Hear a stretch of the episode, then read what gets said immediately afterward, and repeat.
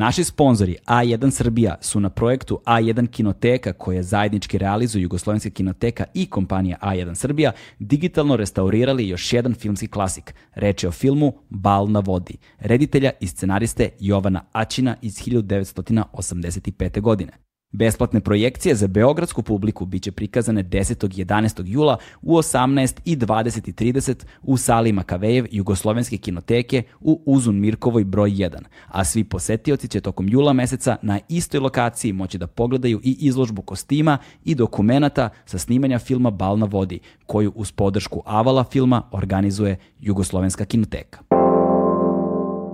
A sada da predstavim moje a, goste u ovoj epizodi. U pitanju su kolege podcasteri, ljudi koji su počeli mnogo pre nego što sam ja počeo i koji a, su ono konzistentni, dugo postoje imaju ogromnu reputaciju, ali pored toga što prave podcaste, oni imaju i veliki pregršt drugih zanimanja, preduzetnici su, rade u medijima na različite načine, u agencijama na različite načine, ali pre svega ih ovde zovem u ulozi kolega podcastera koji zajedno sa mnom i sa još nekim našim dragim prijateljima pokušavaju da učestvuju u kreiranju podcast ekosistema tema. Pričali smo o svemu i svačemu, nabrajati teme koje su se uh, prožimale u ovom podcastu stvarno ne bi imalo nikakvog smisla, ali je bila sjajna atmosfera, dobro smo se zezali, divni su ljudi, dragi prijatelji, u pitanju za Srđan Erceg i Ivan Minić. Uživajte.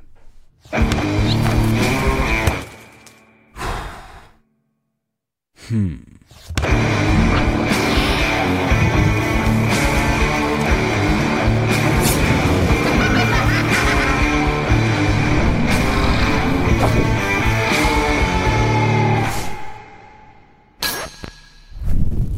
Tako da, meni je, uh, kada sam, sećam se, recimo, 2004. godine, na primjer, išao sam na dodelu MTV nagrada u, u Rimu, ovaj, to je bilo iskustvo za pamtiti. Uh, počelo je sa mojim leptom ono, za Rim i sletanjem, dakle, na, se tad zvao Leonardo da Vinci, taj da, da Vinci, tako, da Vinci, da.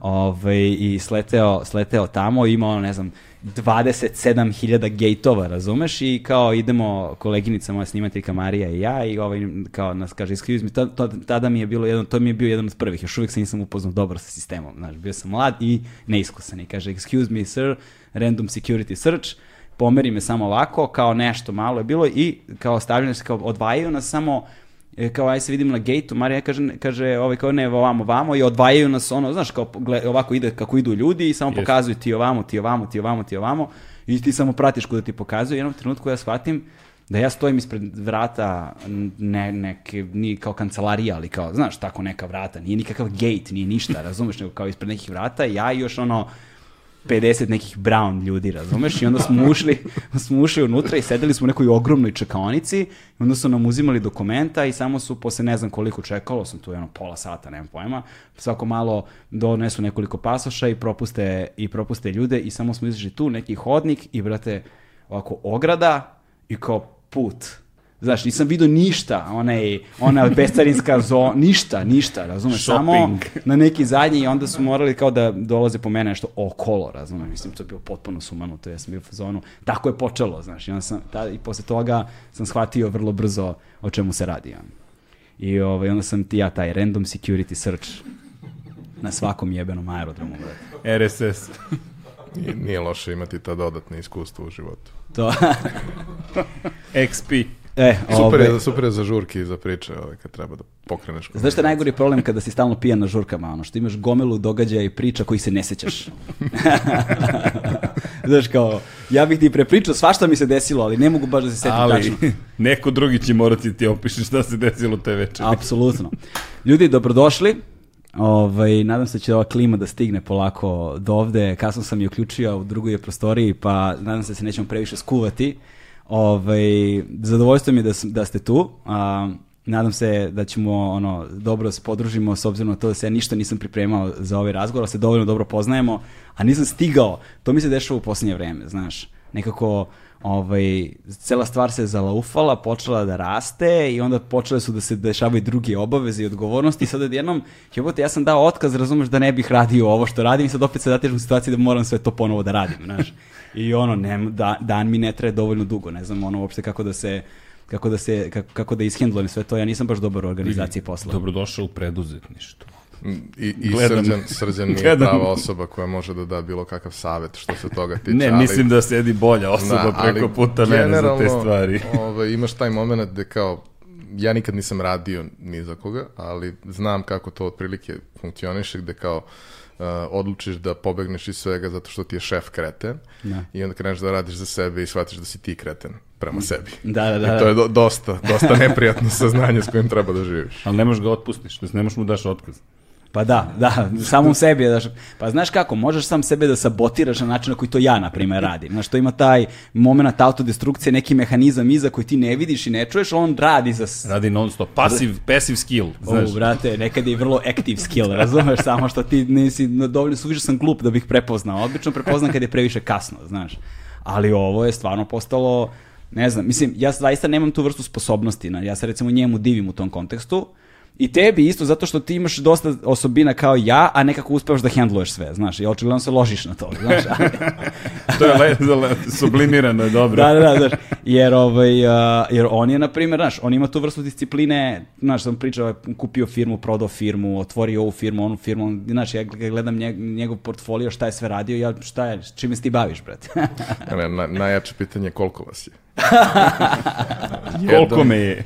jedan, ali mislim dobra organizacija, ali je fora u tome što e, sa dosta ljudi s kojima sam pričao kroz ono prethodnih 20 godina, mlađi kolega koje sam savjetovao u raznim fazama njihove karijere, ljudi koji su mi prijatelji, ti shvatiš da ljudi krenu da optimizuju i da planiraju svoje obaveze tek onog trenutka kad ih ima previše. E, kad ne možeš da stigneš sve, onda tražiš načine kako možeš da spakuješ više stvari zajedno, kako možeš da optimizuješ nešto. A ako uspeš da u sebe usadiš na neki način tu disciplinu, da to radiš po defaultu, da ne čekaš da dođe cajtnot, nego da po defaultu pakuješ to tako, a ostatak vremena, Kako dobro zvuči. brate, posvetiš Tako nečemu dobro što zvuči. voliš. brate, ti očigledno ne znaš kome se obraćaš. Ne, ne, ja znam savršeno kome se obraćam. dobro zvuči. Znaš, Ja imam tri rokovnika i stalno kupujem novi rokovnik jer kao stari je bez veze, previše je musav. Znaš, treba mi novi rokovnik jer imam tri komada, nosim sa sobom trenutno i danas sam ih ostavio, rekao ne mogu. To, ja se ložim na rokovnike da je dobar, da je lep, da je to, znaš, ono, moleski neki ovo, neš, nešto hipsterski, bla, bla. Prva tri dana nešto upisujem, nikad ne pročitam, zaboravim da pročitam šta sam upisao, to, znači to je prva stvar, a ovaj, druga stvar je počnem da zaboravljam posle rokovnik, između ostalog, upisivanje u kalendar, to E, mi je tek- mali rokovnik, znaš, da bude što manji, Ko može kompaktni, džep, znaš, da, mi je usput, da mogu da ga nosim, negde uzem neku finu olovku koja lepo piše, to mi je strašno. Znači ja sam sposoban da povedem ceo dan tražeći jednu olovku koja lepo piše, da idem po knjižarama i da probavam i da se razočaravam, da razgovaram s prodavnicem, evo ga čovjek. Bolest ne bira. ne razumiješ? da. Tu su, ali ničemu ne služi. Ali ovo čemu on priča, znaš, ja kad imam e, previše obaveza, znaš šta ja uradim? Legnem da spavam, brate. Razumeš? Ja padnem u depresiju. Rešit leg- će se samo, pazi, Da. da. to je Mark Twain rekao, vidi, stvari će se rešiti. Kako? Nekako. Da, hteo ti da ih rešiš ili ne? Mislim, vidi, jedan od mojih veoma, veoma dragih i bliskih prijatelja imao je tu jednu ono, katastrofalnu situaciju za posao gde u sred veoma ozbiljnog posla udara grom u zgradu i spaljuje sve računare, sve hard diskove, sve.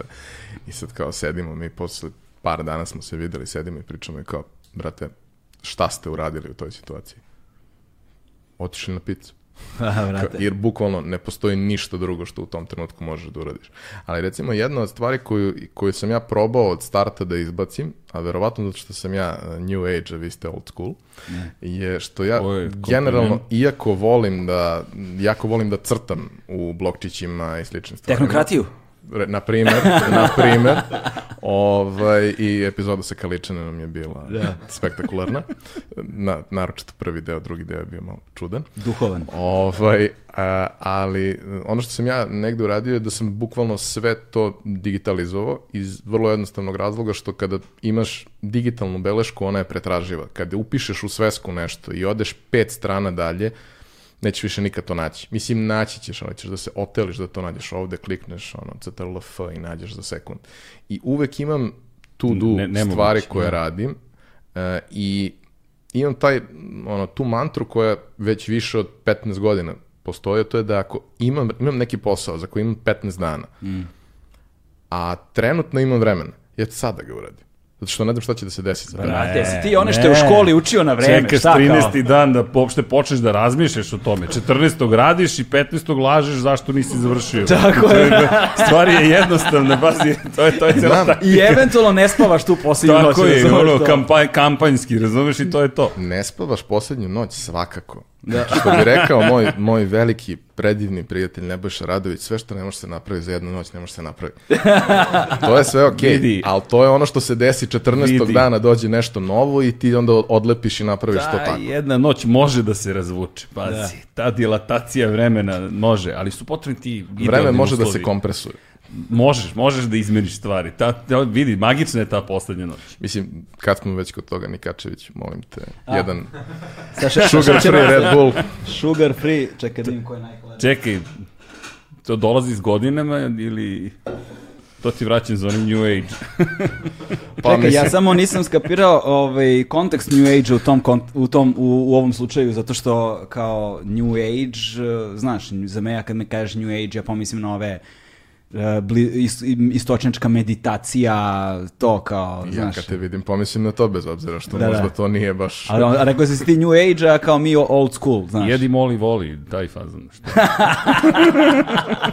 Ja sam digital native. Ja sam digital native. Ovaj, eh, pre 7-8 godina. Čekaj, šta je, brate, digital native? Ajde, počnemo od... Pod ljudi koji su odrasli sa tehnologijom koju danas koristimo. I ja sam već mator, da se razume. Ja sam napunio 36 pre par nedelja. Ovaj, I vidim da me vreme pregazilo već ono 5-6-7 godina. Vidim Nemam da pojma neke... o čemu priča. Ovo je, mla, ovo je mla, mlađi od nas, razumiješ? Ovo je najmlađi u prostoriji čovek? Bukvalno najmlađi u prostoriji. E, hvala ti na tome. Da. Ali Ivane, polako. Ovaj, ali taj moment kad, kad skapiraš da su se pojavili trendovi koji su postali mainstream, koje ne razumeš, to je trenutak kad gubiš, da kažemo, trku. Ne znači da si izgubio sve i ne znači da ti moraš da ispratiš baš sve što se dešava i da znaš kako što funkcioniše. Da. Ali kad vidiš da ne možeš da ispratiš sve što je novo, u recimo poslu kojim se baviš, e onda negde kapiraš da ono, treba da pokušavaš da se baziraš na nekim drugim kvalitetima, a ne tome da si cutting edge oko svega. Znaš, pa ne, ne znam, ja ne, pazi, fora je sa tim trendovima, zato što velika većina trendova i kroz vreme koji su se pojavljivali su zapravo bili bez veze.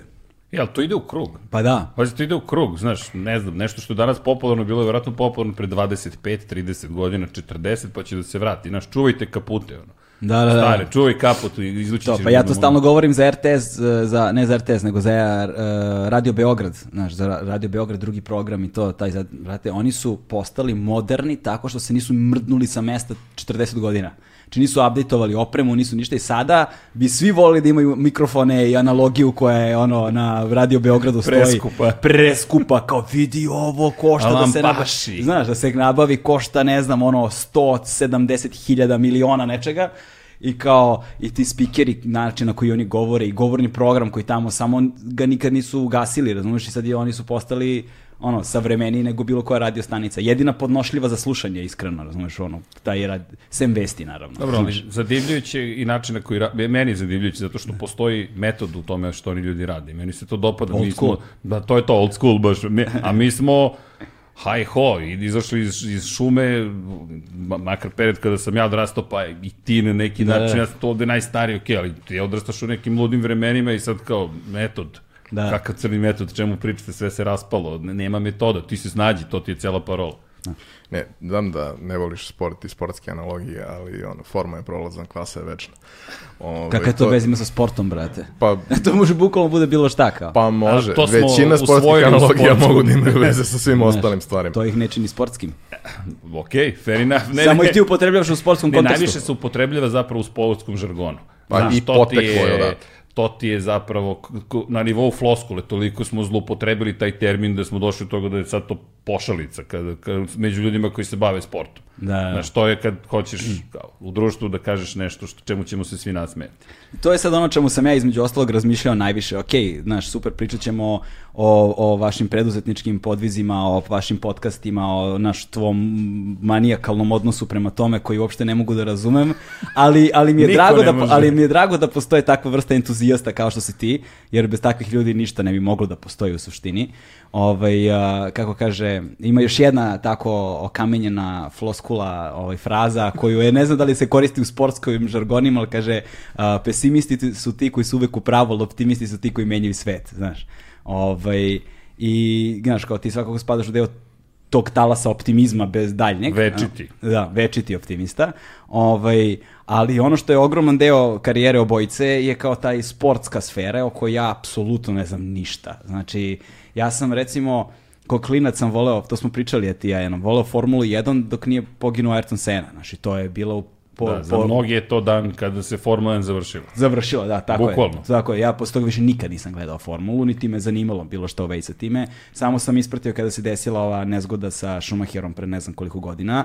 To mi je isto bilo onako dosta, dosta tragično, jer i on je, bi- je nekako je bio savremenik u, u- još u to Jest. doba i, i onda iz tih dečačkih dana ga pamtim i imam neki emotivni odnos prema tome. Ovaj, I ništa me nije zanimalo i onda je Netflix izbacio ovaj serijal Drive o to Survive. Brate, kakav jebeni serijal, brate. Izvinjavam se što psujem, ali stvarno, ne znam kako bi Pa vidi, to je cilj, emocije su cilj. Da, da, napravili Sve- su ga sve vrhunski i onda sam počeo ponovo, ali ne da pratim Formulu 1, ali kao kad nešto vidim, kao, hm, aj kao ostanem pet minuta da probam da ukačem šta se dešava, naravno nemam predstavu, nemam, znaš, nemam kontekst nikakav, sem onoga što sam gledao, ali sam taj dan gledao još 150 drugih stvari pa sam zaboravio. Ne, ne, sve jasno. Ja, Vidi, ja mogu da ispričam jedan detalj koji je potpuno sulud, ovaj, ali možda na dobar način opisuje Srđana kao, kao osobu. Ja i neki naš krug prijatelja, mi smo prijatelji već duži niz godina, veoma bliski, on je meni kao stariji brat koji se često ponaša kao mlađi. Ovaj, je. To mi je juče napisao. da. Da znaš. Ovaj, ne bežimo od toga, vidi, ne, ne, ne, ne, ne ništa, ne, ne poričem. Srđan je čuvar galaksije. I mislim, bez konteksta stripova i sa konteksta stripova uopšte nije bitno. Ljudi kao što su srđan menjaju svet oko sebe energijom koju odašilju koja je jednostavno nenormalna. I ti to možeš da skapiraš kad ima neko 20 godina, ali ne možeš da skapiraš kad ima 45. Da. Ali ti je drago što, što postoji. I uh, ja sam počeo da gledam MotoGP zbog srđana u jednom periodu da bih bio siguran da je Srđan živ, zato što je Srđan radio 25 sati dnevno i prenosio ono, MotoGP formulu u NFL i kao bio je 40 sati nedeljno u prenosu i vodio agenciju. Ovaj, I onda kao samo s vremena na vreme upališ da vidiš da li diše i dalje, da li, jer se meni dešavalo, u tom periodu sam nešto i, i, i ja sarađivao sa sport klubom i bila je neka priča da krenem da komentarišem noću tenis, pošto nisam spavao, a trebao je neko da preuzme noću to da Sva, radi. I by the way, svaki put kada s njime razgovaram, dakle, posljednji put kad smo Mokre gori, malo pre kad smo blejali na terasi, razumiješ, i evo sada, svaki put on čovjek ne spava. E, ali to, to ima veze s tobom, znači ti si baksuz u, u, u toj postavci, to je bukvalno ono kao zadnje tri puta se to desilo kad smo pričali. A, I sad dolazim da odradim prenos, neki, neki je period um, sezone kad se igra noć, Azija, neki kasni, uh, kasni noćni, rani jutarnji termini, ne znam, u tipa pet ujutru mi je probni prenos koji treba da uradim. Dođem, ja odradim probni prenos, najdosadniji meč na svetu, jezivo, ali odradim ja dobro prenos. Završavam prenos, nema nikog, znači tu je realizator i nema nikog. I završavam prenos, izlazim i sad se već tu skupilo, ne znam, pola osam i skupilo se par novinara, manje više me svi znaju već i u jednom trenutku zajednički prijatelj koji kaže, e, pa tu ti je negde srđan. Nego, kako misliš tu je negde? Pa tu je negde, spavo je u vreći u kancelariji. I ja hodam ovako niz hodnik sport kluba ko je bio, zna kako to izgleda, hodam i u jednom trenutku ako sa desne strane vidim srđana koji pere zube. I kao, brate, a to je bio jedan period koji je trajao jedno duže vreme i onda smo svi bili zabrinuti za, za, za Oktobar. njegovo zdravlje. Oktobar, to ti je, zato što Formula 1 stigne, Formula 1 ti stigne u Aziju, stigne MotoGP u Aziju i to ti prvi trening ti je u 1.45 ujutru. Nije to sve Nema- problem. Srđan je problem kad se ti na, nadovežeš na to i onda uzmeš da prenosiš i malo naskara, a uzmeš jedno, dve, tri Vidi. NFL utakmice da ne Desilo ispadneš iz, se. iz ritma. Pa, ne, ne bih rekao uzmem nužno, koliko se to pojavi na planu, piše moje prezime i kao, okej, znaš, Prekarijat, uzeto brate. mi. I sad uh, dogovaramo se mi da idemo na trku. Oni su uzeli prava da uh, rade prenos sa lica mesta, to je vrlo komplikovano, skupo, kad se desi velika je prilika i neverovatno iskustvo. Ali pošto kao to sve košta eksterno, onda celo, cela varijanta sa putovanjem je štap i kanap i daj samo nekako da dođem. I ovaj, mi idemo na, na uh, Kataluniju, trebalo je pre toga i u Muđelo, ali, se, ali je meni crko kompjuter, pa nisam mogao, ali idemo u Kataluniju, putujemo, ono, ne znam, 36 sati kombijem, 2400 km i tako dalje. I uh, Kakve su vam higijenske navike na takvom putovanju? dobre, Zahtev- dobre. On deluje kao da ima dobre higijenske navike za tebe. Znaš, Dobre, ti. dobre, dobar je srđan. Držim se, držim se. Dobar. Ljudi koji su, koji su u vezi, braku i ostalo, obično imaju pristojne Da. navike. Dovedeni smo red. u suprotnom, u suprotnom dođe do problema. ovaj, I sad, otprilike, stvari funkcionišu ovako. Ja i Stefan Đaković, jedan od mojih najboljih prijatelja. Znam, Stefan me fotografisao, tako je. Jeste. I te fotke, Ove. pošto mi je on dao, te, izvini što te prekidam, te fotke što mi je dao, svi koriste Ili fotke. svugde koristiš. Pa zato što ja nemam druge. ja imam Stefanove isto, ja se nikad ne fotografišem, imam Stefanove i samo pišem foto Stefan Đaković. Molim vas, potpišite ga. I to su crno-bele fotke od pre 6-5 godina, nema veze, samo šalješ se sa šoljom. Ne znam da te slika kad imaš kafu u ruci. Nije. Tom, Tomove varijante, imaš jednu sa kafom i jednu gde si ozbiljan. I, i te dve se vrte po svim medijima. Imate fotografiju? Ja sam imao neke, Hold ja, tako, ja sam, ja imam, ne- sam neke malo emotivnije od toga, znaš? A, okej, okej, to je druga. I moramo to da ponovimo definitivno. A1 je prvi prijatelj audio izdanja Agelast podcasta.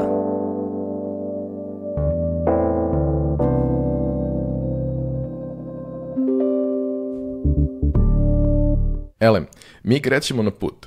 U principu pratimo MotoGP zato što smo svi fanovi Valentina Rosija, Srđan ne sme se ovaj, određuje prema tome, ali kao, mislim, Valentina Rossi je Čak i ja znam ko je Valentino Rossi. Tako da- podigao je prosto ono vidljivost tog sporta Ličnost. puta 100 u odnosu na sve ostalo. I vidljivost sad- i harizmu i sve živo, da. Jeste, vidi, on i je mislim, superstar. Vilenjak. Realno. Vilenjak, rock Jest, baš je... I sad mi treba da idemo tamo, gledali smo MotoGP, ove ostale delove koji, koji podrazumevaju jedan vikend gde imaš još dve trke nižih kategorija gde se klinci pripremaju za MotoGP, to principu ne gledamo redovno, ne možeš da stigneš, oni sve prenose, to prenose i treninge, sad srđan komentariše sve to, to, to, to je Kad je strašno. plaćeno, daj sve, vrate. To je kao kad ideš da uzmeš pljeskavicu, šta će da prilaga od svega pomalo. Sve. E, ali vidi, znaš kako, u početku nam je bilo zahtevno da se prilagodimo, jer odjednom imaš, ne znam, 20 sati prenosa za vikend i razmišljaš, čekaj, šta ću da pričam u prvom treningu, drugom treningu, trećem treningu, četvrtom treningu, kvalifikacijama, jutarnjem zagrevanju, nedelju i trci.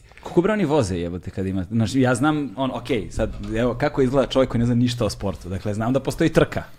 Znaš, i pretpostavljam da okej. postoji, i postoji, kao prvo postoji, to sam vidio na formuli, kao dan ranije postoji ono za pol Kreće u pozicije. Ne, za, za kvalifikacije su ti za pol poziciju u subotu. u Jeste. subotu, u nedelju je trka, je li tako? Jeste. A u petak je neki trening. Imaš dva treninga u Formuli 1 ujutru i popodne, isto ti i u MotoGP-u. Dakle, dva treninga. A šta je fora s treninzima? Ništa, ali Ne, srđan nije, nema nije, problem da priča. Nije, nije.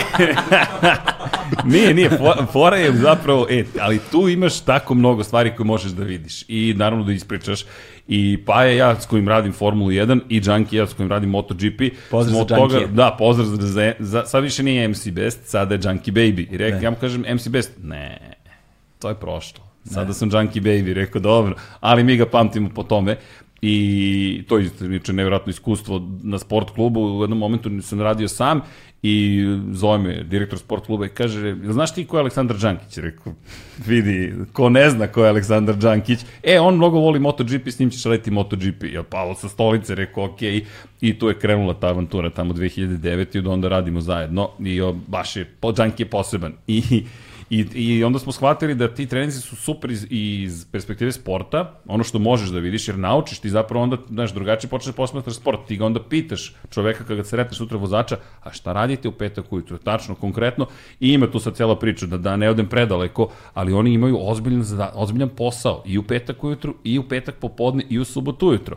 E, to je naš posao, znaš, da kad dođeš sedneš kažeš šta sad ovi se vrte u krug, ne, ne, ne, ne, ne, sad čekaj, malo pre si pričao o kontekstu, mi smo tu da damo taj kontekst i ispričamo priče, a onda smo u, uradili nešto što, ajde, sad, bi, sad se to, to ko radio emisija, nas niko ne vidi, mi smo glasovi, Da. i onda su shvatili, čekaj, mi sad imamo, ne znam, trening od sat i po u Formulu 1, aj se ispričamo. Ali šta, sve što se zbiva u Formulu 1, jedino pravilo imamo, tračeve ne prenosimo ko s kim spava, ne spava, to nas stvarno ne zanima, nismo žuta štampa, nego tehnički elementi, pa ko ide kod koga, ko pregovara s kime, šta se dešava iza kulisa i takve stvari. Tako da, znaš, dali smo novu dimenziju, ali u početku je bilo, šta sad, šta, čemu ćeš da pričaš? Sledi nam 36 sati vožnje do Barcelone. Stefan i ja pratimo. MotoGP na nivou da ispratimo trke, gledamo gde je Valentino i hoće li konačno ta titula i sve, ali brate, osim toga znam ono, četiri vanzemaljca i znam da ima tu neki klinac, ali ništa više od toga. I ja pitam Srđana, to, ne, nemojte ga to pitati vi, ja, ja volim, ali nemoj, drugi ljudi ne moraju da prolaze kroz to. Jel možeš ti časkom da mi objasniš šta se dešava? Mogu. I os- 18 sati kasnije, ja sam druga najopućenija osoba na stazi šta se dešava. Znam sve ljude, znam karakteristike svega, jer, mislim, znaš, uh, MotoGP je bio potpuno nebitan sport osim jako malom broju entuzijasta ovde. Sada više nije. Zašto nije? Zašto je ovaj čovjek lud. Da. I da što ne možeš da ignorišeš tu vrstu energije i tu vrstu ljubavi koju on, Jelena Trajković Zvezdica, Džankić i još nekoliko ljudi koji su tu u community-u odašilju. Jednostavno ne možeš da ignorišeš te stvari. Ako je njima stalo, a ti znaš koliko su oni fantastični i predivni on je čuvar galaksije, kao što sam već rekao, ti Sad to počneš Q, da pratiš Q, zbog Q njega. in, uh, To, to. Me- Men in Black, Galaxy Defenders, brate, ima ona stvar, znaš kao. Sad, sad da imam sluha, sad bih otpevao taj ženski vokal, ali ne želim da userem ceo ovaj divan razgovor, kao nešto. I to je fora. Vidi, Mislim, meni već neprijatno, samo me hvali nešto, ali dobro. Čuti, uživaj. bre. Ništa. šta, čutim. šta, treba da pričam ostale iskustva. Nemoj, nemoj, pusti. Daj iskustva iz kombija, kao, da, da. Ili van kombi. Ja, is- Ili ispod kombija, kao. Ali, znaš, ono, ideš u Barcelonu, Barcelona je po mom skromnom utisku, nisam baš video sve u svetu, ali video sam dosta. Najlepši grad na svetu. Um, s- imaš sedam dana tamo, od kojih ćeš realno dve večeri provesti na, na plaži i možda jedan dan provesti u, u, u nekom razgledanju Barcelone. I onda ćeš u jednom trenutku da dođeš u tu situaciju ako si kreten kao ja, pa izvrćeš nogu dva put dnevno i Šta radiš, brate? zglob. Pa, sport, posledica sporta, imam vrlo problematično oba skočna zgloba, nosio sam plitke patike i jebi ga. Ovaj, I ono, zadnji dan, kad treba da se obilazi sve, ja ne mogu više da hodam, a tad sam bio i baš ozbiljno ovaj, overweight. I uh, oni mene ostave u parku ispred Sagrada Familija. Sam ja rekao, ostavite me tu, ima internet, ima sve. Naći ćete. Ja ću tu da čukam, vi obiđite, vratite, pokupite me. I ja sedim, to, to mi je jedan od ono, najlepših trenutaka u životu. Sedim u parku, čukam na kompjuteru, kraj je maja, početak je juna, još uvijek nije prevruće. Oko mene su neke ptičice, ali ja sad to ništa ne kapiram, znaš, kao ja nešto šljakam, u jednom trenutku duva vetar i ja osjećam miris uh, pomoranđi i mandarina, pogledam oko sebe, na svom drveću su one španske pomoranđe koje mirišu, ubijaju i onda provaljujem da ptičice, ptičice su papagaji, Aha. tu je malo jezerce, tu su neki prelepi ljudi, jer kao Španija je jedna od, odnosno Katalonija, da se tačnije izrazim, je jedna od zemalja gde, gde zaista imaš prelepe ljude kao što imaš i ovde. Ovaj, I malo kao, ka, kapiraš kao, pa nije ovo loše da pogledaš sa grada familiju i to je naj, najnadrealniji objekat koji možeš da vidiš. Mislim, mi geekovi smo u fazonu, je li ovo render, brate? Da. Ne znam, ono kao. Znaš, svi se pitaju kako je, kako je Gaudija pregazio tramvaj, odnosno ka, kako je to već bilo. Brate, video je ono i video je ono što je osmislio, video je da to kreće da nastaje nije primetio. I ja ne bi primetio. Znaš, tako da to je potpuno jedno van, van telesno iskustvo ovaj, odlaska sa srđanom negde. E sad taj povratak kad imaš uh, 24 sata da uradiš taj isti put nazad do 2400 km, to baš nije naj, najprijatnije. Se vraćaš, ali... znaš da se vraćaš kao.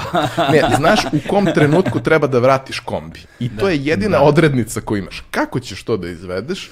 Vrlo jednostavno. Srđan ponese Srđan Ti ponese ovaj, dupli, dupli disk Iron. Maidena i, i, i voz.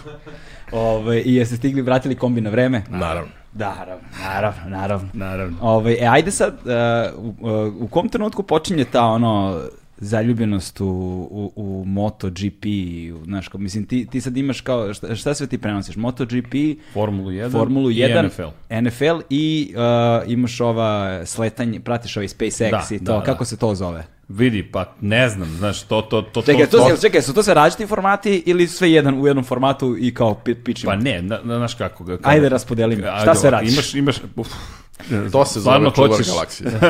šta sve Ajde, radim? prvo mi recimo taksativno šta sve radiš. Taksativno, na sport klubu komentarišem Moto Grand Prix, Formulu 1, NFL, radim emisije povremeno, GP Confidential i Mobile 1 The Grid, to, su- to je više dubbing, u suštini klasična si- prevođenje na, na srpski, to je sinhronizacija. Mm.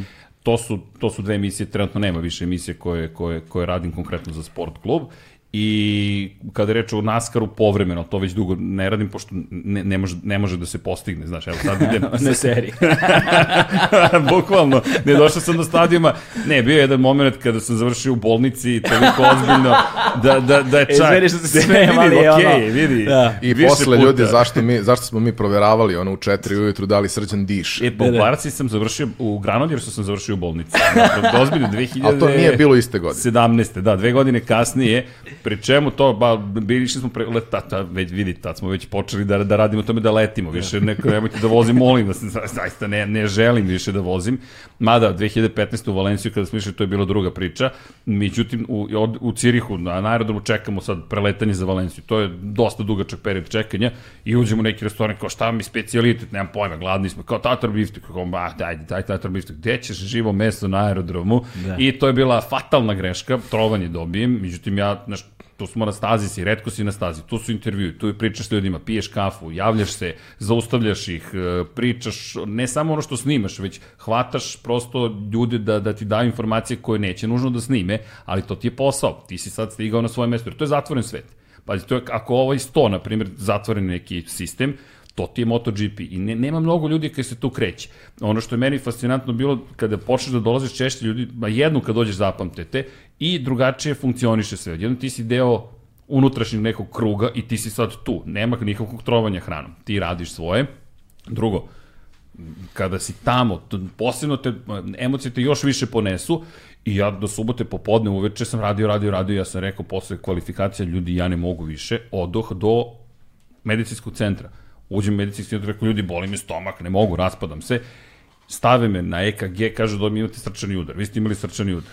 Stvarno. Ne, ozbiljno, ne šalim Čekaj, imao si srčani Ne, udar. nisam, ali, ali njihov, to, to, to, čak sam Dorni javio, to je kompanija španska koja ima prava za MotoGP, možda bi trebalo proveriti medicinski centar u Kataloniji s obzirom na činjenicu da im je EKG loš. Aha, Pazi, aha. i sad onda shvatiš, ne, ozbiljno, onda shvatiš zašto je klinika mobile, to ti je poseban objekat koji putuje kroz Evropu, koji je zadužen za lečenje i vođenje računa i analizu, diagnostiku vozača.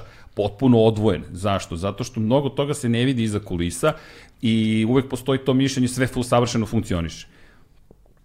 Pa ne baš. Ti znaš kako izgleda iza kulisa. Da. U show biznisu smo svi, da svi znamo kako to može da izgleda kada padne zavesa i kao čekaj, to, to nije baš tako kako se zamislilo.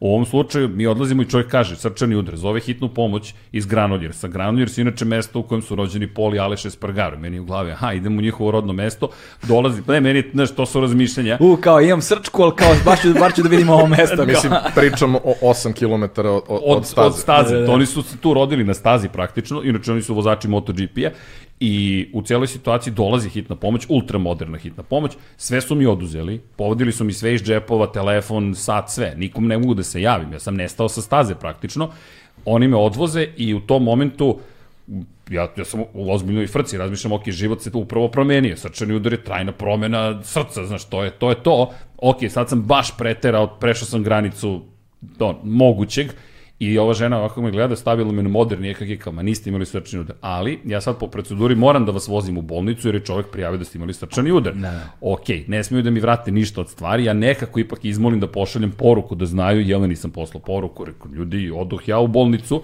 voze me u bolnicu i pritom me žena pita da li ste pušač dok su me vozili. Kažem, nisam. Zašto me lažete? Kažem, "Ni- nisam pušač, gospođo, stvarno nisam. Kaže, vidite, ovo je ovdje indikator od 1 do 10. Vi ste na broju 9, ne znam kako ti prate, staviti elektrode kao za EKG i prate koliko ti je zagađeno telo pušenjem. Kažem, ne, ja samo ži- živim u gradu u kojem svi non stop duvane i to je deo kulture. I ona kao, ok, ali da znate, vi izgledate kao aktivni pušač. To sam tad saznao. Odlazim u bolnicu, pritisak mi, ne znam, 185 sa 133.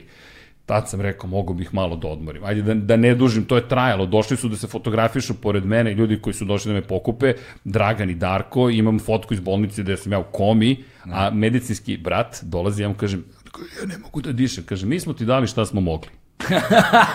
I izađe čovjek iz bolničke sobe i je kao, ok, that's it. I tad sam sebi obećao da to više neću ponoviti, pa sam imao operaciju vrata, pa sam to ponovio dve godine kasnije.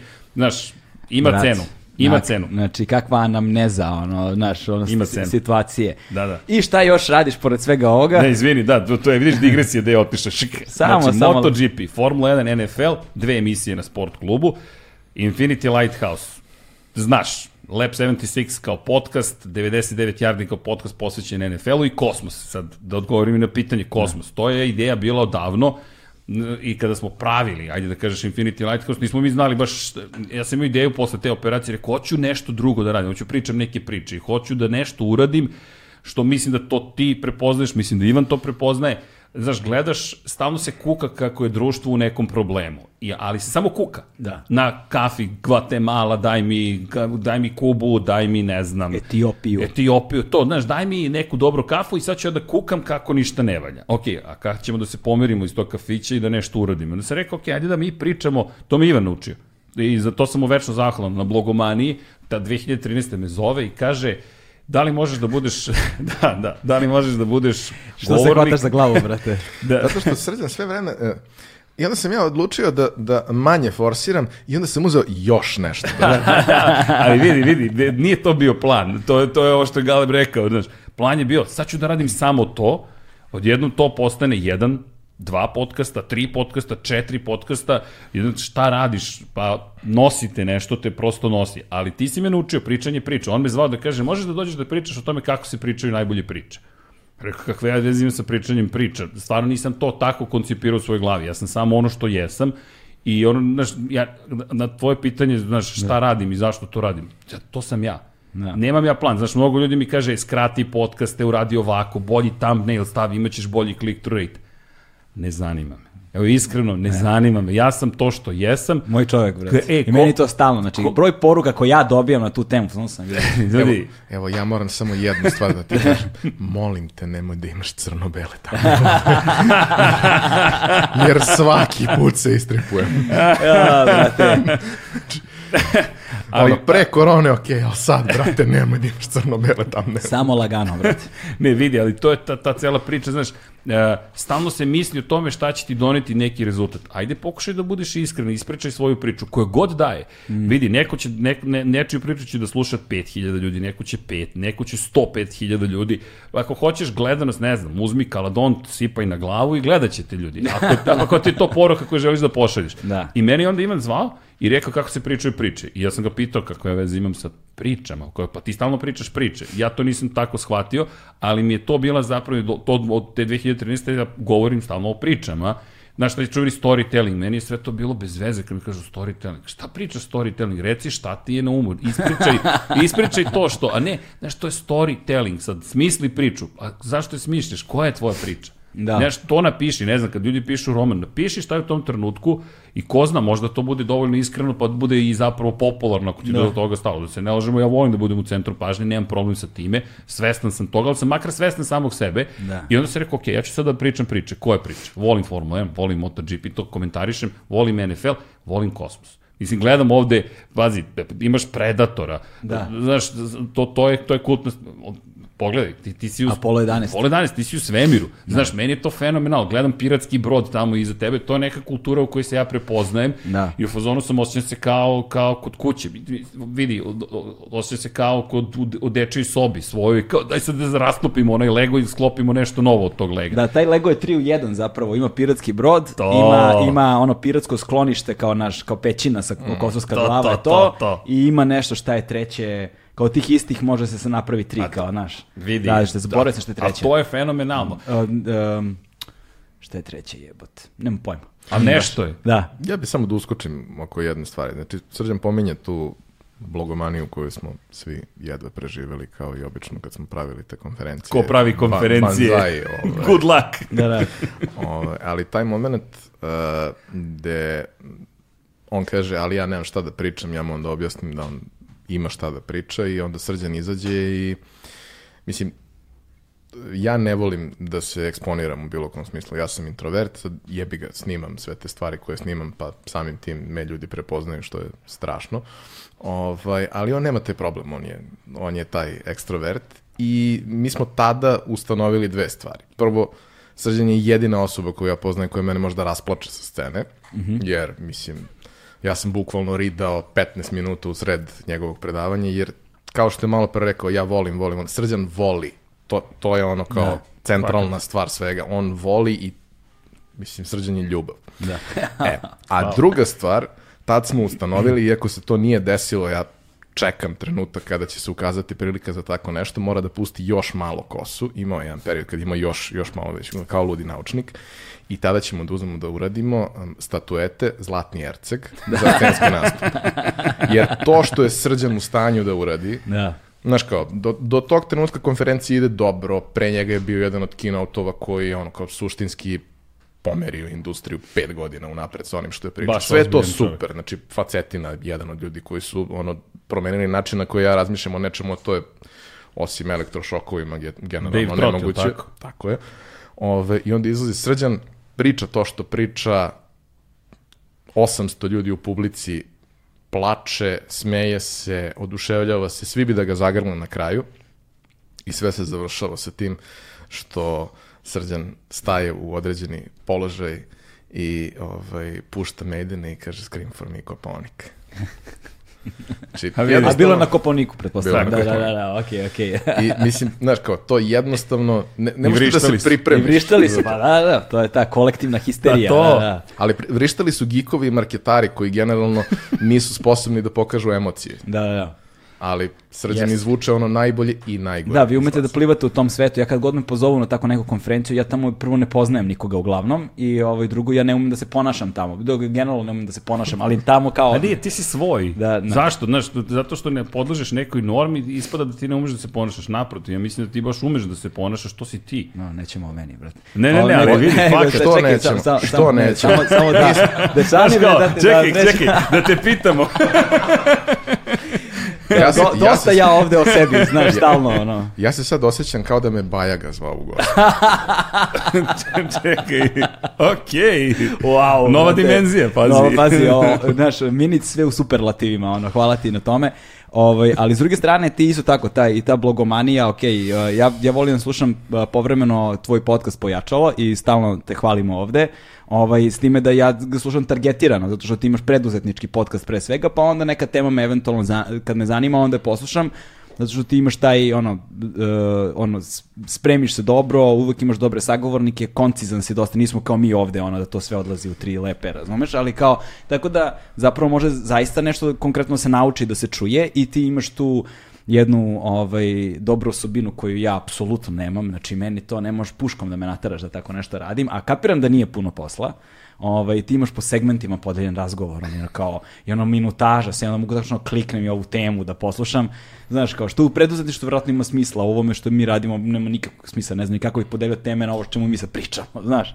Ali ovaj Pokušaj, vidjet ćeš koliko je nenormalno. Šta? Kad uzmeš digresije i sve to i pokušaš da popišeš u time kod, ja sam, ja sam, ja sam Si odustao. probao si to da radiš? Ja, odustao sam. Ja nisam ni probao. Ne, ne, to, to, to vidi, to tamo ekipa, ekipa u studiju, uz Vanja, Irena i kompanija, oni su ono, čekaj, mora ovo ozbiljnije da se uradi.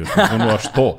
Znaš, kao, it is what it is, kao, da, ali imaš tri sata, pa šta sad? Bože moj, Malo imao sam i više. skipuješ, Pogreš i čovek. znaš, šta se da radiš, mislim, to je tako, ali, ali hvala njima, mislim, Da. E To- sad, to je zanimljivo. E sad šta ti sve radiš? E, Ajde, počnemo iz početka. Prvo bih voleo da, da se ovaj, do, dotaknem teme pojačala kao, kao projekta, a, jer jako mi je drago što e, nekim finim ljudima to deluje kao da je isplanirano. Da, da, da. I kao da sam ja pripremljen. Ja zapravo nisam pripremljen, nisam pripremljen iz razloga što nemam kad.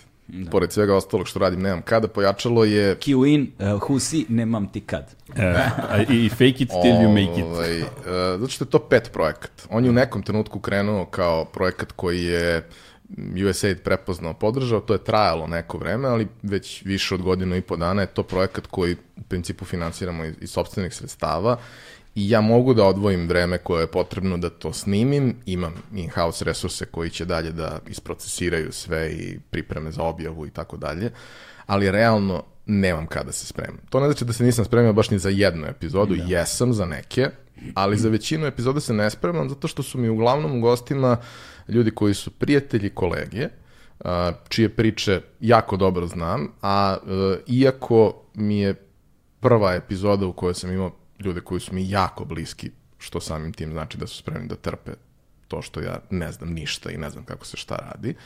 Ovaj, e, vremenom sam se zaista uhodao Da. i došao do toga da sada, ako sam i ole odmoran, što je vrlo redko kada snimam, ovaj, da mogu bez problema da sednem bez ikakve pripreme sa nekim i da to na kraju ispadne fantastično. Mi, nama su bukvalno od posljednjih 50 epizoda skoro sve single take i nema, nema nikakvog editovanja toga kasnije.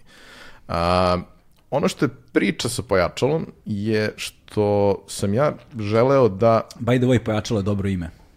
Da. Jeste, baš je dobro. Dobro je ime i dobro je logo, ono, sviđa mi se. Bilo je ideja da bude potpuno minimalno, bilo je ideja da bude community koji će da se širi na nešto više od podcasta, ali da krene sa podcastom i da podcast bude taj nedeljni heartbeat da se nešto dešava. U nekom periodu smo imali i druženja, to je bilo, da kažemo, uz podršku USAID-a na, na, u tom periodu. Kasnije to više nije bilo moguće i zbog korone i zbog svega ostalog. U planu je da još neke stvari radimo tog tipa, ali ono, podcast je nešto što, što ide iz nedelje u nedelju. Imamo redovne epizode koje su svake nedelje uveče i one su u suštini ono, hero journey, odnosno osoba koja dođe ili ako je u pitanju par, ako je neki biznis koji je zajednički, tipa eh, Johnny i Neca, braće Burazer, ili onda Neca ne dođe jer Johnny je taj koji priča. Ali Johnny nije baš što pričaljiv. Nema veze, A sam, možda misliš sa mnom Necu jeste. tek ono.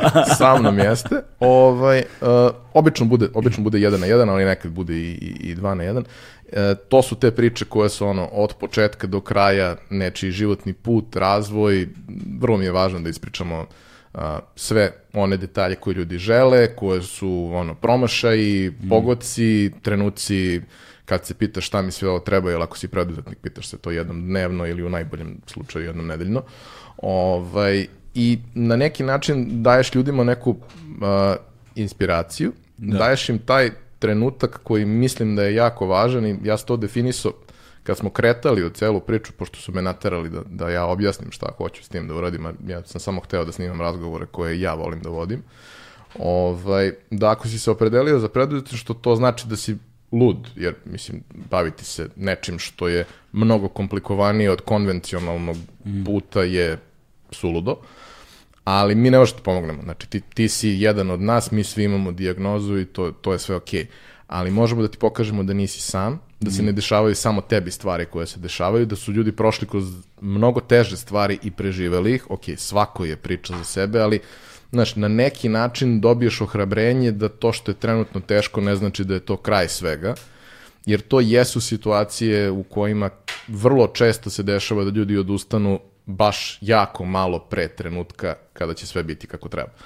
I mislim, preduzetništvo uh, Da, to je, izvini što, što te prekidam, to je, to je jako dobro. Uh, zaista ima ta ona narodna koja se upotrebljava izlizana potpuno, ali je nekako tačna i to je u mom slučaju bilo istina i u, bro, u slučaju mnogih drugih ljudi, noć je najmračnija pred cvitanje. I bukvalno kad je najgore, ono, ako se zatekneš da hodaš kroz pakao, brate, samo nastavi da hodaš. to. Nemoj sad da se Izdrži. zaustavljaš, samo izdrži, to Izdrži. znači da si u finišu negde, znaš. Mislim, jedna od stvari koju si i ti rekao kad si bio Da. kod mene, obojica ste bili kod mene, Srđan je jedini koji je bio dva puta. I, i stigli smo otprilike na četvrtinu puta, tako da bit će Biće jedno šest sto puta. epizoda sa Srđanom. ovaj, to je kao, ono, jel hoćeš da počneš nešto da radiš ovog tipa? Da li podcast ili nešto Mm. drugo nije važno, ali ajde da kažemo da je podcast jer sad jeste trendovska stvar. Počni i nemoj da staneš. Mm. Jednostavno nateraj sebe iz nedelje u nedelju. Jel svaka epizoda dobra? Nije svaka epizoda dobra. Jel svaka epizoda nešto što se tebi sviđa? Nije svaka epizoda nešto što se tebi sviđa. Nešto se neće svidjeti nekom od publike? Nije bitno. Samo guraj. Da, da, da. I vremenom će sve biti okej.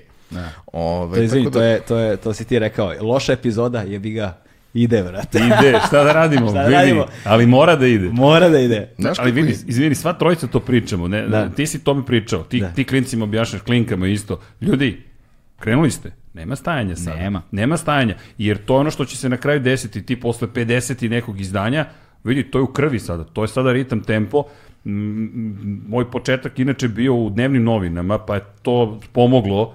Dnevne novine. Ej, vidi, to juče što je do danas što je izašlo, to je čao. Ti danas meni duguješ pet tekstova. Što šefe? Zato što mi imam praznu stranu i nemam šta da pišem i ne zanima me šta ćeš isporuči. To je što se u novinarstvu kaže, šta je najstarija stvar na svetu? Jučerašnje novine. Tako, tako je. Ali vidi, ovo što Ivan priča, ovo što ti pričaš, to je, to je, ajde, sad, ko univerzalna poruka, nema odustajanja. Što ti kažeš, keep pushing, ali ima jedna stvar, samo bih dodao, koliko god nama bilo, ej, kao preduzetništvo, pa je ovako, pa onako, ali mi ne izlazimo iz tog preduzetništva. Ja se nikad, neću da kažem, ajde, nikad ne reci nikad, ali ja ne bih volao da se vratim u to da imam određeno radno vreme. Vidi, koliko je sati? 12 i 12, četvrtak u podne i mi snimamo nešto. Da. Znaš, meni je život lep. Yes. Znaš, ja sedim s vama dvojicom, naš četvorica smo petorica, izvinjam smo ovde i šta radimo? Pazi, sedimo ti u stanu, da. snimamo i kao delimo neke životne priče, kao teško je, znaš, teško a ti si nam napravio kafu i kao imamo Red Bull, kao knjige, jao, i pričamo o tome kakvi su nam životi. Pa kao, Znaš. Moglo bi i gore da bude u četvrtak u 12 i 12, znaš. Zaista, da, istina. Znaš kako kažu ovaj, inženjeri, pošto nas dvojica smo robotičari, iako ja nas deli 9 To mi je godina, napisao u poruci. To je jako znaš. važno, da. to je jako važno. To, i, to i, e, vidi, robot je tu. Znaš. Ovaj robot, evo ga, onoga pakovanje, Saturn, to, brate, Saturn, to je onaj da, sa te, te, te, televizorko, bre, stari, A, razumeš, da. ima mi sve rakete i radi, samo baterije sad nemam tu. Ali to su I one ti si robotičar. Nisam ja To je u robotičar. duši. Samo nisam imao pare za ovog robota kad sam Ti bio si, mali. ro, ti si robotičar naivac. ovaj, Ja sam od svega samo naivac. da. Ali taj moment, znaš, kao kad, kad inženjer nešto pokušava da, da, da objasni, kaže, "Ma nije važno da li je dobro ili loše, važno je da je predvidljivo. e tako isto i s ovim. Znaš kao, ne može svaka epizoda da bude fantastična, ne može svaki gost da bude Srđan Erceg, koji može da čita telefonski imenik dva sata i da bude najzanimljivija osoba na svetu. Jer kao, kad bi, se, kad bi se kod nas snimala reklama The Most Interesting Man in the World, to bi bio Srđan, verovatno. Ovaj, uh, ne može to da bude tako, ali to nije važno. Mm. Uh, setovanje očekivanja, predvidljivost svega je jako, jako bitna kod svakog formata koji, koji podrazumeva kontinuirano, kontinuirani razvoj. I uh, jedna stvar koju, na kojoj ja insistiram uvek kada pričam sa ljudima, kod nas ljudi kada pričamo o očekivanjima jako često imaju vrlo iskrivljene i vrlo čudne očekivanja. Napraviš konferenciju, napraviš događaj, do, dovedeš predavača, daš pet predavača, oni odslušaju i kažu, a onako, nije to bilo bog zna šta. Ok, ne može svaki predavač da bude Srđan Erceg, Da. ne može svaki predavač da bude ludilo na sceni. I nije poenta u tome da ćeš ti u tri sata programa da čuješ tri sata stvari koje će da ti promene život. Poenta je da si došao negde gde ćeš u svakom predavanju da čuješ jednu rečenicu o kojoj ćeš da razmišljaš narednih sedam dana i to će onda da ti uništi život zato što ćeš razmišljati sedam dana o tome, ali je poenta da kao uhvatiš to nešto što ti treba. I to je isto priča sa pojačalom. Ljudima pričam, ti si poseban, ne, ne, mešam se, radi kako god misliš da treba. Ali jedna od stvari koju sam probao da, da uh, uspostavim u ovih dve i po godine, tri koliko radim, je da naučim ljude da slušaju svaku epizodu. Mm. Zašto? Zato što stvari koje te uopšte ne zanimaju, možeš da čuješ nešto što će da ti promeni život. Jer toliko danas, toliko stvari se povuče iz neke potpuno desete industrije i primeni u onoj u kojoj ti radiš da je to neverovatno. Da. Znaš, i to je meni bilo, bilo wow. Mi smo pre pojačala radili portal Moja firma, koji je bio Super. ono, bio je super i je, mogu da kažem kao ja sam to doživljavao kao moj životni projekat. Ovaj, ja sam tu pričao sa 150-160 preduzetnika, radio intervjua i sve ostalo. Čoveč, kakvih priča ima u Srbiji o kojima se ne zna. Sad mi jesmo malo okruženje u kojima, kome ljudi baš i ne vole da pričaju o svom uspehu jer postoji niz problema koji mogu da se dese ako ljudi znaju da si uspešan, ali kada vidiš šta sve ljudi rade, kakve stvari ljudi rade, a za to se ne zna, i kad vidiš da to nisu nužno najveće firme na svetu. Znaš kao, svi smo mi negde kao u, tripu, ako počinješ nešto, to, to recimo kad, kad pričaš sa ljudima kao koji hoće da krenu u preduzetništvo, kao, nemoj to da radiš, ne znam, hoćeš praviš drvene naočare za sunce, ne znam zašto mi je to palo na pamet, ali nije bitno. Drvene naočare za sunce. Da, to, to je sad neka moda, a? Ma da nisam vidio nikog da to Bambus. nosi. Bambus, četkice zube od bambusa i te stvari. Ne da. bitno, Ne, pazi, nešto... viđam ih u izlozima, u radnjama, ali nisam nikoga vidio da to nosi zapravo. Vidi, Ne mislim četkice, nego naočare. Mo- da. E, čekaj, imam ja četkice. Jel imaš stvarno? A, ne, nije od Pa bambusa. evo ga ovaj, brate, Čekaj. Nomad. Jer su Nomad. Kuraprox. Čuj, Ivan priča o tim digitalnim, a ne, ne, ne, nije, o Tiv Max. Pazi sad ovo. Pazi sad ovo. Ti si samuraj. I imaš čet, pasta za uključi zube da unutra. zvu- ne, ne, ne, nije električna, unutra ti je pasta za zube. A, i kao ti ono nacediš kroz Ne, čet... ne, ne, ne, ne, imaš dugme, pritisneš ono izađe, to mi je za putovanje. Gde putuješ sad? Pa, ko zna gde će Da, da te nanese. brdo. U kosmos, u kosmos. Ej, vidi, kosmička, zašto da ne? Kosmička četkica za pa zube. to ti kažem. Drvene naočare za sunce nemaju nikakvog smisla. Ja ih nikad ne bi stavio na glavu. Moji drugari su ih napravili, prodali 75.000 eura, E. toga za 6 meseci. Ali, ali vidi, šta ima uopšte smisla? Ništa Znaš, nema smisla, mislim, ali poenta da ne ne gledaš po Ništa sebi. nema smisla, zato smo uspešni. Tako, e, vidi, pa to ti je ono, naš sartrovski, kao, smisao života, pa kao koji je, na kraju će, ne znam, 4 milijarde sunce će da se proširi, još nismo sigurni da li će da uhvati i zemlju, ali svakako neće biti života kako ga mi poznajemo, Pa čemu onda sve to? Pa mi treba da damo smisao tom životu, znaš.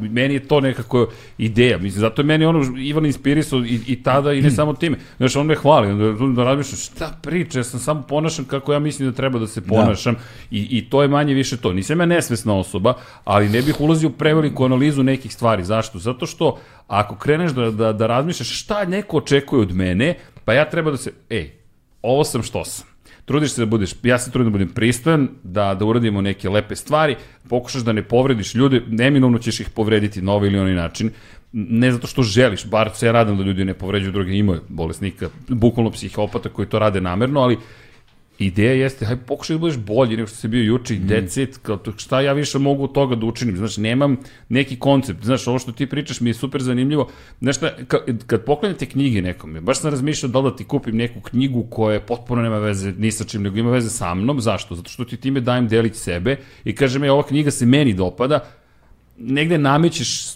stav, mišljenje, ali pokušavaš da podeliš neku svoju, poruku, neki da. svoj univerzum da podeliš sa nekim. Pa ovo što Ivan kaže, možda ti proširi vidike. Jer znaš, ako se ograničiš samo na ono u čemu ti uživaš i, i znaš, tu se sad zove zona komfora.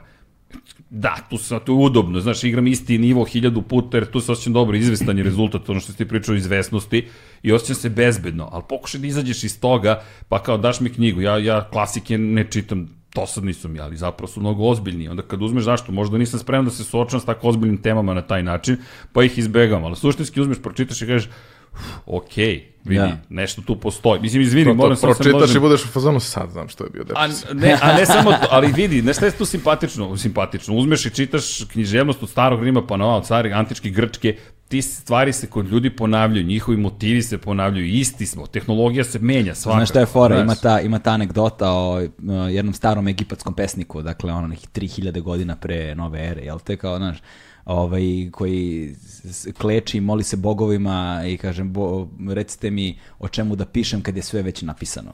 Znači, znaš, tako Pa da... to- to- to je tako to. Da, nećemo mi reći ništa novo, ali ćemo reći o istoj stvari na novi način. Znači, nije stvar u tome šta pričamo, nego na koji način pričamo to što Pa ti pričamo. daješ sebe. Pa Vidi, ja mislim da to velika stvar. Ti si medijum u suštini. Znaš, uh, to, ko, koji je naš negde posao? Uh, malo pre si spominjao MotoGP. Ja, ja prikazujem MotoGP kako ga ja doživljavam. Mm. A ono što je cilj da ne budeš veći od tog sporta. Naprotiv, već da ti sport preneseš, u mom slučaju sport, u slučaju nekog drugog će biti nešto drugo, preduzetništvo ili nešto treće. Ti prenesi tvoju, pre svega emociju. Emocija je nepobediva. Razum će uvek da izgubi u odnosu na emociju. To jest, u najvećem broju slučaja. Ljudi, Pitaj preduzetnika da li je tako. Uh, vidi, ali realno će izgubiti, znaš, sr, ljudi se, se vode emocijama, emocija pokreće stvari i onda kroz raciju ti pokušavaš da je nekako ukalupiš u društvo koje je formirano. Mm. Mi menjamo društvo na veći ili manji način, ali činjenica je da društvo funkcioniše.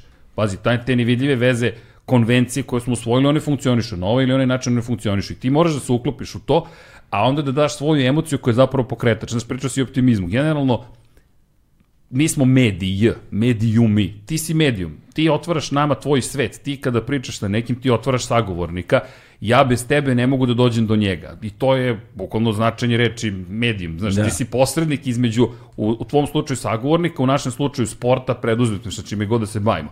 I ako ja mogu da pokažem nekome taj svet koji ja vidim i to uzbuđenje, onda sam nešto postigao. Ali ne da se ljudi bave mnome, ne, ne, nego MotoGP-em. Znaš, to je, to je ono što je caka. I onda kad ti vidiš ljude koji su, ne znam, za rođendan, da, čovjek je vodio čerku za 18. rođendan MotoGP trku i kažu da su se fenomenalno proveli, i on ti neko pošalje poruku i podeli s tobom emociju, sad je to vraćanje emocije. Da. Znaš, ti si dobio nešto što ne, ne, može da se kupi. Vidi, mi smo realno stidljivi ljudi, ne znam za tebe, ali suštinski mi smo stidljivi ljudi. Koliko god da smo ekstrovertni, ne, veruj mi. Ti nisi. Većina ljudi ne zna. ne, vidi, jesam ja ekstrovertan, ali suštinski I te im, znaš, mene hvališ, ja ne znam šta, kako ja sad odgovorim na to. Znaš, ja ne znam šta, šta se, to meni, nemoj to, znaš, ja sam taj koji hvali, koji, znaš, skreće pažnju sa sebe u suštini, ali ti u suštini, kad dobiješ nazad emociju, to je najveća stvar koju možeš da dobiješ. Znaš, to me Kirk Hammett, Do, evo, Metallica je tamo, čuveni gitarista, jedan od gitarista Metallica, čovjek koji je već od, praktično od pamtiveka tamo, Dave Mustaina, je rekao upravo ta razmena energije. Ti si na koncertu, ja obožavam binu, ja, ja to mogu da se poistovetim što ti pričaš. Taj moment kad se ti spojiš sa tom nekom grupom ljudi i razmenite emocije, to je najlepša stvar koja može da se desi. Ali još lepša je stvar zapravo, ajde da poveć, odemo sledeći nivo, kad posle toga ono što ti rekao, izađeš sa nekom idejom, emocijom, nekom mišlju, to je fenomenalno. I kaže ti Hemet koji je rekao u Nemačkoj su mu bili najbolji koncerti, jer razmena energije s publikom bila fenomenalna. Nije dovoljno da dođe grupa, ne znam, bio sam na njihovom koncertu pre dve godine u Milanu,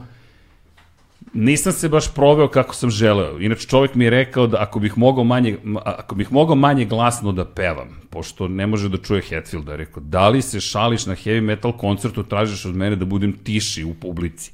Znaš, to je bizarno, sve su se promenile, jer sada... To je sever Italije, brate. Ne, ali vidi, ti si, on je izvadio telefon, njemu je bitno da to ide na neku društvenu mrežu. Da, ili on da to post- na Instagram, brate. Znaš, e, Samo Njemačka. ali vidi, de, e, ne, ima još jedno mesto, Buenos Aires. Dobro, to je Buenos- malo daleko. Oh, sorry je. Ne, ne, ne, ne, ne, ali ljudi, ali ne, ne, verujte mi, Južna Amerika i generalno razmena i te, ti momenti energije i, i heavy metal koncerti, ok, ja volim heavy metal, ali bilo koji koncert, oni ljudi to doživljavaju dosta lično, ali ne na lično na agresivan način da će da tuku nekoga, ne, nego ne, spremni su da podele emociju.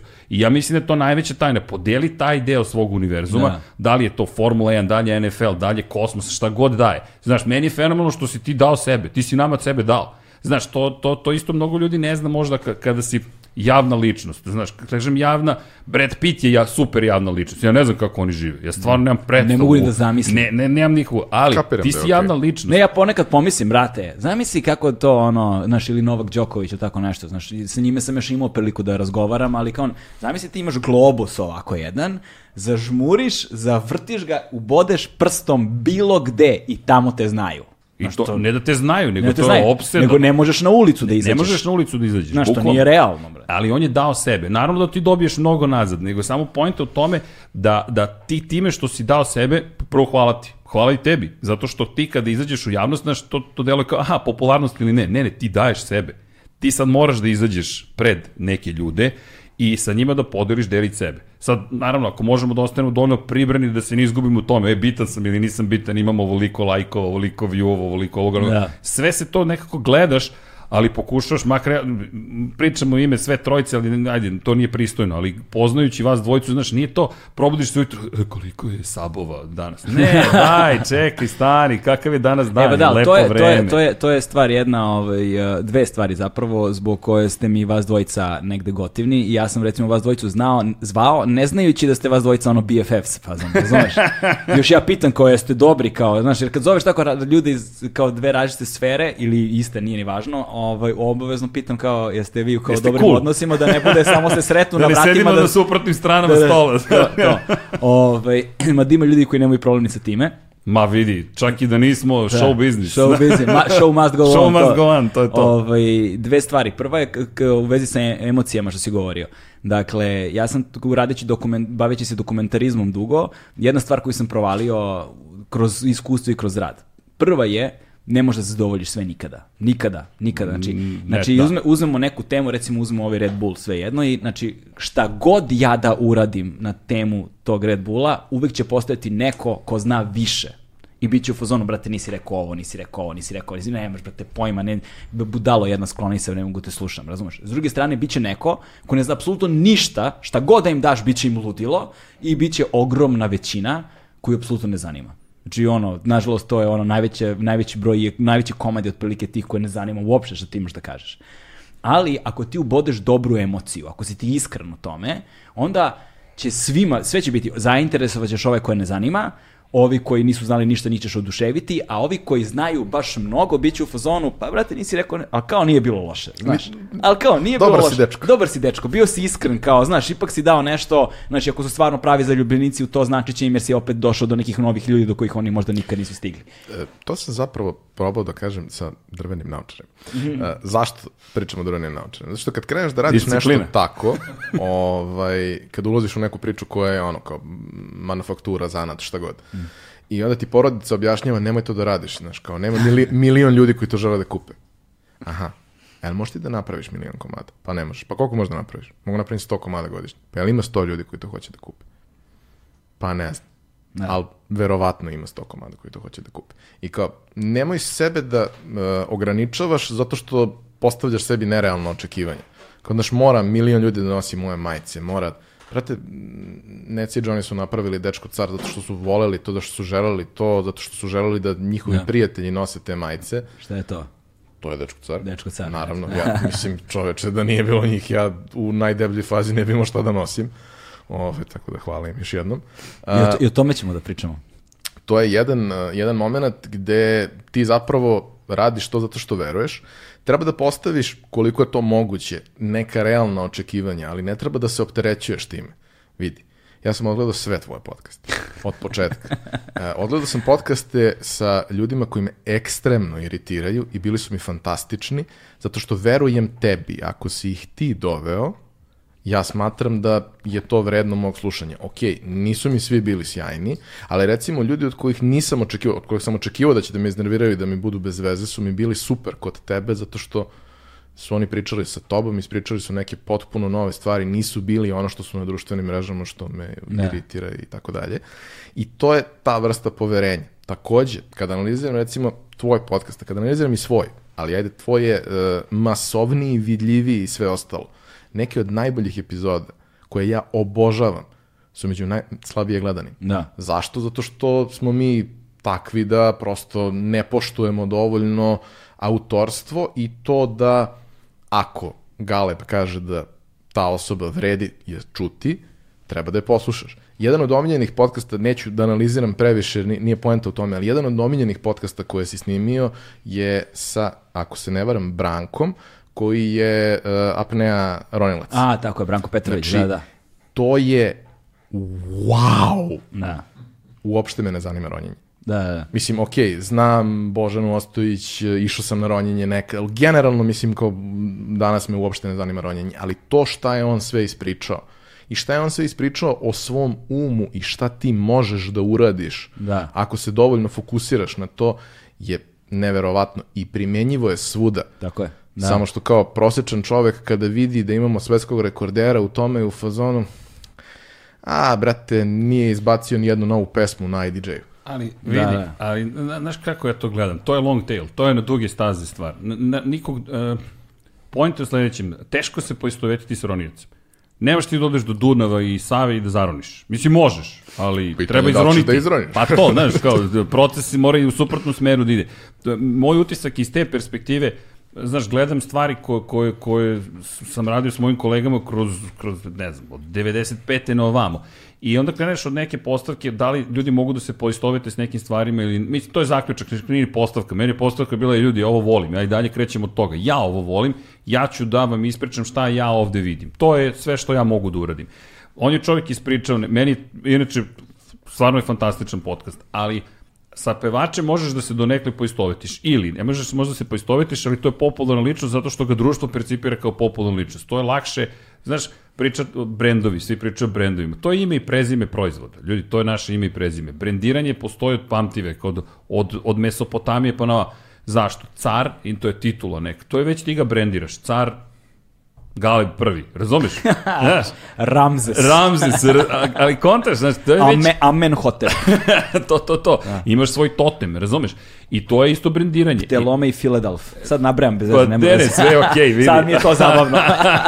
Ali to je to. I sad dolazi neko ko nema izgrađen brand ili Da. ti toliko poznato ime i prezime, ali ovo je taj proces i e, e, kako ja to, znaš, gledam kad je reč o brojevima, neko je, ima body of work, što kažu. Znaš, kad je došao Memedović, me, on je čovek toliko dugo radio neke stvari. Nije on preko noći postao to što jeste. Znaš, svi Niko- zaboravljaju. niko nije, brate, Tako da. je, ali znaš, niko neće pogledati šta je Jovan radio 84. godine. Da. Sad bi mnogi volali. Da. da, da, da, ali znaš, on je taj koji je krenuo od nekud i to se gradilo. Body of work, što kažu, kilometraža. Znaš, ti kad imaš kilometražu, to sam, to sam shvatio isto na blogomaniji, meni blogomanija mnogo, mnogo stvari otvoj, o, o, oči mi otvorila. Ja sam u nekorektnom položaju bio u odnosu na ostale govornike. Zašto? Ja se ovim bavim non stop i profesionalno. Sedim da. ispred kamere, sedim ispred mikrofona, to je nešto čime se ja bavim svaki manje više dan. Da, Ti da, si da. u treningu. Da si najnetalentovaniji na svetu, ti si u nekom treningu. Ti nemaš Imaš rutinu, jebi ga. Tako je, da. nemaš problem da staneš pred ljudi da nešto pričaš pred kameru.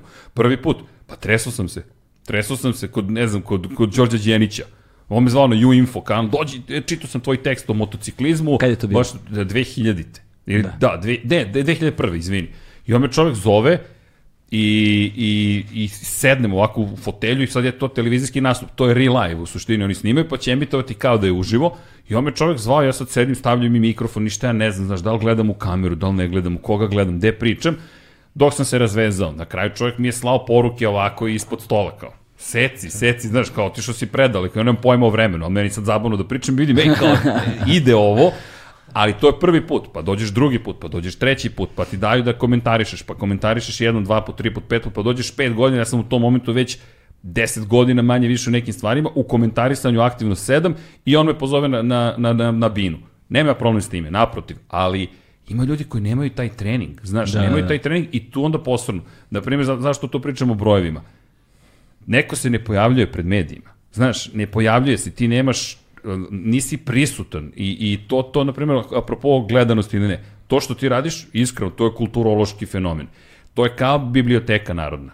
To negde stoji. U jednom momentu će neko pronaći, pa će pronaći još neko, pa će pronaći još neko. To stoji dok YouTube dozvoljava da stoji, jel te, to je sad isto. Zato se sve backupuje. Tako je, čekamo da bude na tvojim serverima, razumeš? da bude trajno Pa sad. znaš šta, ništa ne traje za uvek. Ba ništa ne treba zauvek, ali znaš, ti si sada dao nešto i ja stojim pri mojim rečima. Nešto što je zauvek, manje više, zauvek, čuj, sve to relativno, zapisano. I to će nekako da ide u, ide u svom smeru. Jer ovi ostali imaju nešto što donose sa sobom. Znači, ostali gosti, sad ovi, to, ta zamjenica neko mi ne, ne zvuči dovoljno humano, ali ljudi koji se pojavljuju, koji su već poznati, sa sobom vuku već ljudi koji su zainteresovani za njih. Ovo je početak, tako da, znaš kako ja to gledam? Ja to gledam kao potencijal nešto fenomenalno, ta priča je fenomenalna. E sad zamisli, neko će da ga vidi, pa će možda da ga pozove u Radio Beograd 2, pa će da ga pozove još negde, pa će da kaže još negde. Kao što je mene Đorđe Đenić zvao, i u info ne postoji, ali ja ću da spomenjem Đorđe Đenića Planski kao večnu zahvalnost. Jer da me on nije pozvao, ja ne znam da li bih imao hrabrosti da odem na test za komentatore. Da, Inače, da. znaš kako sam dobio posao za komentatore? Znam. To su mi sad otkrili. Ne, ne, preko veze, ali nije samo to. da, da, pa da, preko, bukvalno, preko veze sam dobio očkrenuta vrata. Da. To, to svima pričam, jer me pitaju kako si došao do toga. Ja kad sam čuo Dekija Potkonja kada prenosi, ja sam rekao s kojim sad radim podcast, to je, to je veliko prijateljstvo, ali Deki radio na Eurosportu, ja kažem, ok, ode moja prilika da, da radim posao koji sam želeo da radim. Nisam znao da se Eurosport lokalizovao. Ja sam to vreme radio u Direct Media, to je marketinška agencija, i u nekim izveštajima vidim Eurosport. I čekaj, imamo veze sa ovim. Pozovem prijatelja i kažem, ej, slušaj Gojko, nikad ti nisam tražio uslugu, sad ti tražim uslugu, samo me spoji tamo s nekim. S producentom Pixijem, s kojim sam inače sad Infinity Lighthouse pravio, pošto smo se sreli, je rekao, jao, ništa trenutno ne radim, aj pravimo studio. Mislim, to je, to je tek ludilo, to su ti te veze u životu. I čovek me zove i tek mi je sad otkrio prošle godine zašto mi je dao priliku da radim i kao komentator i zašto me je izabrao za Moto Grand Prix. Jer pazi, ja sam imao sreće da me on izabere za MotoGP, ja sam honorarac, nisam stalno zaposlen u tom trenutku na Eurosportu. On kaže, što sam ti dao posao? Ja, ja sam ubeđen, znanje, dikcija, emocija. Ne kaže imaš dobar glas, dobro zvuči kroz mikrofon. Rekao i to je to. Kaže, da, meni je samo bio potreban dobar glas. Da ne zvuči loše kad se uključi televizor. Rekao, ok, Pixi, to je, to je Da. čista sreća, nema nikakve veze sa životom. A onda kasnije, kada sam dobio priliku, dobio sam priliku kroz cross country. nordijsko smučenje sam prenosio, A, brate, obskurnije, ono, ne može, brate. ali to je savršeno. E, ali to je, meni je bilo savršeno zašto? Ja u tom trenutku nemam Jesi samopouzdanje. rekao, jesi rekao šah? Šah je ono... Ne, Šah- šah, šah je preozbiljan, šah je rasklopili mainstream, bi me, brate, jesi ne. lud. Znači, bukvalno bi me rasklopili. I, znaš, da, da sam šah ušao, a ne znam dovoljno. Inače, moj ćale je šahovski majstor, bio sa, ne znam, 11-12 godina, ali pošto ceo život proveo u sportskoj redakciji igrajući cugerice, onda nije hteo da uči ni Burazer, ni, uči, da, ni Burazer, ni mene kako se igra šah. Da. Branio nam je, sakrivao od nas šah da ne bismo postali kafanski ljudi koji samo igraju šah. Brate, hoćeš da te naučim. Molim te. Znaš, ne ga neophodno je. Sa tu 45 godina, bukvalno je sve, sve smo naučili osim šaha. Znači, ja ako će nešto da mi rastori brak, to će bude šah, brate. ja od jutra do mraka igram šah. Neprekidno Respekt. 30 godina unazad. Znači, to je strašno, brate. Ali to je ta strast. E, Da, to, to moj čale imao, e sad zamisli sportsku redakciju, on ti je stari old school, baš old school novinar, koji ti ono cepa tekstove, crvena olovka, Da, da. znaš, nema kao Andu, kao snimio sam, ne, ne, tvoj draft je u kanti za smeće.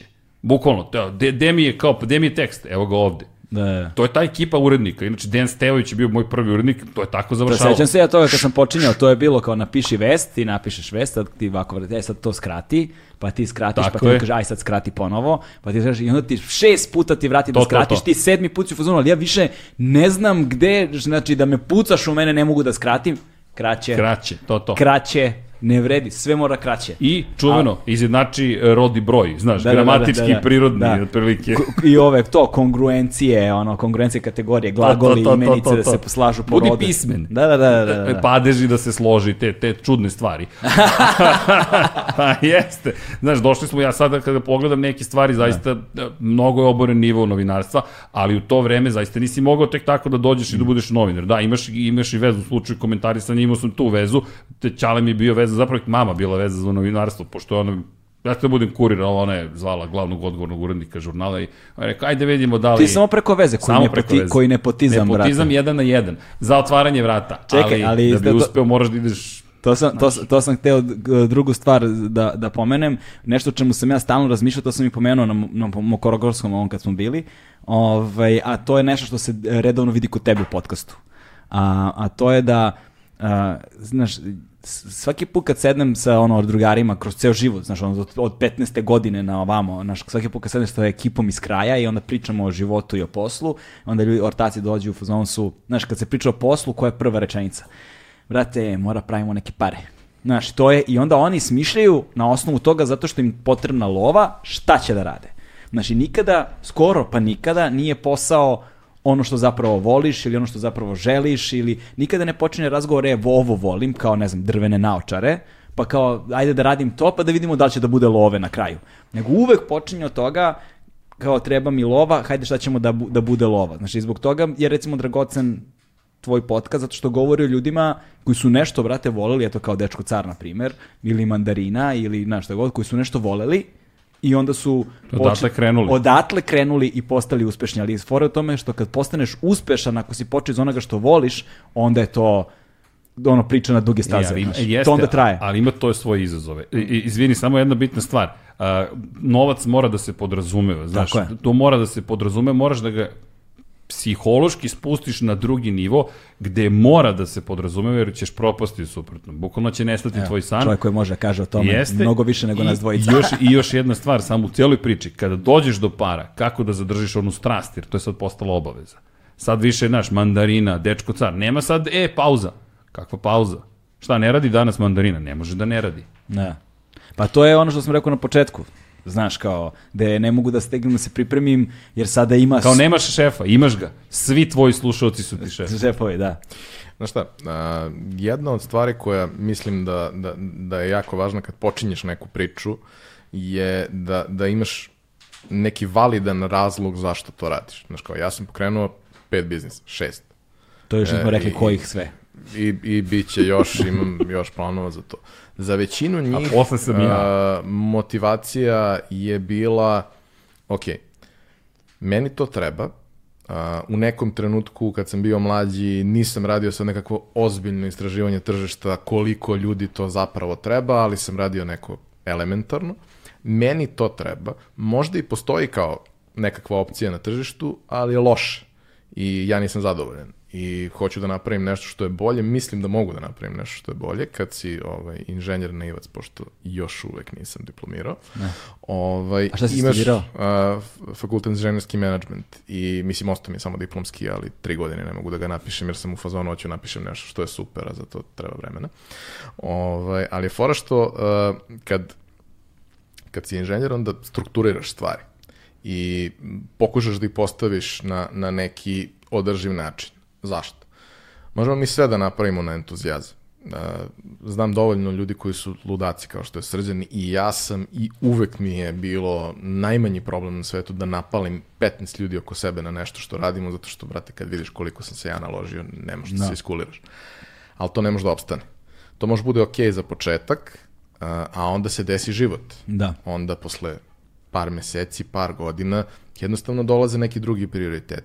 Možeš da kreneš od entuzijazma, ali moraš da nađeš način da to postane održivo, da to postane smisleno. Uh, mnogi projekti koje smo radili su čekali da dođu do pozicije da mogu da budu održivi da bi se uopšte desili.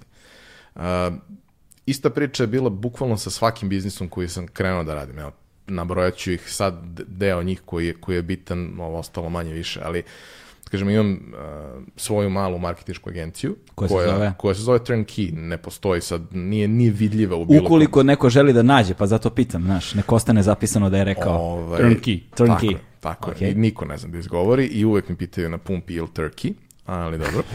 Ove, Zašto to je na ono pumpi kad- razgovara s ljudima u svojoj agenciji? A, zato što Gotovinski treba da mi izdaju gotovinski.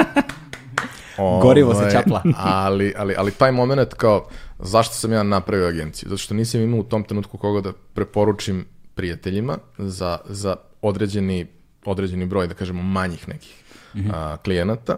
Imao sam dosta svojih projekata koje nije imao ko da vodi. Ok, vodio sam ih ja ili sam ih prebacivao nekome od kolega, ali to već prevazišlo te neke okvire koje može hendluje jedna osoba u slobodno vreme.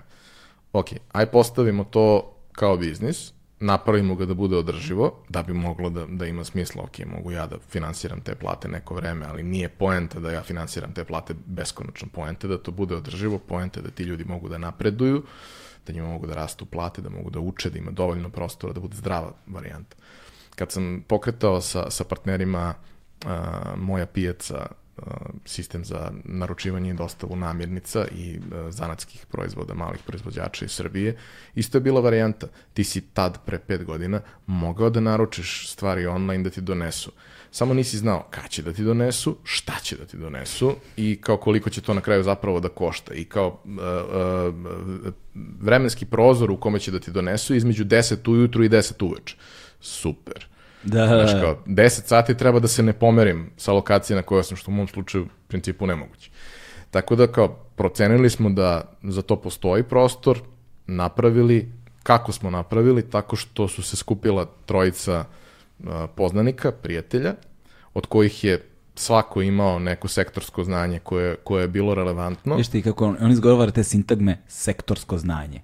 Ne, ok, nastavimo. In- in- inženjer. ovaj, i, Precizno je opisano. I onda smo krenuli od toga da svako reši svoj, svoj deo posla. Biznis je krenuo, nije krenuo sjajno, bilo je prerano. Da. E, našli smo neke načine kako da ga pivotiramo ka nečemu drugom da bi postao održiv. Sad može da bude održiv i u onom originalnom smislu kako je zamišljeno, odnosno dočekali smo da sazri dovoljno tržište da to, da to ima smisla, ali kao postavili smo neke, neke principe po kojima to radi i e, što je veoma važno, napravili smo biznis koji je takav da e, ljudi koji naruče jednom, drugi put ostanu kao trajni e, kupci, što je u principu najvažnije kada pokušavaš da razviješ nešto tako. User experience. Slična priča je bila kada sam uh, pokrenuo Burgos sa, sa dvojicom prijatelja, Burger Bar koji se nalazi u Nušićevoj ulici. Dakle, kako da je rekao, Burgos. Burgos. Jel Burgos? Burgo, ja mislim, jel Bur, da, Burgos, Burgos. Bur- mislim da je Burgos, dobro? Ponovite čekaj. ovaj, kao, zašto? U tom trenutku uh, imaš nekoliko opcija u Beogradu koje nisu loše, ali po mom skromnom mišljenju nisu dovoljno dobre. Ja upoznajem, odnosno znam od ranije dvojicu momaka s kojima sam dugo sarađivao koji su dizajneri, čije je velika ljubav i strast da to razvijaju, da probaju da naprave nešto tako. Ja kažem, ok, a, ja imam know-how u jednom delu koji je tu bitan, koji se tiče marketinga i svega ostalog. Znam ni bazično kako se vodi posao, ne znam, u gostiteljstvu, ali ono, imam koga da pitam. Vama je stalo do toga, vi se ložite na to. Ok, ja ću da vam omogućim, da vam isfinansiram da to napravimo, uh, zato što ćete vi da se da budete maksimalno požrtvovani ka tome. I šta smo postigli? Postigli smo da uz mnogo truda, muke, problema i, i, i gomila novih saznanja, jer kao ulaziš u, u industriju koja, koja ti je u suštini nepoznata. Poznata Da. ti je kao konzumentu, ali ne kao, kao nekom ko vodi taj posao. Došli smo do toga da kao kad pogledaš, analiziraš ocene, mi smo najbolji burger u gradu. Zašto? Zato što se, brate, ložimo na to. Zato što nam je stalo do toga i to je razlog zašto smo uopšte krenuli u to sve. Jer jednostavno, one nije ni malo, ali kao dovoljno nam je stalo da, da pokušavamo. Ne znam, krenuo sam agenciju za, za prevođenje, Alfa prevod pre nekih 6-7 meseci Alfa, prevod. Da.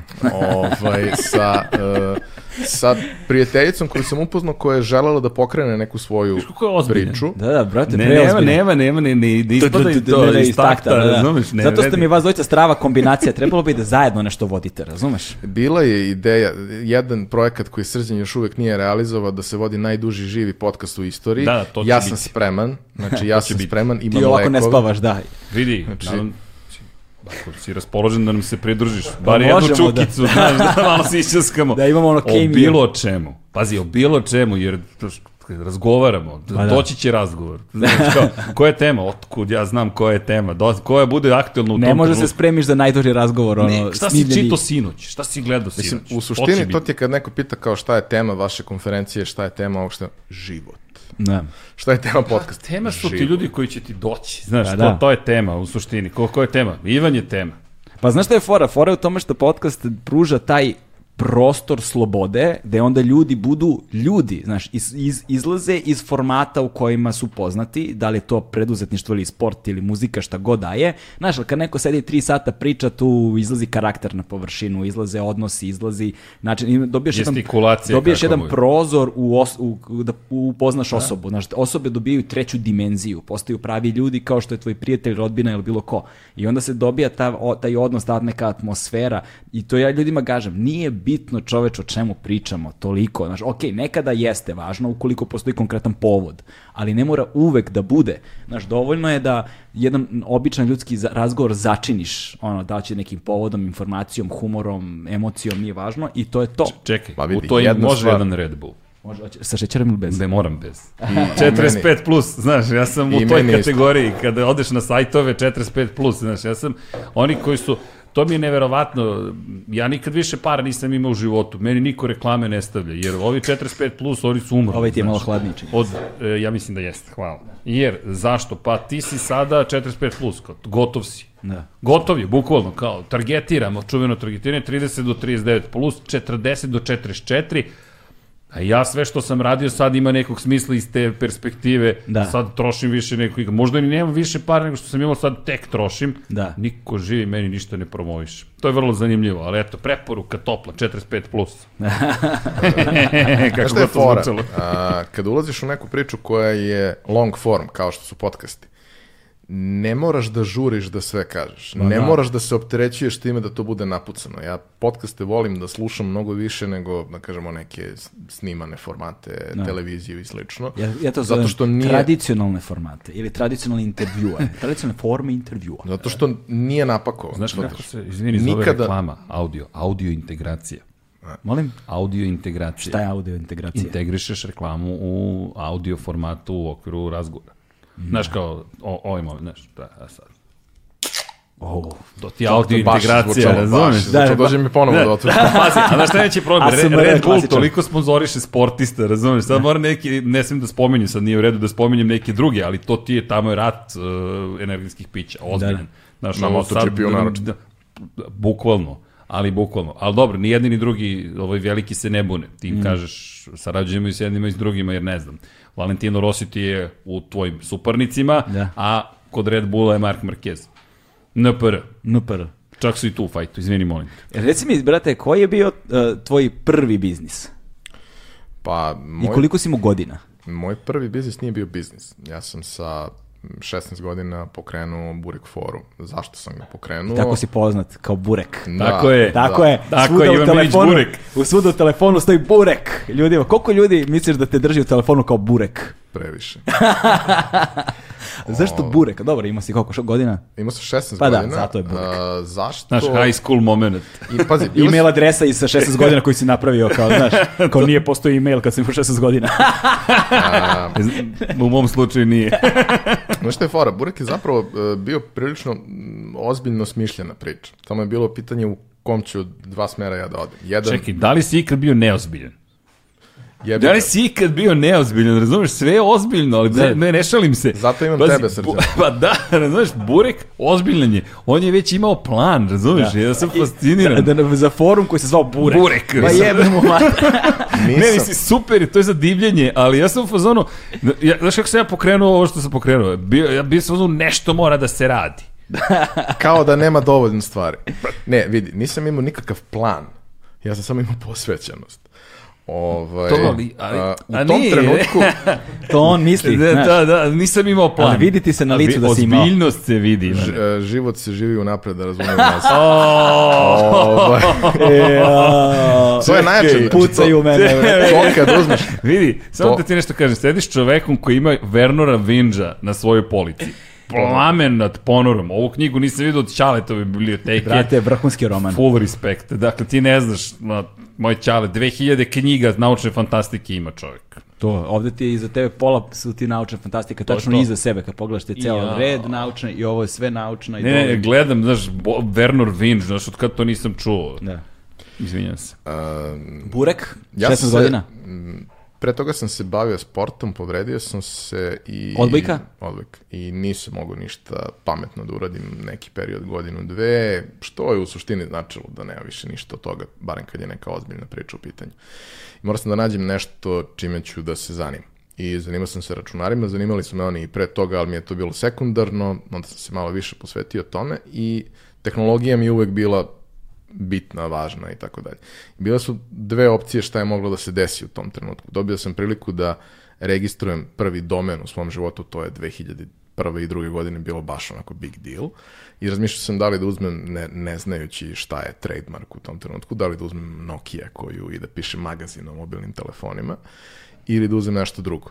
Bukvalno 5 dana pre toga je uvezno, uvoznik uzeo Nokia koju i meni je ostalo da razmišljamo nečemu šta bi drugo moglo da bude u pitanju. U tom trenutku si imao vrlo razvijeno tržište online zajednica za ljude koji su geekovi, šta god da ih je zanimalo. Mobilna telefonija, satelitska televizija, računari, imao si benchmark, imao si Elite Security, vrlo posjećene u to vreme, sjajni, sjajne zajednice gde sam ja bio aktivan član, ali su mene zanimali neke druge stvari mimo toga. Ja sam volao da pratim sport i dan danas patološki pratim, ovaj, serije, filmove, muziku, a tamo nisi imao prostor da pričaš o tome. Da. Ja sam bio u fazonu, analizirajući šta se dešava na drugim tržištima, jer kao bili smo mi svi prilično bliski, ti si Elite Security imao i ljude iz Hrvatske, družili smo se, znali smo se, onda sam ja pratio šta oni rade, raspitivao se kod njih šta se dešava i kao u Hrvatskoj si imao tada nekoliko foruma koji su bili za generalnu populaciju, gde ti možda dođeš i pričaš na sve te ostale teme, da možeš se zabavljaš, da šta god. Ja sam bio u fazonu, moguće da mi to nemamo, mi smo to imali, tako što je postojalo na Serbian kafeu, ali to je bilo 95% dijaspora. I ti tamo u principu nema šta da tražiš, osim ako ne gledaš dobro da se oženiš ili udeš u inostranstvu. Ovaj, I bio sam u fazonu, ajde probam da napravim nešto što će da skuplja ljude, ali da ga ne, ne limitiram samo na Srbiju, jer kao stvarno smo se super družili regionalno u tom periodu. Tad su već tenzije spale mi koji smo bili mlađi nismo ni imali toliko tenzije ovaj osim kad su utakmice bile u pitanju. I kao ajde da napravim nešto što je što je dovoljno široko. I kao brate šta je dovoljno široko e burek je jedna od retkih stvari koje možeš povedeš u bilo kojoj tački bivše juge bez obzira na nacionalnost veroispovest navijačko opredeljenje političko Ne, i sve ostalo Ima smisla. i I kao posle kaže nije mu plan. Ne, ne, uopšte. ali to sam Prvo to je sam- živeo, a onda se desilo. Ali, mislim, to je ono, to, tu priču sam smislio nakon što se sve izdešavalo. Šalim se, imao sam neku ideju, ovaj, a onda se ona vremenom produbljivala. Kad imaš epifaniju i onda kao dva meseca kasnije shvatiš što si je imao, šta je iza toga.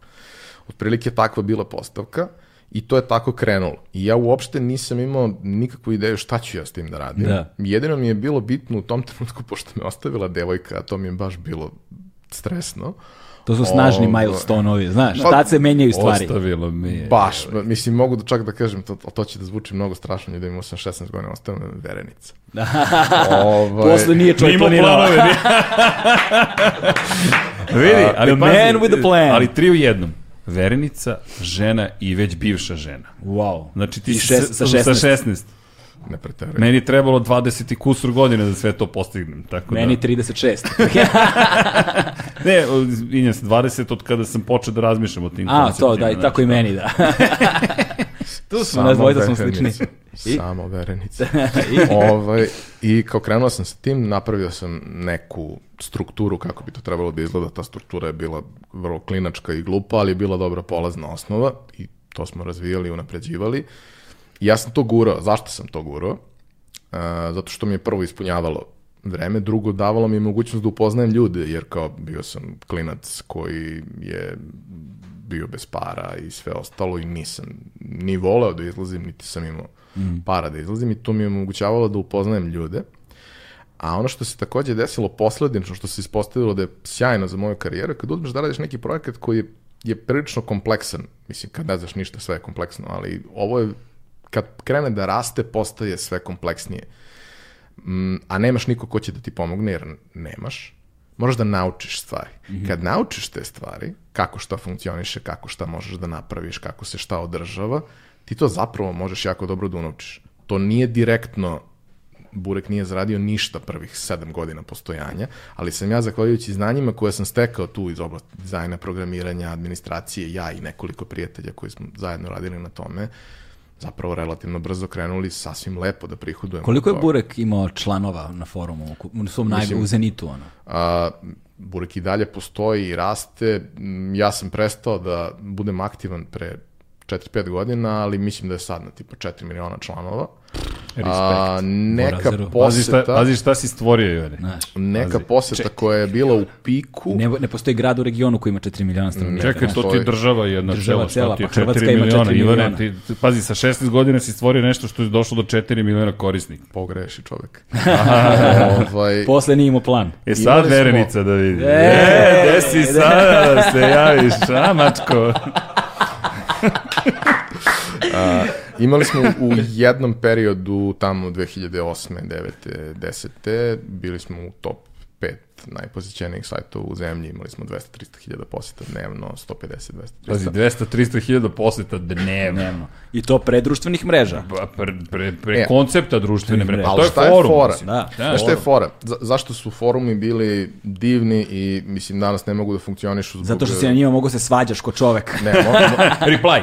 Re, re, re, re, re, možeš re, re. i sad da se svađaš na YouTube u komentarima, ko voli. Ovaj, Da, ali to- to sad zato nikad, nikad ne treba čitati komentare. Ja ih nikad ne čitam, da, to nema smisla. Ovaj, ja ih imam dovoljno malo pa ih čitam, ali kao na tvom mestu ih ne bi čitao. A, šta je bila fora sa, sa, sa forumima za razliku od društvenih mreža? Društvene mreže su ti postavljene konceptualno tako da ti gradiš mrežu ljudi koje već poznaješ i proširuješ je u okviru a, ljudi koje ne poznaješ možda direktno, ali ih poznaju tvoji prijatelji, to je ono mreža, mreža ljudi koji su oko tebe. Forumi su zajednice oko kojih se vi okupljate oko tema koje vas zanimaju. Vi, ti dođeš zato što te zanima MotoGP i upoznaš ljude koje zanima MotoGP. Tebe verovatno zanima više od jedne stvari, u mom slučaju previše različitih stvari ili u Srđanovom isto tako previše različitih stvari, ali kao imaš dve, tri, četiri stvari. Nekad se desi da imaš ljude koji zanimaju iste stvari, nekad su to različite grupe ljudi, ali ti upoznaješ ljude nove na osnovu svojih interesovanja. I ja ne znam mnogo ljudi, Da, to mislim, je možda- velika razlika. Možda zato što sam star. Ovaj, nisam star u godinama, ali jesam isto. Razumeli smo. Razumeli smo. bio, si, Da, da, da. bio si stari sa 16 godina. Yes, znate. yes. O, bio sam, Jedin će, ima bradu, pazi. bio sam ćelav sa 16, tako da ono. Ovaj, ali, ali taj moment, uh, ja ne znam mnogo ljudi koji su upoznali svoje mm, lepše ili ružnije polovine na Facebooku. Ok, toga ima, ali kao što upoznaš na rođendanu kod nekoga, nekog, zato što se znate međusobno. Ja znam ljude koji su se upoznali na forumu koji nemaju ni jednu zajedničku osobu, tačku, osim činjenice da su bili tu. Da vole MotoGP. E, e, izvini samo, I digress, jel te, ali moram da ubacim digresiju, to mi je... I progress, I digress. Tako je, I, I regress. Nazadovanje kao koncept života. Ali da, zato sam još uvijek mladić. Uh, par koji se upoznao na MotoGP-u 2012. godine, oni ljudi su danas u braku, a upoznali su se upravo to, preko foruma, sport klub foruma, koji nije bio ogroman, ali je bio, jel te, tematski vrlo jasno fokusiran na sportove koje prenosi, koje prenosi prosto sport klub. MotoGP Formula 1 u mom slučaju u tom trenutku. Ljudi su se sticam okolnosti upoznali, mi smo obezbedili ulaznice za, za trku u Italiji i podelili ulaznice i devojka koja je bila vrlo aktivna na forumu zapravo, tadašnji producent sport kluba, Sava je rekao, Srki, jednu moraš ekstra da nabaviš ulaznicu za ovu devojku, s obzirom na činjenicu da je toliko aktivna na forumu, da ona mora da dođe. Inače, Ba- Bane, jedan od danas sadašnjih urednika Sport Klub sajta, je dobio posao zato što je toliko na forumu pisao o konkretno sportu da su ga videli u uredništvu Sport Kluba i rekli, ajde zovemo ovog čoveka na razgovor za posao i to je o čemu ti pričaš, ta tema koja je onda povezana sa emocijom i onda neki rad koji stvoriš. Ova devojka nije radila, ona se samo dopisivala, skrenula je pažnju na sebe, momak koji je inače dušan, koji, koji je koji je došao takođe na tu trku i je dobio nagradu kako. Postavili smo pitanje ko je, da li, da li može da imenuje vozače koji su osvojili titulu 125, 250 i 500 kubika. Specifično s toga je što je samo dva čoveka su zapravo osvojila sve te tri titule, Valentino Rossi je bio jedan od njih. I to je bilo trik pitanja, svi su odgovorili Valentino Rossi. Da. Niko nije znao za Fila Hila, osim njega. On, mi, on čovjek odgovorio i mi kažemo, ok, to je to. On ide motorom za Italiju, oni se upoznaju na tom putu. Pazite, taj sad splet okolnosti preko foruma i nagrani i, i ti imaš sad brak. Na primjer, meni je to fascinantno zato što, ovo si baš lepo rekao, u suštini dao si meni odgovor na pitanje, nisam razmišljao o ovome, ali super je, forum, tema, a ovo društvene mreže jeste. Mislim, Znam tebe, ti znaš njega i onda se mi spojimo.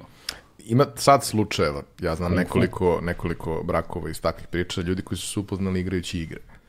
Jer to jeste isto slično, ti imaš neka zajednička interesovanja bez obzira na kojoj si tački sveta i dođe do, do toga da vremenom provodite toliko vremena zajedno i toliko pričate o svemu da se suštinski poznajete bolje nego, nego mnogo drugih. Treba nam prvi podcast brak. Uje. Da ne preterujemo A? Da ne preterujemo. Čekaj, a? Čekaj. Šta znači ko- podcast brak? Pa upoznali su se preko Šta na podcasta. komentarima u, na YouTube-u, brate? Može. Ili, ili, Ili- ili, ili pozove, ne. ili, Ili su ne, bili, brate. ili su slušali podcasta, bili su gosti, pa pozovu Galeba, ej, gledao sam moj... Kume, Kume.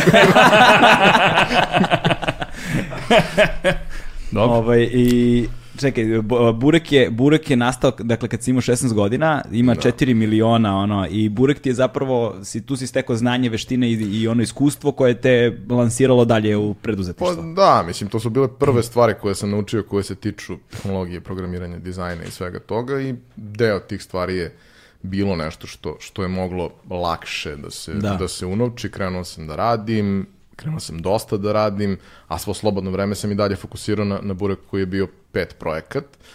Do nekog trenutka 2007. 8. godine kada je prosto uh, postao toliko veliki da nisi mogao da ga ignorišeš, a to je bio jedan vrlo zanimljiv trenutak neposredno pre velike krize, uh, kada su se regionalni investicioni fondovi uh, i veliki publisheri iz regiona zainteresovali za ovo tržište jer su skapirali da ovde postoji zanimljivih stvari koje mogu da se kupe, a, tržište još uvek suštinski ne vredi ništa jer nemaš neko ozbiljno oglašavanje i bilo šta i oni za neke smešne novce mogu da kupe ovde nešto što će za par godina sigurno imati neku vrednost. Da.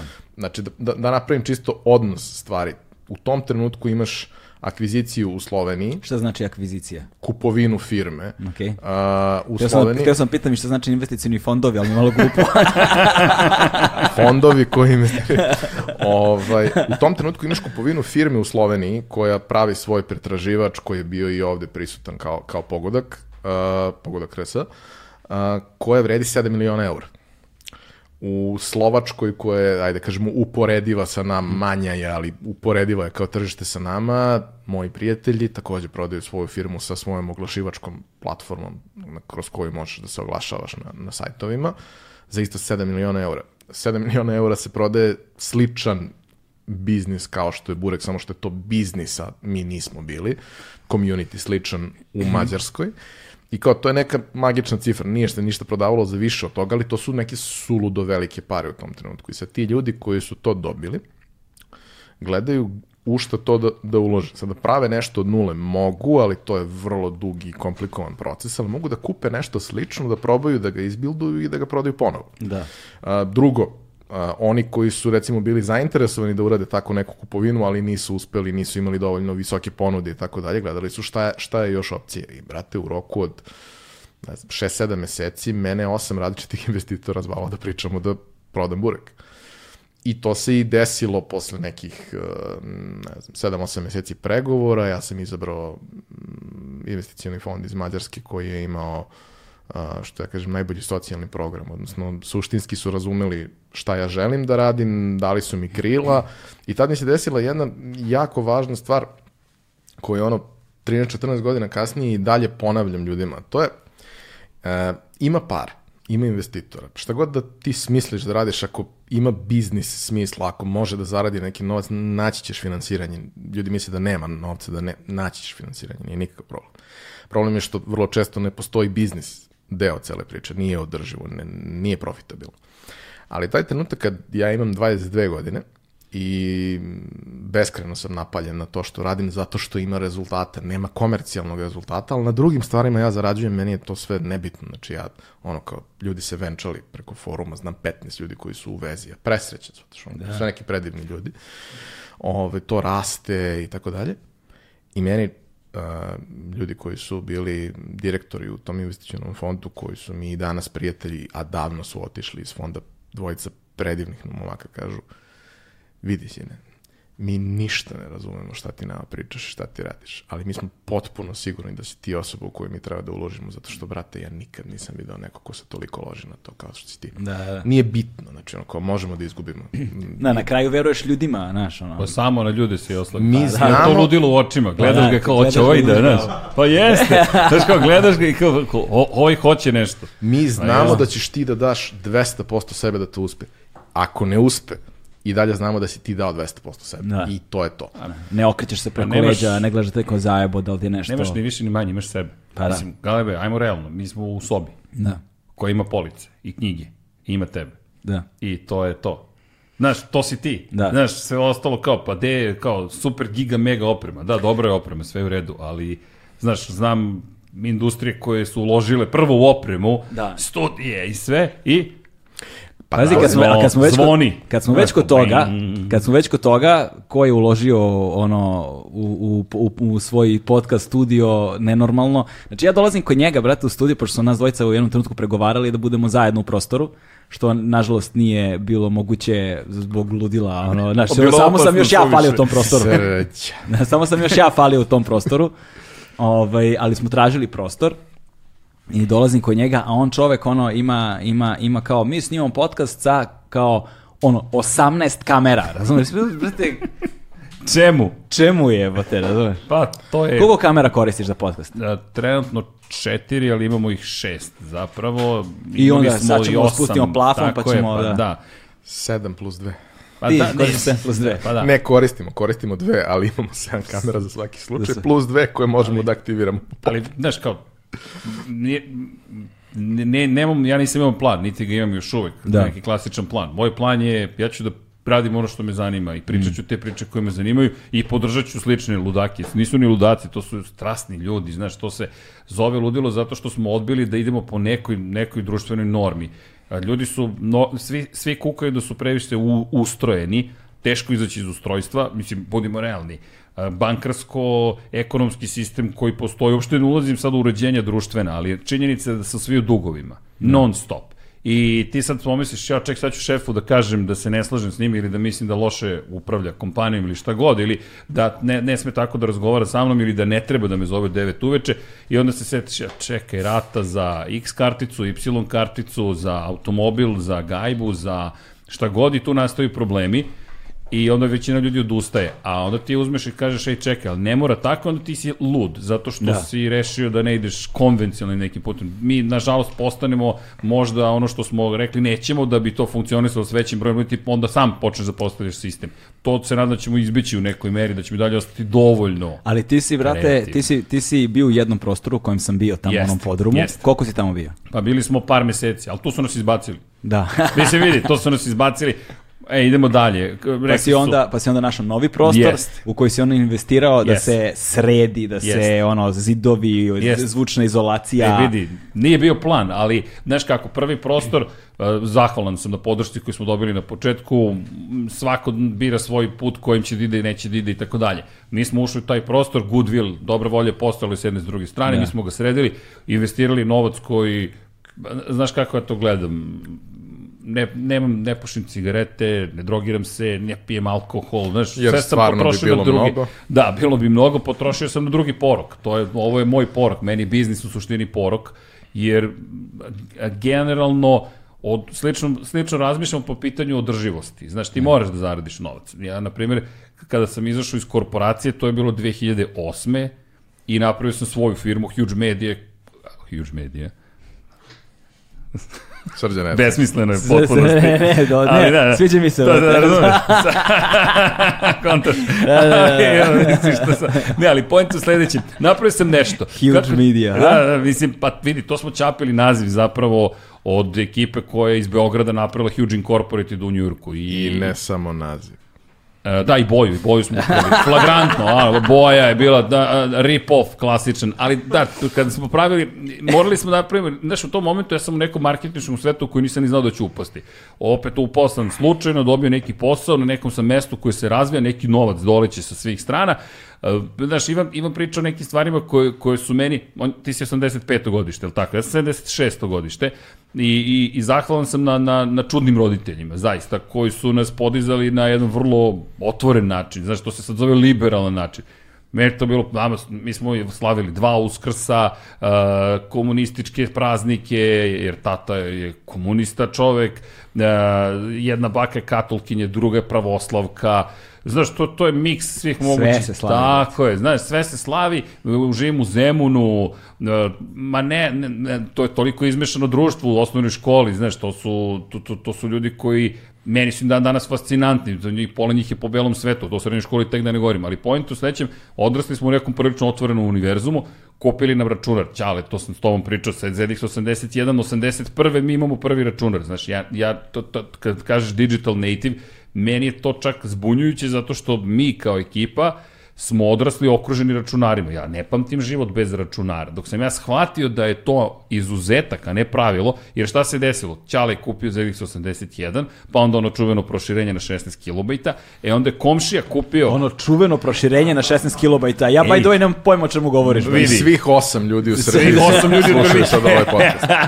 Ali to je to, znaš, Ćale koji je rukometni novinar, otišao u Nemačku i dono proširenje koje se utakne pozadi i ti sad imaš 16 kilobajta memorije. U, kakav kung fu.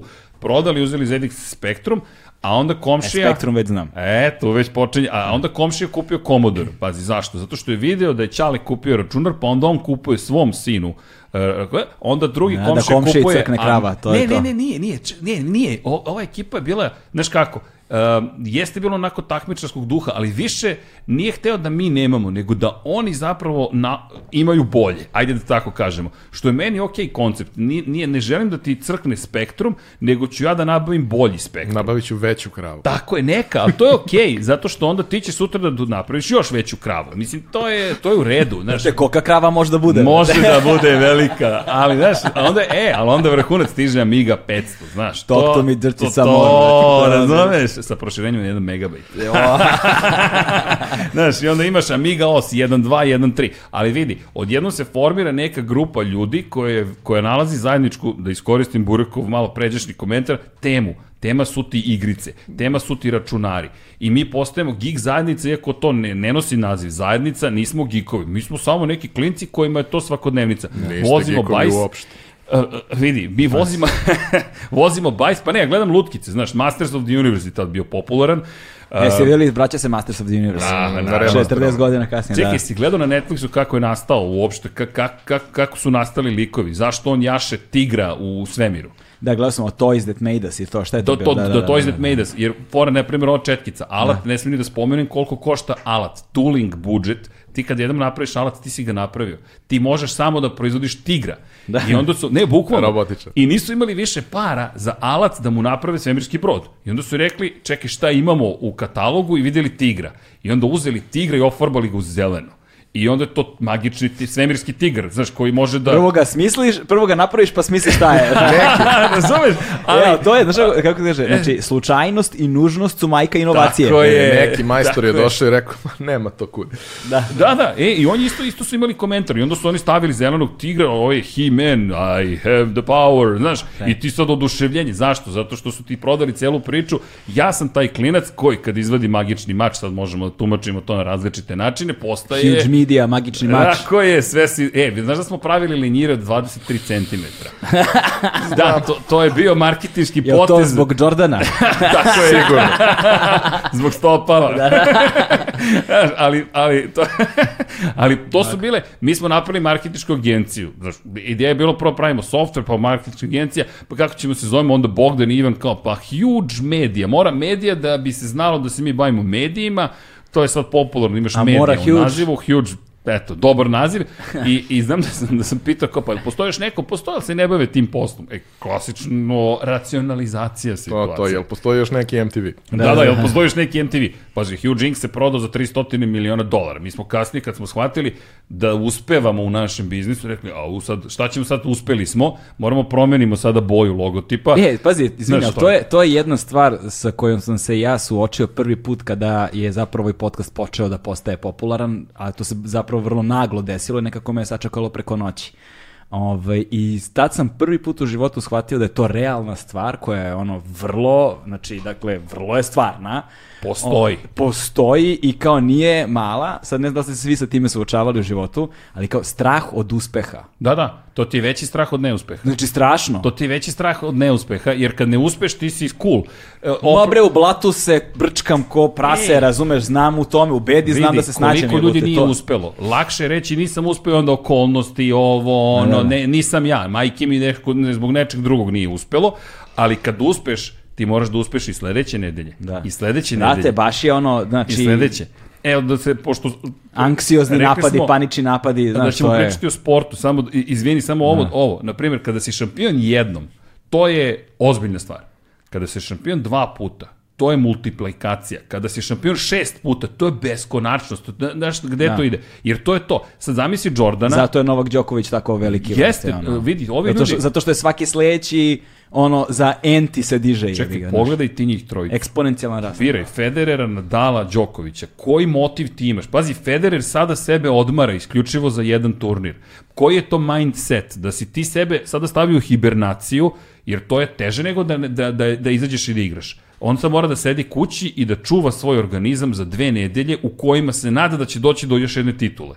A neće. A vidi, to je sad, to, znaš, E, vidi ga ovaj burek, bre. Ne, vidi, jedino gde nije ozbiljno ove navijačke strasti kada ga ponesu. Ne, ma to ali- veze sa navijačkim strastima, to, to je ima veze s analiza. 35 godina plata, gledanje tenisa. Ne, ne, jeste, vidi, ali, ali šta hoću ti kažem, više, čak nije ni po, bitan rezultat konačni, već šta je Federer spreman da učini posle svega da bi pokušao da ostane najbolji. To jest da bude tu titulu ispred Đokovića, još uvek izjednačen s Nadalom.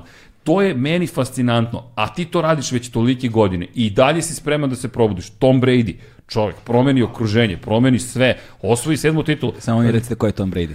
Najuspešniji quarterback svih vremena, Aha, verovatno i najbolji igrač. Tako Da, je. okej. Čovek je osvojio šest titula sa New England Patriotsima. Tri titule je osvojio u prvoj deceniji novog milenijuma, tri titule u drugoj Samo, samo deceniji brate, novog sporije, milenijuma. jer ja svaku informaciju pokušavam da procesuiram dok je izgovaraš, jer mi su mi tri sve nove. Da. titule u I- prvoj deceniji novog milenijuma, a tri u drugoj i Sada je otišao iz tima, otišao na, u Tampu, iz Bostona, iz Massachusettsa, ocelio se na Floridu, u, ta, u Tampa Bay. Ok, sa istočne na zapadnu obalu. Ne, ne, ne, ne, ne, ista, ne, to istočna, isto, isto, istočna, isto, sa Florida, severa na da, jug, sa severa na jug, pardon, da, da. Ali, on je opet osvojio titulu. U američkom futbolu to je gotovo nemoguća misija. On je čovjek osvojio titulu. Pa ja sad nađem, nije bitan Tom Brady, on je više sada simbol nečega. On ti je pokazatelj da je u nemogućem to moguće, ali žrtva koju on podnosi, njemu nije žrtva, njemu je to okej. Okay. Pazi, njemu je žena Giselle Bunchen, jesi čuo za nju? Uh, manekinka. A, to je, to je, vidiš, ali to je je malo, znanje, da. da, to je predznanje.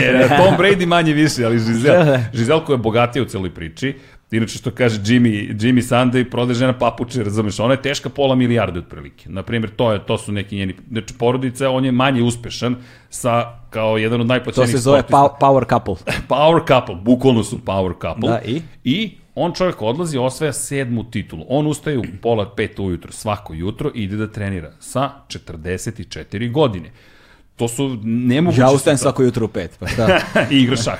E, ne igram šah u, tad ujutro, idem da treniram. A, da, ali vidi, ali sad pazi sad ovo, on je čovek... Ali odigram jednu sportista. partiju kad otvorim oči. Da, odigram, odigram jednu, nekad dve. Čekaj, jesi kao Damien Gambit, vidiš na plafonu figure. Ne, ne, ne, Ok. ne, ne, samo igram ovaj, na aplikacija.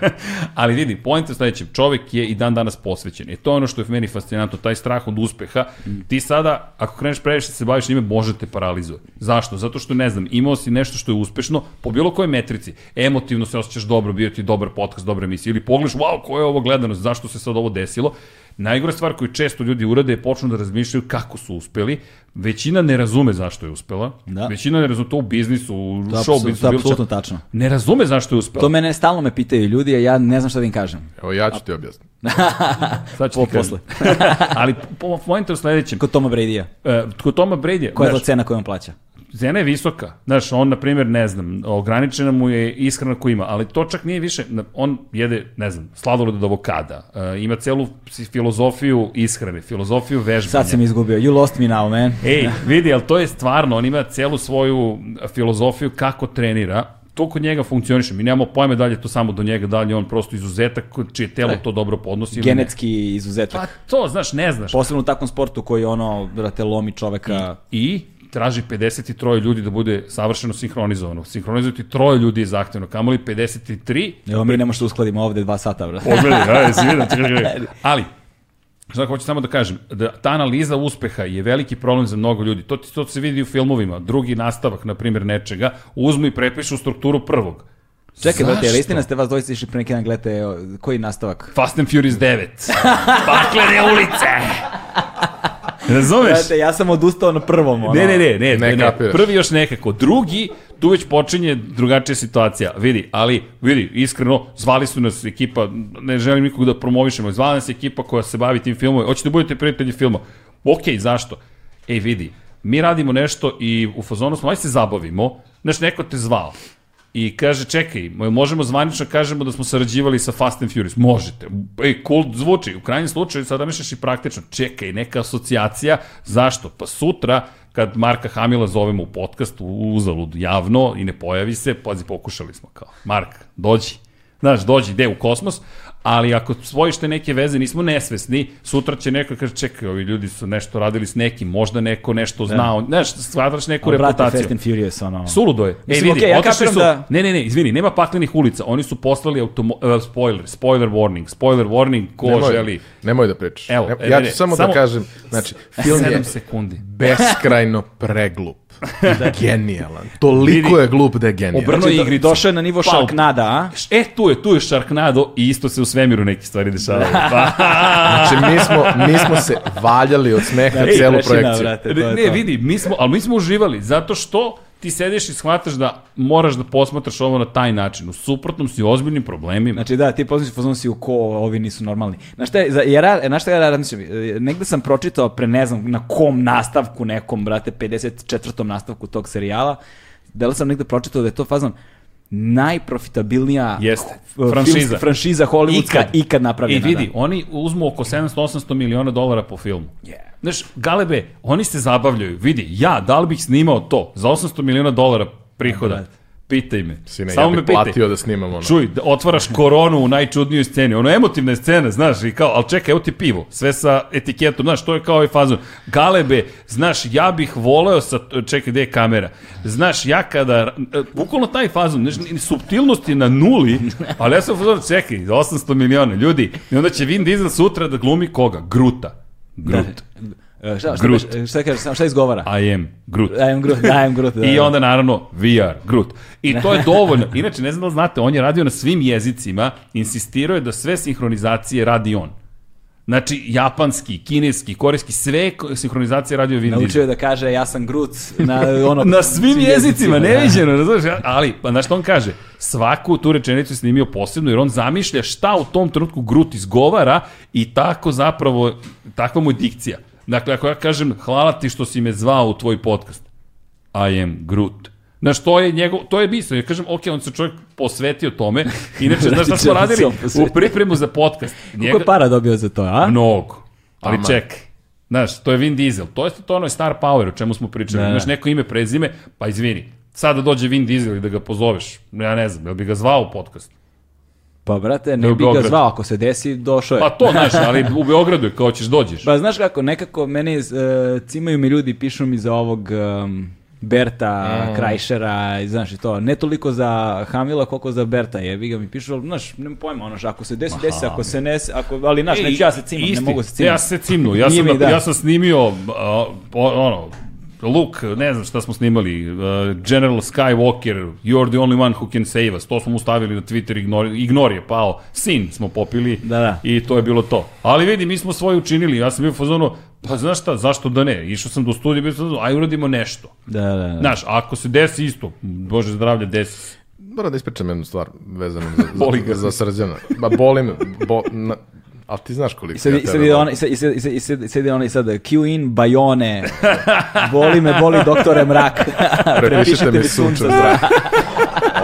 Ovaj, Okej. Mi smo ta generacija koja je išla u osnovnoj školi na koncert. Da, B- Znači, znaš, mi su, kolektivno smo išli na koncert Bajoneta, bre. Bajonea, Vidi, Bajoneta. mi, kad to kažeš Čovjek kolektivno smo išli, Tebra, ka, brate, koje je kažnjavanje. Tebra, znaš koja kazna? Znači, uh, dođe one, one, pošto sam s Voždovca 18-tica, dođe ona iz Globna, razumeš? Dođe nekoliko 18-tica ispred osnovne škole Vesele Masaša, potrpaju nas u bus, odvezu nas u Sava centar i onda gledamo ono, u dve smene koncert Bajoneta. Izvini, znaš na šta me to podsjeća? Kad sam bio u vojci, to je 2003. četvrta, Dom kulture Aleksinac. I idemo i izvode ljudi sami, vojnici pevaju pesme. I ne, ko ide na pesma?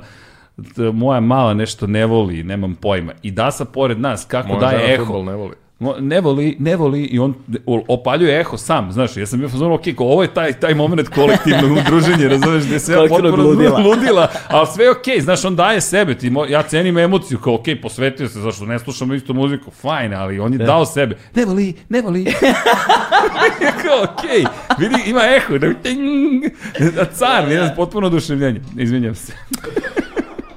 Treba da idemo u Kataloniju, koju smo već pomenjali. I sad, uh, u tom trenutku Jelena Trajković Zvezdica nije još uvek na sport klubu, nego je na, na 92-ci, ali oni su prijatelji, mi smo svi prijatelji. Ovaj, I uh, neko pravilo kad idu na, na putovanje je da probaju da izvuku što više iz toga. I to je nešto čime se i ja vodim, iako nisam sportski novinar u klasičnom smislu, ali ono, kad god idem negde, gledam da upakujem sve što želim da doživim od tih stvari i da izvučem nešto od toga. I sad, e, normalna osoba nešto organizuje i potroši određenu količinu vremena. Mi dolazimo tamo i sad vidimo se sa, sa Zvezdicom i Markom njenim burazerom i s- oni vade tabele i ja skapiram da je Srđan za naredne četiri dana zakazao 18 intervjua, a Zvezdica 22.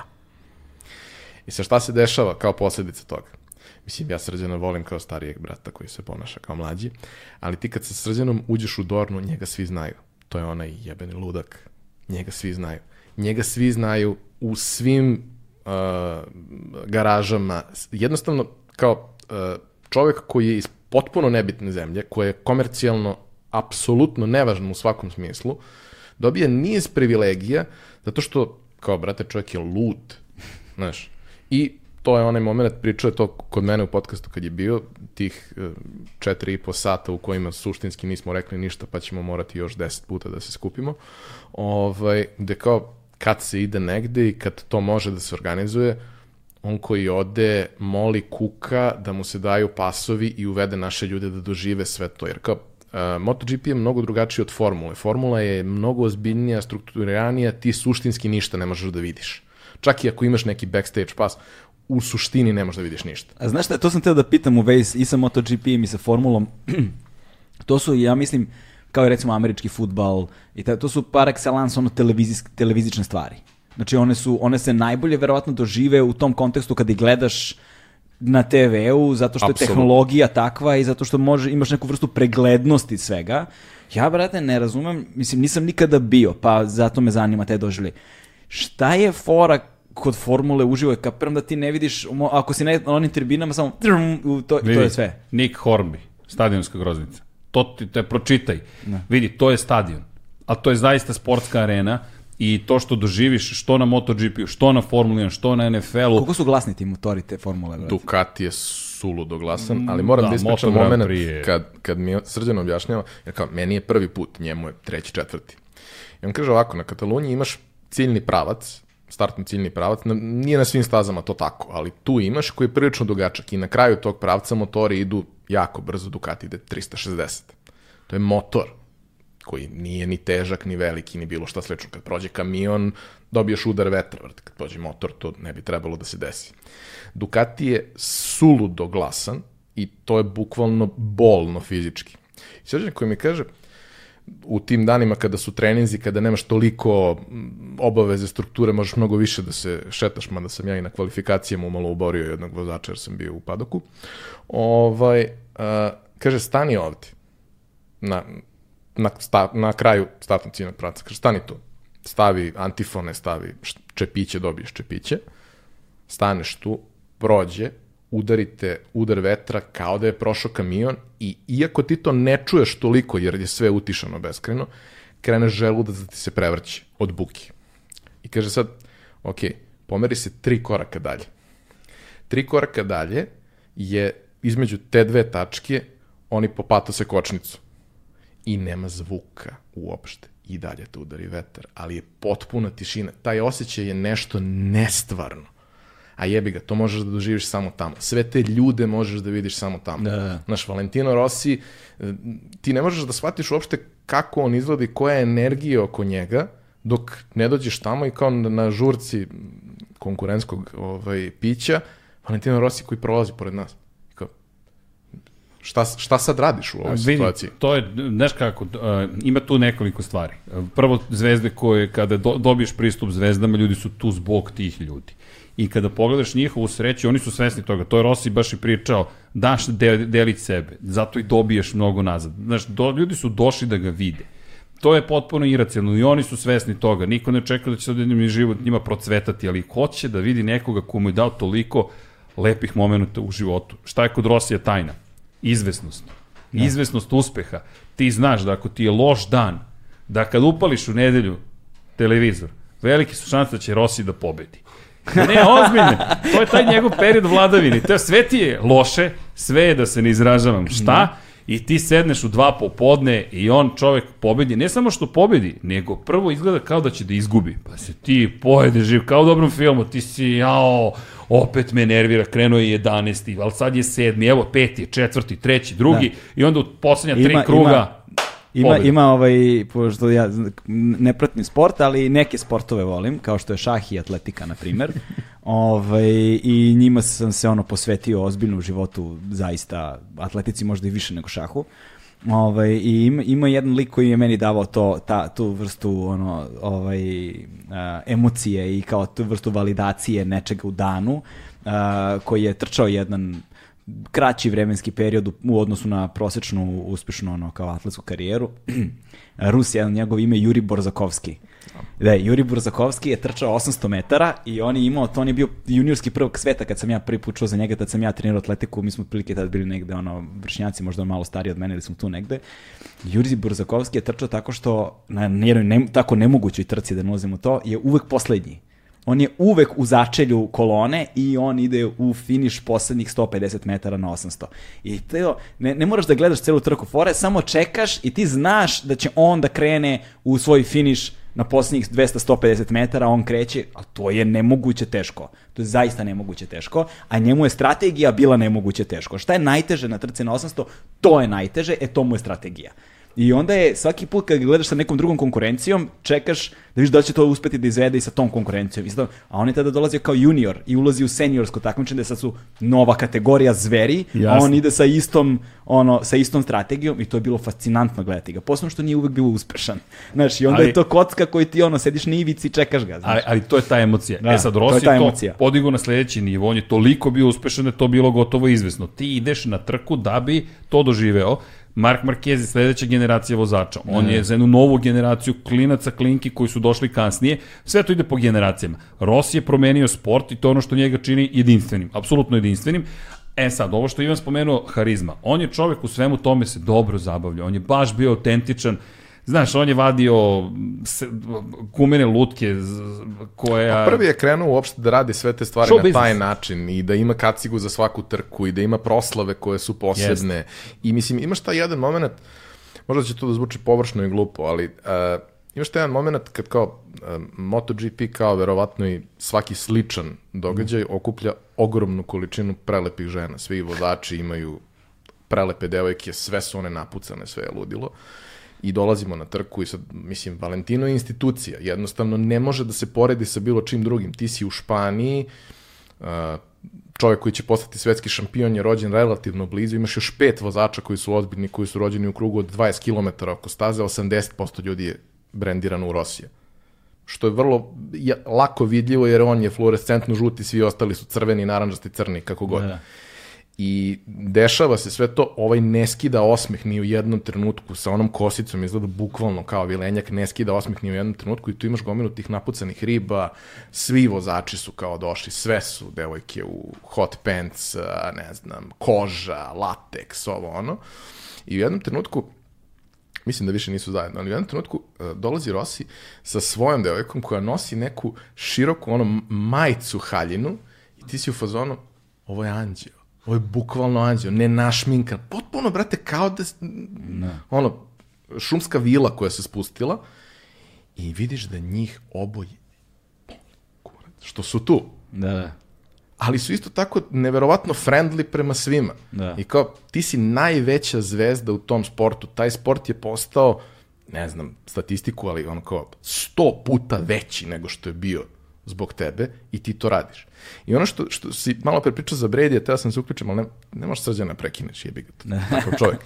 Ali kao, nije fora sa Bradyjem to što je on uzeo sedam titula.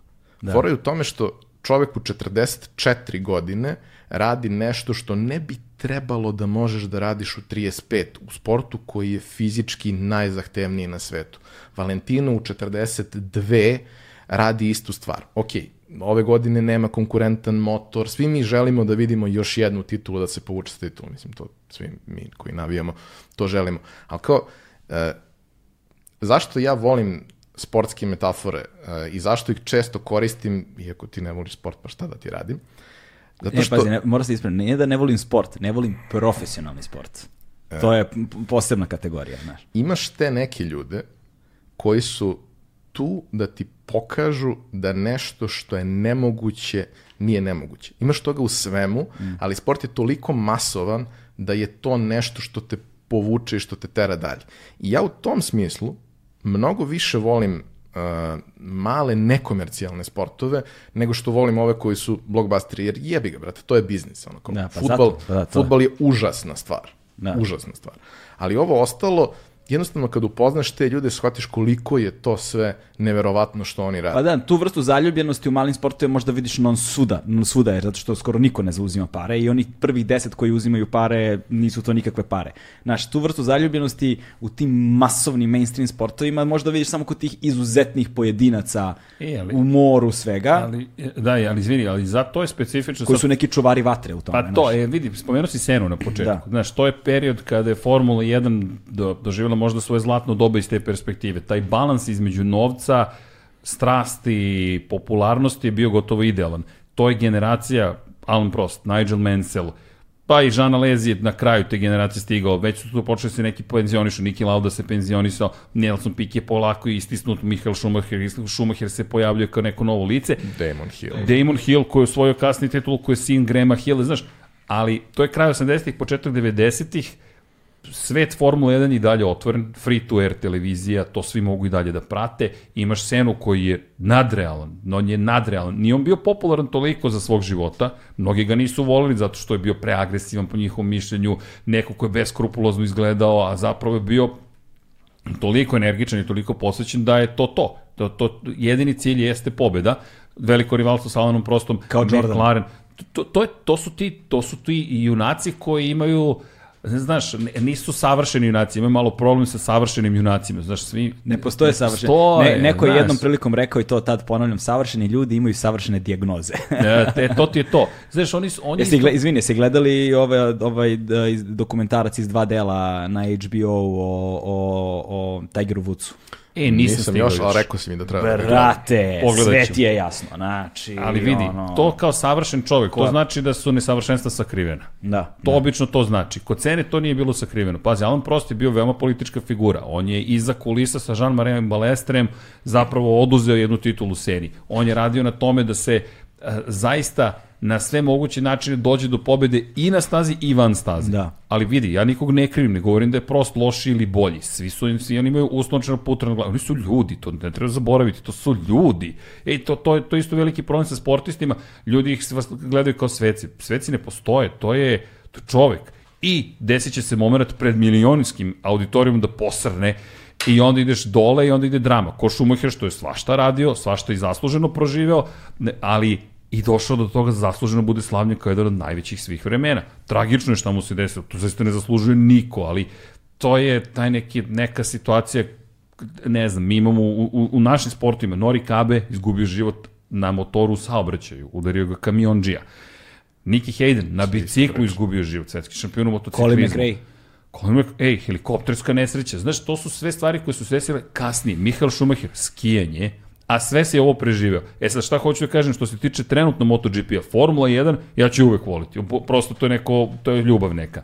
Ali, šta se desilo? Formula 1, ekstremna komercijalizacija dovela do ozbiljnih problema. Sada se pokušavaju da nađu svoj put u celom sportu. Ove godine su i uspeli neke stvari da urade, ali MotoGP je sada, to je lepo Deki Potkonjak rekao, u periodu kraja 80-ih, početak 90-ih. Dovoljno je para, još nije previše, dovoljno je popularnosti, zahvaljujući što Rosiju, što Markezu, što novoj generaciji. Što Ercegu. O, ok, mislim, hvala, ali to, to je zaista cijel, je cijela grupa ljudi koja, koja je baš puno radila i sad dođeš do toga da, da ti imaš jedan sport koji kada dođeš na, na, na, na stazu privlači ljude koji žele da vide upravo to, herojstvo i pa i nesavršenstvo, ali ja gledam navijače, što Markeza, što Rossi, njihov duel će uvek, uvek će postojati, ali kad su na stazi, ok, poštujemo se, crveni žuti i s druge strane, gledaš ljude koji su došli na trku, koji će pomoći jedni drugima, to je ono meni što je fascinantno, kada se nađu konkretno u Barceloni, u Brnu, ne znam, gde, u Mizanu, u Muđelu, ti gledaš ljude sa ovih prostora, koje, hajde, to, to, to, to stvarno bih voleo da, da, da prihvatimo zasluge kao i cela ekipa ljudi koja je na tome radila. Hashtag SK MotoGP, na primjer, ti je zajednica. On je nastao tako što nisam ga ja izmislio. Ja sam podržao čoveka koji je rekao, e, Erceg, ajde napravimo hashtag SK MotoGP. Nije moj Kako ideja. se piše? SK?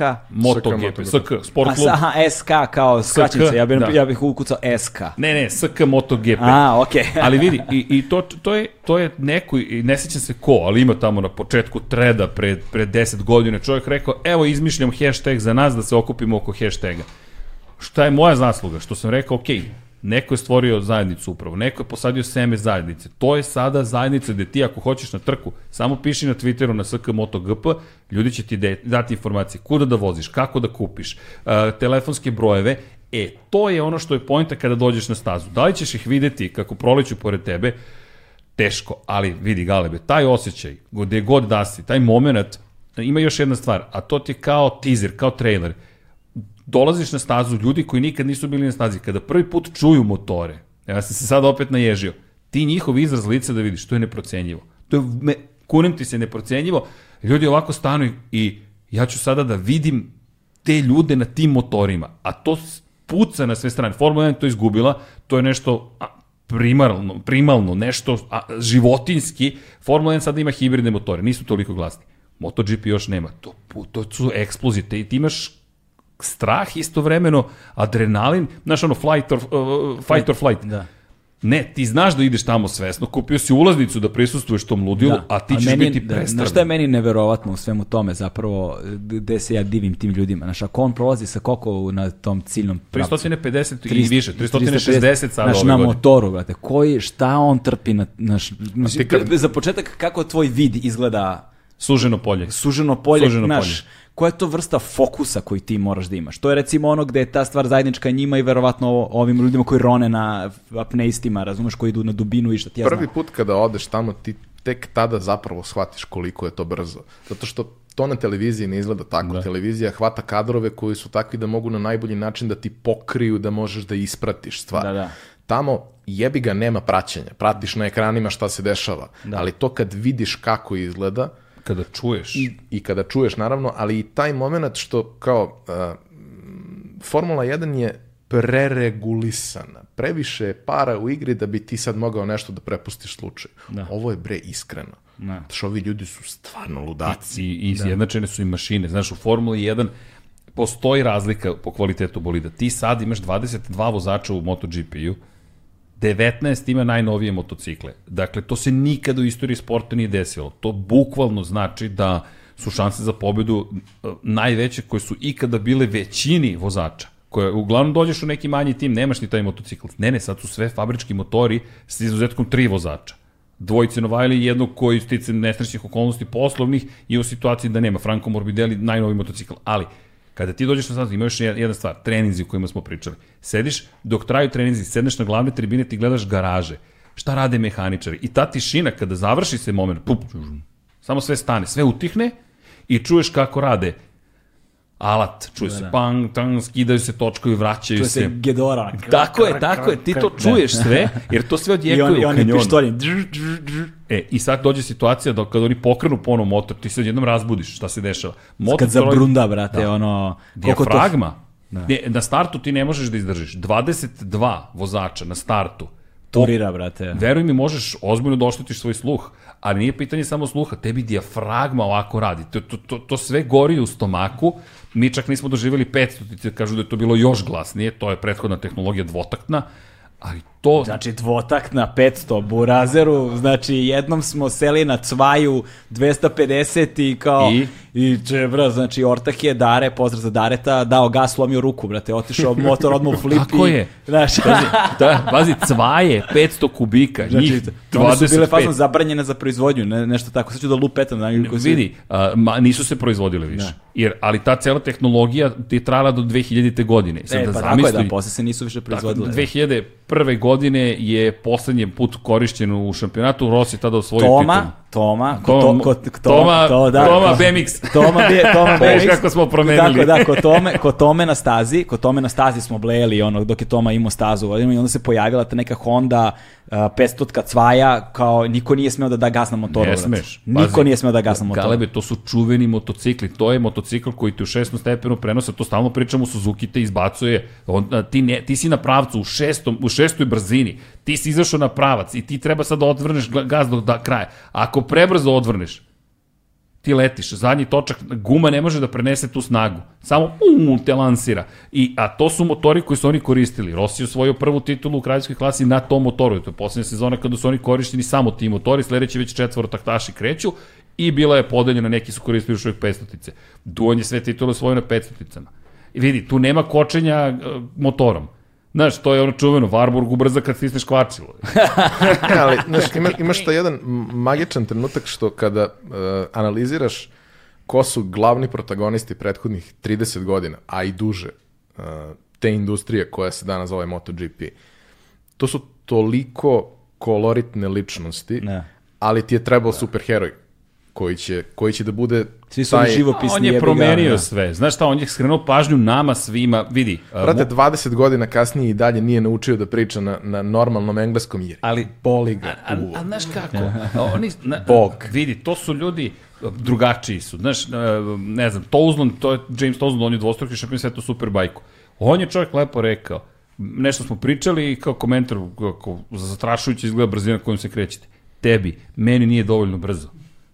Znaš, on hoće još, jer on nije pobedio. Meni treba još brzine. Pa. To je drugi, drugo podešavanje mozga. Jednostavno ti si, ne razmišljaš ti o brzini. Sad, sad ću, po, sad moram postaviti glupo pitanje. Ja, znači, dovoljno sam neuk, tako da ne znam. Šta, šta ti znači Lab 76? Ej, to je, na, to sam izmislio kao naziv, bukvalno. Aha, neko, je li 76 ima neko značenje? Ja sam rođen 1976. a, ja mislio sam kao vozi se 76 krugova, pa kao... Znaš kako? to mi zvuči kao mnogo malo. Teo sam broj, Koliko se krugova voze? pa zavisi. 305 km mora da se vozi u Formuli 1 trka, u zavisnosti od dužine staze broji se krugovi. Aha, ali kao kilometraža je u pitanju ne 305 broj krugova. aha. tako je, osim u Monte Carlo gde je ograničen broj krugova, pošto bi inače trka trajala Da, gradska predugo. trka, sporija, drugačija. Da, baš je druga, da, drugačija staza i u motorima preko 105 km moraš da pređeš tokom trke, pa sad zavisi kolika, koliko je dugačka staza. Postoje izuzeci, neke staze su toliko spore, to je prosečne brzine su toliko niske da su smanjili broj krugova jer predugo traje ceo događaj, pošto televizija za, te, zahteva određeni format, pa oko 41, 2, 3 minuta žele da traju trke motora. Kod Formule 1 maksimalno 2 sata, u Singapuru obično traje 2 sata, a 3 sata ukoliko se istaknu crvene zastave. To je novo pravilo, bilo je 4 ranije. Imali smo i trke od po 4 sata, Kanada 2011. Uskočit ću sa dve stvari. Prva stvar, uh, jedini šampion Formule 1 koji je rođen na prostoru bivše Jugoslavije, Mario Andretti, rođen u Motovunu, je rekao ako se kreć, ako se uh, ako osjećaš kontrolu, ne krećeš se dovoljno brzo. Da, da, to je to. Je to. Znaš, nisi dovoljno Ovaj, stabilan. I ono, to je ako ste, stabilan. ako ste nekad na filmskom festivalu ili generalno prolazite kroz taj kraj i dalje je tu kuća i dalje je tabla i do Jeste. jaja osjećaj svratiti i videti. Da, to je jedan od Ovaj, a druga stvar, vozača. Koja tabla, šta? a, tabla da je rođen u toj Mario kući. Aha, aha, da, da. Andretti. A na Motovu, na filmskom festivalu? aha. Da, on ti je legendarni vozač. Mislim, cela porodica Andretti ti je kultna porodica u Sjedinim američkim Pa, državama i ono, am, American royalty u, u, u, U automoto automoto svetu. sportu, da, on je čovek vozio sve, pobeđivao na praktično svemu i Ja mislim prvi Amerikanac koji je postao svetski šampion. Jeste, on je, on je inače čovek koji, kažem, Michael Andretti posle njega osvaja titulu Indikaru, imaš celu porodicu Andretti koji dan danas vozi i koja se time bavi, to je porodični posao sada. Ali Mario je onaj posebni. Druga stvar, Super što zove Mario. da, Da. da. da, ljudi shvate ovaj, nivo ludila. Pre nekih tri godine ovaj, stiže meni poruka od već više puta pomenute prijateljice ovaj, Jelene Trajković Zvestice. Srđan radi nešto čudno na televiziji.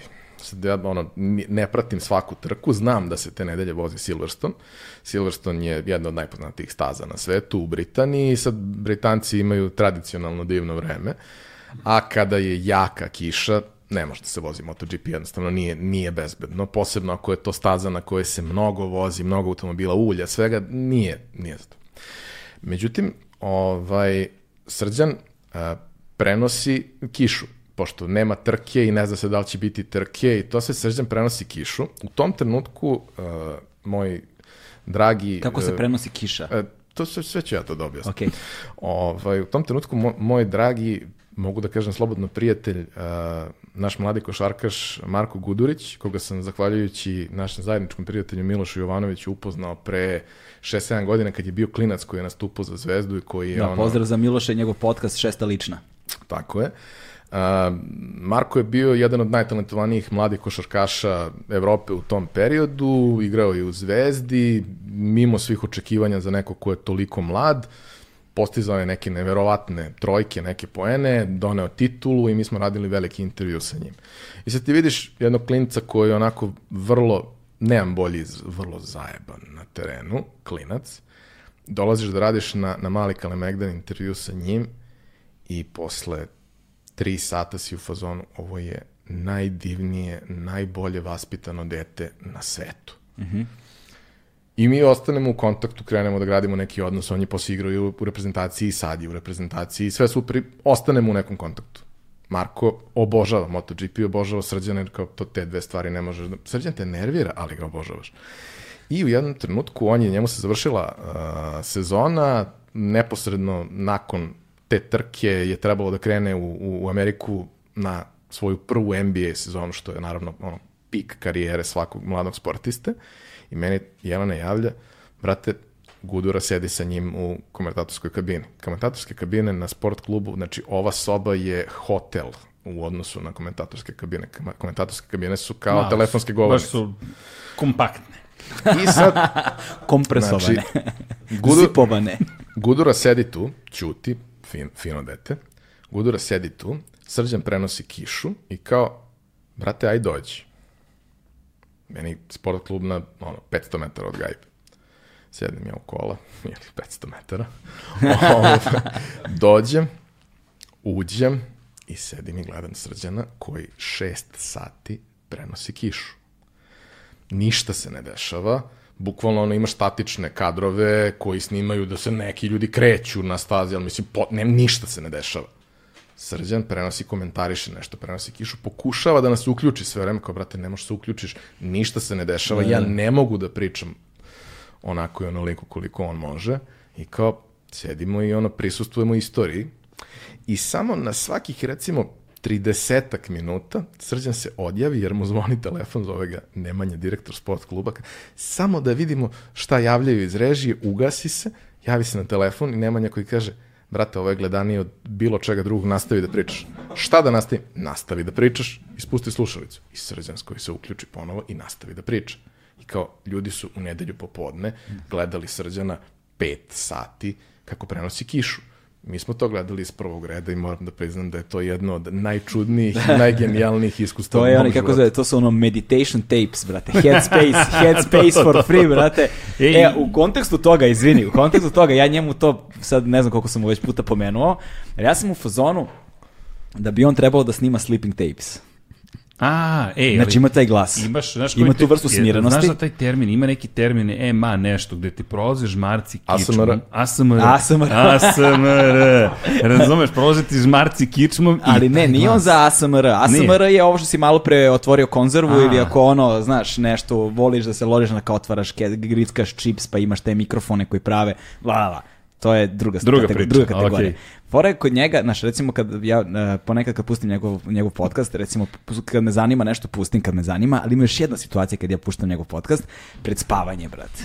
Jer on ima, on dođe, ne znam da li je umoran ili šta je, i onda bude ovako, sedi, Majok. Sedi, ima taj glas, taj, Ravno. ba- taj bariton ima, ali nije što je ravno, nego što je smireno. A da, da, to, to, to. To je vrlo- smireno, znaš, on ima taj ambijent, ono mrak, sve sedne. Ja sam u ovde sad samo fali neka mantrička, onako muzikica u pozadini i da on priča neke gluposti, a ne nešto što, To što nije je, problem. Ne nešto što je važno da se čuje ili zanimljivo, nužno, razumeš? Nego da budu ono neke mega budalaštine, razumeš? Ali da budu ozbiljnim, staloženim, smirenim. Recimo, ne znaš šta me podsjeća tvoj glas? Podsjeća me, ja sam se zaljubio u tu vrstu glasova u, u noćnim međugradskim vožnjama dugim, kad pustiš radio Beograd, Beograd drugi, treći program koji se onda spoje Dobro posle večer. devet i onda imaš te, te spikere, Ima- ima su pravi baš spikeri, pravi, školovani pravi školovani spikeri Oni su koji ti, koji, posebni. to je posebna kategorija, zaista, to je ono njima, Skidam kap, ne, naklon, dubok. tako je, i a, oni a, najavljuju kompozicije takozvane ozbiljne muzike. Klasične, klasične, klasične one muzike. klasične muzike, znaš kao.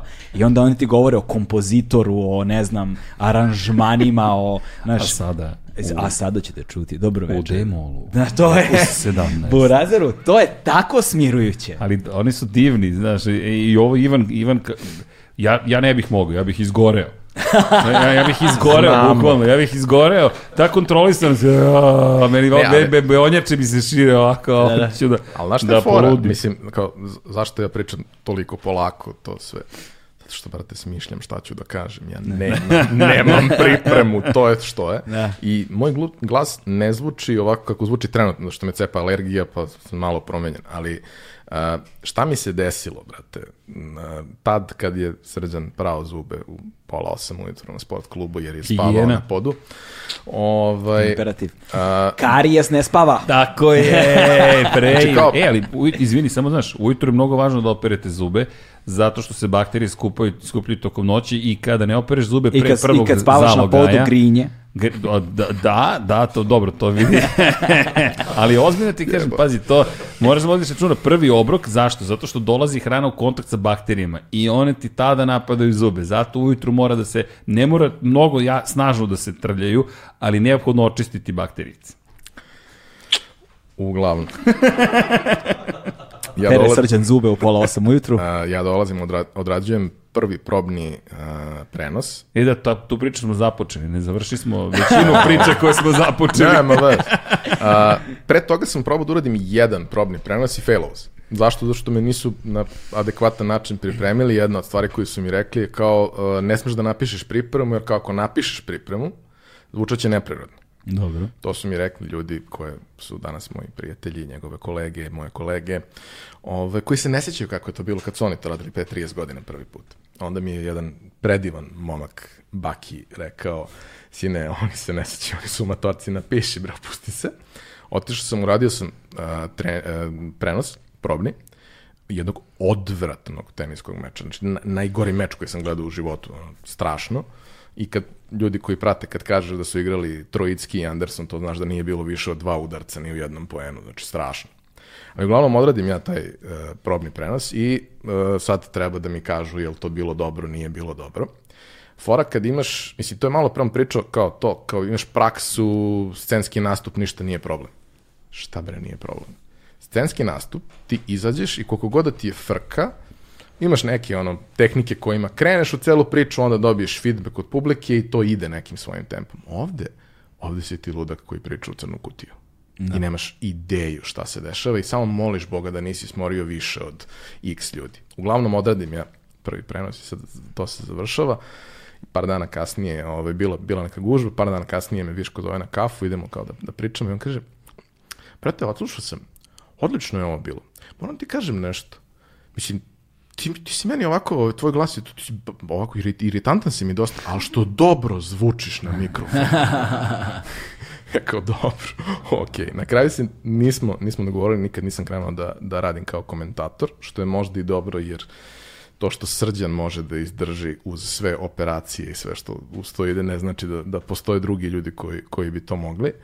Ali sam ostao negde vezan uz, uz tu priču i uvek gledam, kao što sam i rekao, da ono, kad idem negde, idem u Ameriku poslom, čime god, ja ću naći vremena da odem na jednu NBA utakmicu, naći ću ko će da me akredituje, uradit ću neke intervjue, jer to volim. Brate, ja sam bio na jednoj NBA utakmici I? i, otišao sam posle 20 minuta koliko mi je to bilo dosadno. trajalo. Ne, dosadno mi je, bilo bi Ali mi ne bez veze. pratiš. A, I, ne. mislim, generalno, utakmice regularne sezone jesu, u odnosu na ono što smo mi navikli ovde da gledamo, utakmice su beskreno dosadne.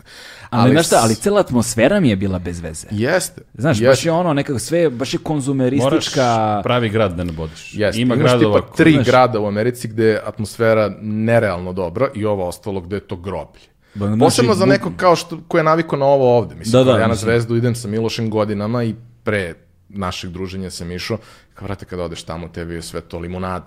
Ali ima gradova gde, gde je lepo i neuporedivo je bolji, bio sam i jedno i, u jednom i u drugom aranžmanu, neuporedivo je bolji osjećaj kada imaš pres pas i imaš pristup svemu i zaista imaš Pa ja sam pristup imao, svemu. ovaj... a, Ti si Bobana išao da radiš. I Ne, juče Bob- sam pričao sa Bobanom. E, ne, ne, ne, tad nisam bio. Tad, sam, sam- tad smo samo bleli sa Bobanom po Detroitu i to je bilo do jaja. On, on, on koji vozio je tad nekog Range Rovera koji je jedva stao. Znači, izgleda kao, u de, kao dečiji ne auto da je seo. Ali ne postoji auto u kojem on Pa može ne, da stane. ne, ne postoji. Znaš kako smešno izgleda kad Boban izlazi iz Range Rovera. Znači kao ne može veće vozilo, a on izlazi koji iz kutije neke, iz, koji dečije igračke neke izlazi čovjek odatle. Ovaj, ja sedim s njime na suvozačkom, a njemu volan ispod, između kolena. njemu volan između kolena, nema Kao šanse. na kališ, znaš, Znači, na bukvalno, električni. bukvalno. Karting. Ovaj, ali ne tad, ne tad, nego sam bio, bio sam u Oklahoma City-u kod Darka Rajakovića. Sam tad bio, on je bio neki prvi, prvi trener, uh, prvi Pomoćni pomoćni, trener, prvi, trener, prvi da. pomoćni. Tad sam saznao da nešto u NBA ima, ne znam koliko, 16 pomoćnih trenera. Kao on je prvi pomoćni trener Oklahoma Thundera, tako Yes. se valjda zovu.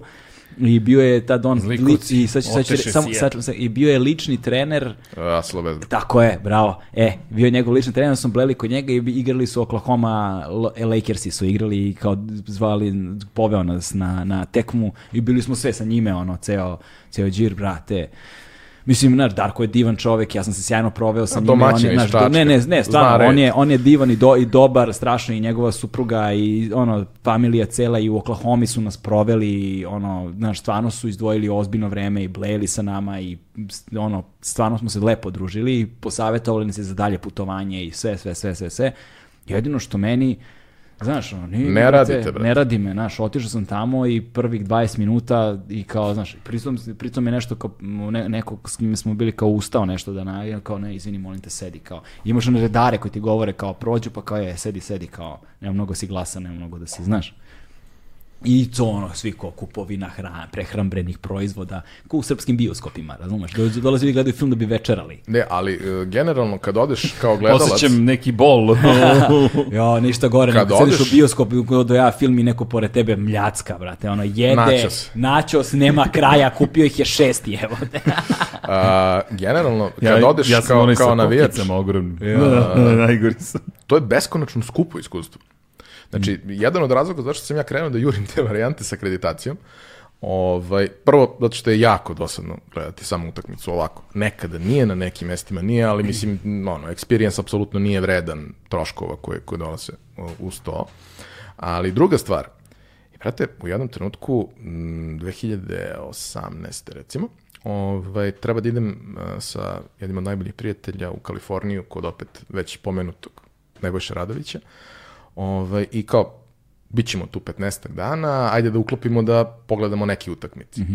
I sad, u tom trenutku Golden State je najbolja ekipa na svetu, velika je, veliko je interesovanje, navijanje je do jaja, to je stara dvorana, relativno mala, ludilo je, znači atmosfera je fantastična.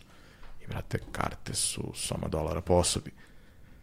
Za neka mesta koja su groblje, mislim, da si ti ono u golubarniku nekom košta samo dolar po osobi. Kao Nebojša koji u fazonu, ma nema veze, kao uzet ću. Ne, brate, nećemo. Mislim, nije stvar, mogu sebi da priuštim, ali zaista neću da dam taj novac. A da se akreditujemo. Akreditujemo se mi, akreditujemo se za Los Angeles, za neku utakmicu uh, Clippersa u tom trenutku, Bobby i Teo u Clippersima, protiv Orlanda u Orlandu, Hezonja i Vučević, znači četiri momka sa ovih prostora. I akreditujemo se da gledamo Sacramento u tom trenutku sa, sa Bogdanom protiv Golden State. Akreditacija, pristup backstage, upoznavanje sa svim tim novinarima koje pratiš na Twitteru godinama i sve to na, nadrealno dobro iskustvo i e, trošak koji je nula i kao strani novinar svi te obožavaju, svi ti daju dodatni prostor jer kao šansa da neko dođe iz Srbije da uradi nešto je njima jako mala. Ako, ako, Ako su ono, se čuli za Srbiju. Ako im, pa ne, ali u tom trenutku imaš četiri igrača, čuo si, sport klub je regionalna televizija, ovaj, i imaš tu situaciju gde kao ima mesta za četiri intervjua posle utakmice sa nekim igračem. Bićeš u ta četiri sigurno. Zato što svi ostali imaju prilike da to urade sto puta, ti imaš i nikad više. Da. I potpuno je wow celo iskustvo i ima taj moment ovaj, gde kao neki novinari to dobijaju, ne, verovatno zavisi od nivoa akreditacije i tako dalje, dobijaš gratis pristup novinarskom bifeu. A ako nije gratis, onda je 7 dolara. Za 7 dolara ne možeš da kupiš ništa nigde, a klopa je ludilo. I uh, atmosfera je potpuno fantastična. Da. Imaš pristup svemu. Ću da ispričam jednu anegdotu, pošto Evo, sad nam je ovaj, Luka Dončić uh, je u uh, prvoj petorci Ligije, Jokić je MVP. Sedma utakmica Dončića u NBA-u, ja sam sticam čudnih okolnosti poslovno u Americi i kao igraju u San Antoniju, koji je relativno blizu tome gde sam ja bio. San Antonio je mesto sa najboljom atmosferom u celoj ligi by far i Da. najboljom klopom. San Antonio u Teksasu. Da. Bio sam Da. u San Antonio, sjajan grad. O, Sve lažem. Bio si u Austinu, Dallasu, Ne, Houstonu. da, bio sam, ne, ni, uh, bio sam Dallas, bio sam Houston, San Antonio smo nešto prolazili, ali sam bio na ran, blizu rančeva, nekih smo bili na putu. Ovaj, Arlington možda, tamo ne, kod možda Dallasa. sam bio sam Marfa u Teksasu. Teksas, Marfa u sred pustinji, neki gradić od 500 stanovnika ima ono pradinu prodavnicu u pustinji kao to Molim neke Jesi uzeo instalacije. čizme? To, bio sam, ne, bio sam u gradovima koji se nenormalno zovu. Bio sam u jednom gradu koji se zove Truth, or, Truth and Consequences, kao istina Opa. i posledice. Tako zove grad. Tako zove grad i bio sam u gradu, to je mislim New Mexico, da je sam tad bio u New Mexico i drugi grad u kojem sam bio, nisam sigurno da li je Texas ili New Mexico, isto da se City of Elephant Butt. No, da. Kad kreneš od Houstona ka San Antonio, što je nekih dva i po sata vožnje, prvih sat vremena prolaziš isključivo pored gradova koji su New Hamburg, New Frankfurt, samo Nemci. Samo Nemci. Uglavnom, San Antonio, sedma utakmica Luke Dončića u NBA, znači ima 18 godina, treći pik, niko ne očekuje ništa, Luka Mali daje 31 poen to veče. imaš pristup uh, slačionici, imaš pristup svemu, na početku ili, ili radiš intervju pre utakmice ili radiš posle utakmice. Najčešće radiš posle.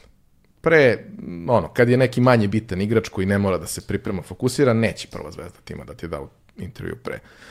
I sad mi se dogovaramo, tu nema frke, posle imate luku za sve što vam treba, tu je cela ekipa, sve je to super, mi ulazimo, e, prvo radim, ne znam, sa, sa trenerom Carlisleom, fantastična priča, čovjek je car, ozbiljan car. I ovaj, ulazim da radim intervju sa Lukom i sad, ono, haos je tu, svi su novinari tu i ovi mi kažu, kao, aj sačekaj samo da ovi uzmu izjave koje im trebaju da mogu da idu, jer, ti se žuri, ne žuri mi sačekaj ti to. I trenutak, mislim, ti ne možeš kapiraš koliko je on klinac. I iz, razgovora sa njim ti shvatiš kad ti on kaže ovaj, šta radiš, treniram košarku i igram igrice. A osim toga, treniram košarku i igram igrice. Da. Ali trenutak u kome ja kapiram da je, da je on bukvalno dete, iako izgleda kao čovjek od 35 godina. Svi se, ono, u slačionici se svi se skidaju, neprijatno ti je. Svi se skidaju neki, ono, Nike, bokserice, ovakve, onakve, to sve. I Luka Dončić koji se skida u bokserice, Sonđer Bob. znači, on, potpuno nadrealna situacija i kao, jel hoćemo, možemo pričamo, može, može, kao, na, kako ćemo, ako možemo engleski, možemo srpski, baš slovenački nisam baš siguran da mogu da pogodim i to sve, ma kao srpski ćemo, nema frke, jer on i onako sve što u tom trenutku može da kaže, igram igrice i trenira. I celo iskustvo je ludilo, kao, znaš, Mislim, nisam novinar, brate, ali bio sam prvi novinar sa ovih prostora koji radi intervju sa Lukom u NBA-u. Danas je on dečko jedan od pet najboljih igrača na svetu, iako je dete 99. godište. Da. Znaš, potpuno neko neverovatno iskustvo, a ja sam to uvek gledao da pakujem uz sve ostalo što radim. Kad sam išao poslom u ono, London, nešto da, da, da radim, ja sam napakovao da jedno popodne odem da gledam United i da me akredituju da imam pristup svemu da to doživim, jer kao Manchester, Manchester je... United. Da, da, Koliko Manchester košta karta za Manchester United jedna? Pa mogu da kažem, uh, ni- nisu nužno skupe, znači to ti recimo od, od 20, 30, 40 funti pa naviše, već za 40 funti imaš super mesta. Uh, pre 7, 8, 8 godina, 9 godina, sedimo mi na terasi ovde malo iznad, ove, dok je Hugh imao prostor koji je gledao na Kalemegdan. Ja sam se, ja sam se vratio uh, iz Londona sa olimpijskih igara i dobio sam, iako to nisam očekivao, dobio sam vizu koja je multi. Traje šest Multikulti. meseci, Nikad ali multi ono kao, multi može se uđe još jedno. Sedimo, ja sam u problemu, nemam para, nemam ničega, sedimo Rečko, Srđan i ja, Ivan Rečević, Srđan i ja na terasi, a, tu je Hajtel, tu je cela ekipa, znači, ono, ima tu dovoljno ljudi koji vole United i Srđan koji je u fazonu, a što ne odeš da gledaš United? Kao, kako, brate, da odem? Pa idi vidi je li ima neka karta. Ja odem na sajt, ima jedna karta za jednu utakmicu. Neko je, ko ima sezonsku kartu, vratio jer zna da ne može da ide u Pulu na celom stadionu. Ima jedno mesto. I ja kupim. Da. I, I šta ćemo sad?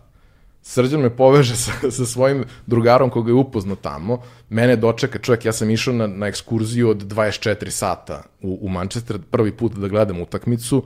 Prošetao se muzejom, kao, jel može da se bukira muzej? Ne može, kao previše je kratako vreme do svega toga. Aha, ne može. Napišem ja mail, sednem, napišem mail, iskukam se ljudima i kao stiže mi odgovor, naravno da može sve, imate termin tad i tad. Dođem tamo, taj prolazak kroz muzej, mislim, United ima ogromnu istoriju, jedan deo te istorije je vezan i za Crvenu zvezdu, čiji sam ja takođe veliki navijač i to sve. U tom trenutku Nemanja Vidić je kapiten Uniteda.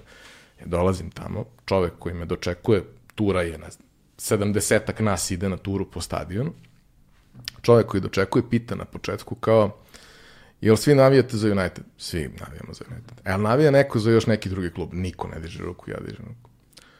Za koga navijaš? Za Crvenu zvezdu. Aha. Dobro. On je sa mnom pričao celu turu. Kad smo došli do slačionice, on je rekao, prvo sklonio se ostalo, rekao ti sedaš na mesto kapitena, ostali nek sedam gde god hoće. Deo gde, koji se bavi, ceo jedan deo u muzeju koji se bavi tom utakmicom nakon koje je bila velika tragedija, poginulo dosta igrača Uniteda. Znači on je pričao duplo više o tome nego što je planirao. Ja nikad neću zaboraviti to iskustvo. To iskustvo košta 10 funti. Da. Nije lošte stvar u tome, samo celo ludilo koje se desilo za 24 sata, jer sam ja kliknuo, jer mi je srđan rekao da treba da kliknem i upoznao me sa čovekom koji me odveo i na neko pivo i proveo me kroz grad i sve potpuno nadrealno dobro i kao pisao sam neki blog post o tome i svake godine me iscima 10 roditelja, dece koji su u fazonu želim svom detetu to da priuštim, koliko je to koštalo? Brate, koštalo je 300 eura. Sve zajedno, da. Sve zajedno koštalo 300 eura sa sve nekim shoppingom koji, je, koji se desio u, u, usput. Znaš kao, ako ti je to san, to ili bilo šta drugo, srđan mi duguje koncert Iron Maidena, reći ću sad javno, da ovo gleda mnogo ljudi, će da me odvede na taj koncert konačno.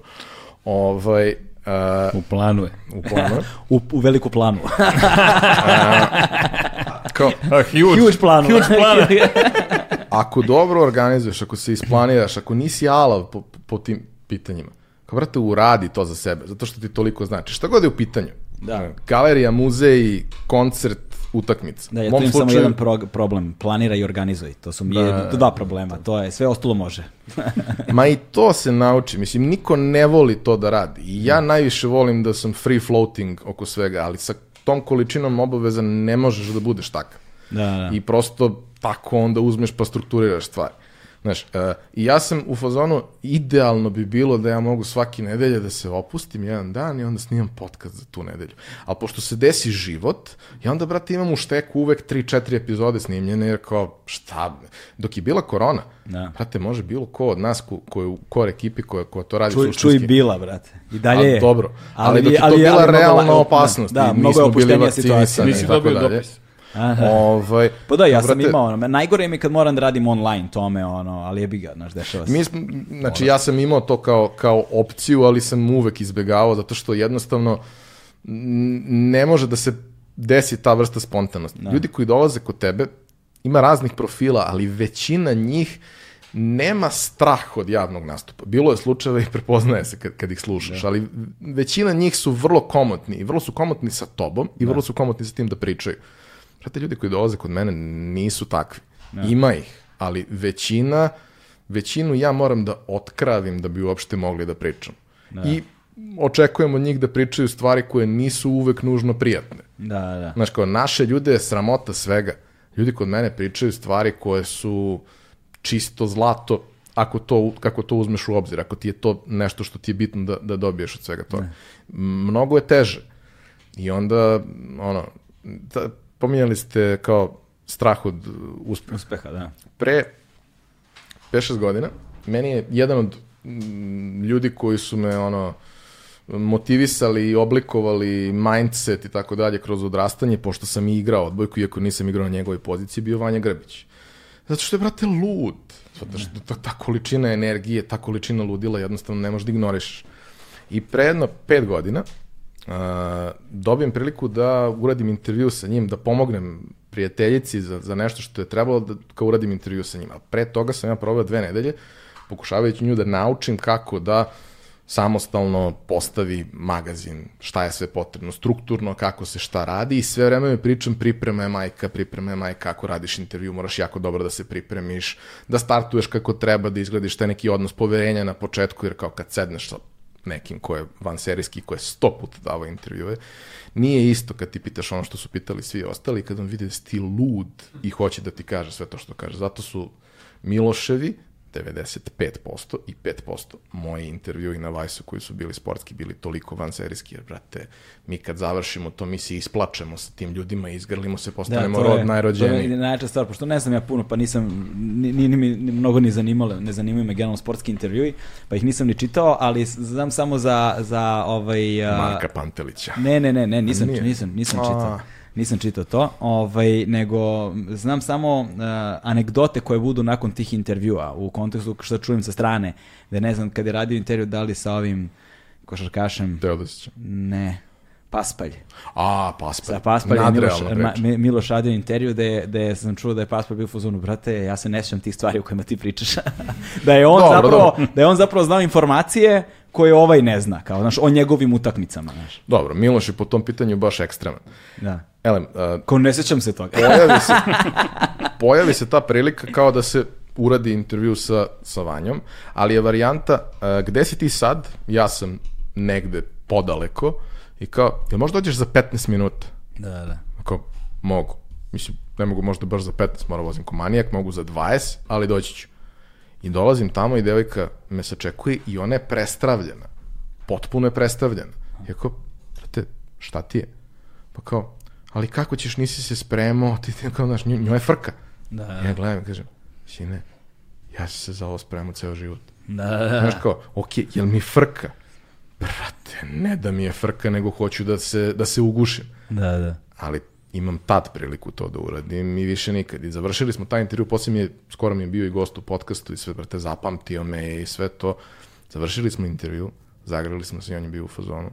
Brate, ja ceo život čekam da me neko pita neke od ovih stvari. Da. I to je ono što pravi razliku. To je ono što sa svim tim ljudima, ne možeš to da radiš ako, ako radiš hiperprodukciju svega stalno. Ne možeš. Ako imaš da izbaciš 20 tekstova dnevno u novinama, brate, ne možeš da radiš takve stvari. Tako je. Ali ako imaš taj luksuz da ti je to nešto što voliš, od čega ne živiš, što, što je nešto što ćeš uklopiti za svoju dušu, onda zaista možeš da praviš takve stvari koje su, koje su van serijski. Skoro su me pitali kao, ima tih nekih projekata, između ostalog te projekat moja firma, ali i neki drugi stvari koje sam ja radio i kao, brate, kako su stvari koje, koje, tako neke stvari, kako budu tako do jaja kad nema realno uslova za to nikakvih. Da. Ja samo kažem, nađeš osobu kojoj je beskrajno stalo do nečega i pustiš je da to radi. Pustiš je, daš punu slobodu, ne pozoveš me i kažeš, e, sad ću ja da ti objasnim kako treba. Ne, brate, veruj mi, znam tačno kako treba. Daj mi neki smernice. Jer treba da radimo neki content marketing za, za neki brand. Da, da. Daj mi neke smernice, daj mi reci šta ti je važno. Pusti mene da to ispričam. Pusti Srđana da to ispriča. Brate, nećeš ti objasniti Srđanu kako to treba da uradi. Nećeš ti objasniti Galebu kako to treba da uradi. Ne možeš da mu kažeš, e sad uzmeš pa, znaš, o, ono, briješ glavu. Dok... Ne, brate, ne brijem glavu. Ono, kao, I'm not that kind Pusti of ga guy. reći što hoće. Znaš, pusti kreatora, ako mu već, ako već imaš poverenja, Da. pusti ga da on to uradi onako kako misli da treba. Jer on najbolje zna i svoju publiku, ti možda najbolje znaš svoj brend, ali on najbolje zna svoju publiku. Spojite te dve stvari u nešto neverovatno i to će se desiti. Kao, uh, zašto su Miloševi intervjui takvi da se prepričavaju godinama? Zašto rade bre na svakom jeziku na kom su prevedeni? Da. Zato što je to ljubav. To je ljubav. Ti sediš sa Markom Pantelić, mislim, taj intervju, ko, ko je u stanju da pročita, znaš kakav je Dani? Znam. Dani koji bi isekao sve, brate, i sve bi skratio na tri strane. Dani koji je pročitao 17 strana intervjua i rekao, ja ovo ne mogu da diram. Da. Ja, ovo, ovo ide ovako. I to završi prevedeno na četiri jezika, u svakoj od zemalja bude ono, jedan od najčitanijih tekstova, jer, brate, to nije intervju, to je ispovest. Da, da. To je trenutak u kome Miloš donosi dres iz Herte, Panteli koji je predivan i- bolid istovremeno, koji nema svoj dres iz Herte, ovaj ga uzima u ruki i kreće plače. Da, da. I Miloš mu poklanja dres kao, brate, tebi sam ga doneo. Stvarno. Ima, možeš kupi sve na svetu, ne možeš kupi svoj dres iz Herte. Da, da. Ali Miloš može da mu ga pokloni i, znaš, ono, postanu prijatelji suštinski za ceo život. Kao trenutak kad smo svičovali, je- jedini moj doprinos tom intervju, osim fotkanja, kao, ulazi se već, priča se o futbolu i to, to je sve ok, ali ne ulazi se dovoljno u taj neki život, emocije, sve što uz to ide. Ja kažem Panteli, pošto tu, mislim, to se stvarno desilo, nisam to izmislio. Bio sam na Roland Garrosu 2015. neposredno pre nego što ćemo voziti za Barcelonu. I uh, na povratku sa Roland Garrosa koji je Novak izgubio finale od Vavrinke, znači ono, teo sam se izbodem, ulaze u uh, avion uh, ostatak porodice Đoković koji su svi srećni ponosni sa gomilom nekih torbi, nečega, ja hoću se ubijem što je izgubio finale. I ulazi Pantela sa svojom suprugom. I mi sedamo sad u avion i oni su na, na, običnim mestima, nisu u biznis klasi, nego u običnim mestima, dva reda recimo ispred ili iza mene, vidim ih sve vreme.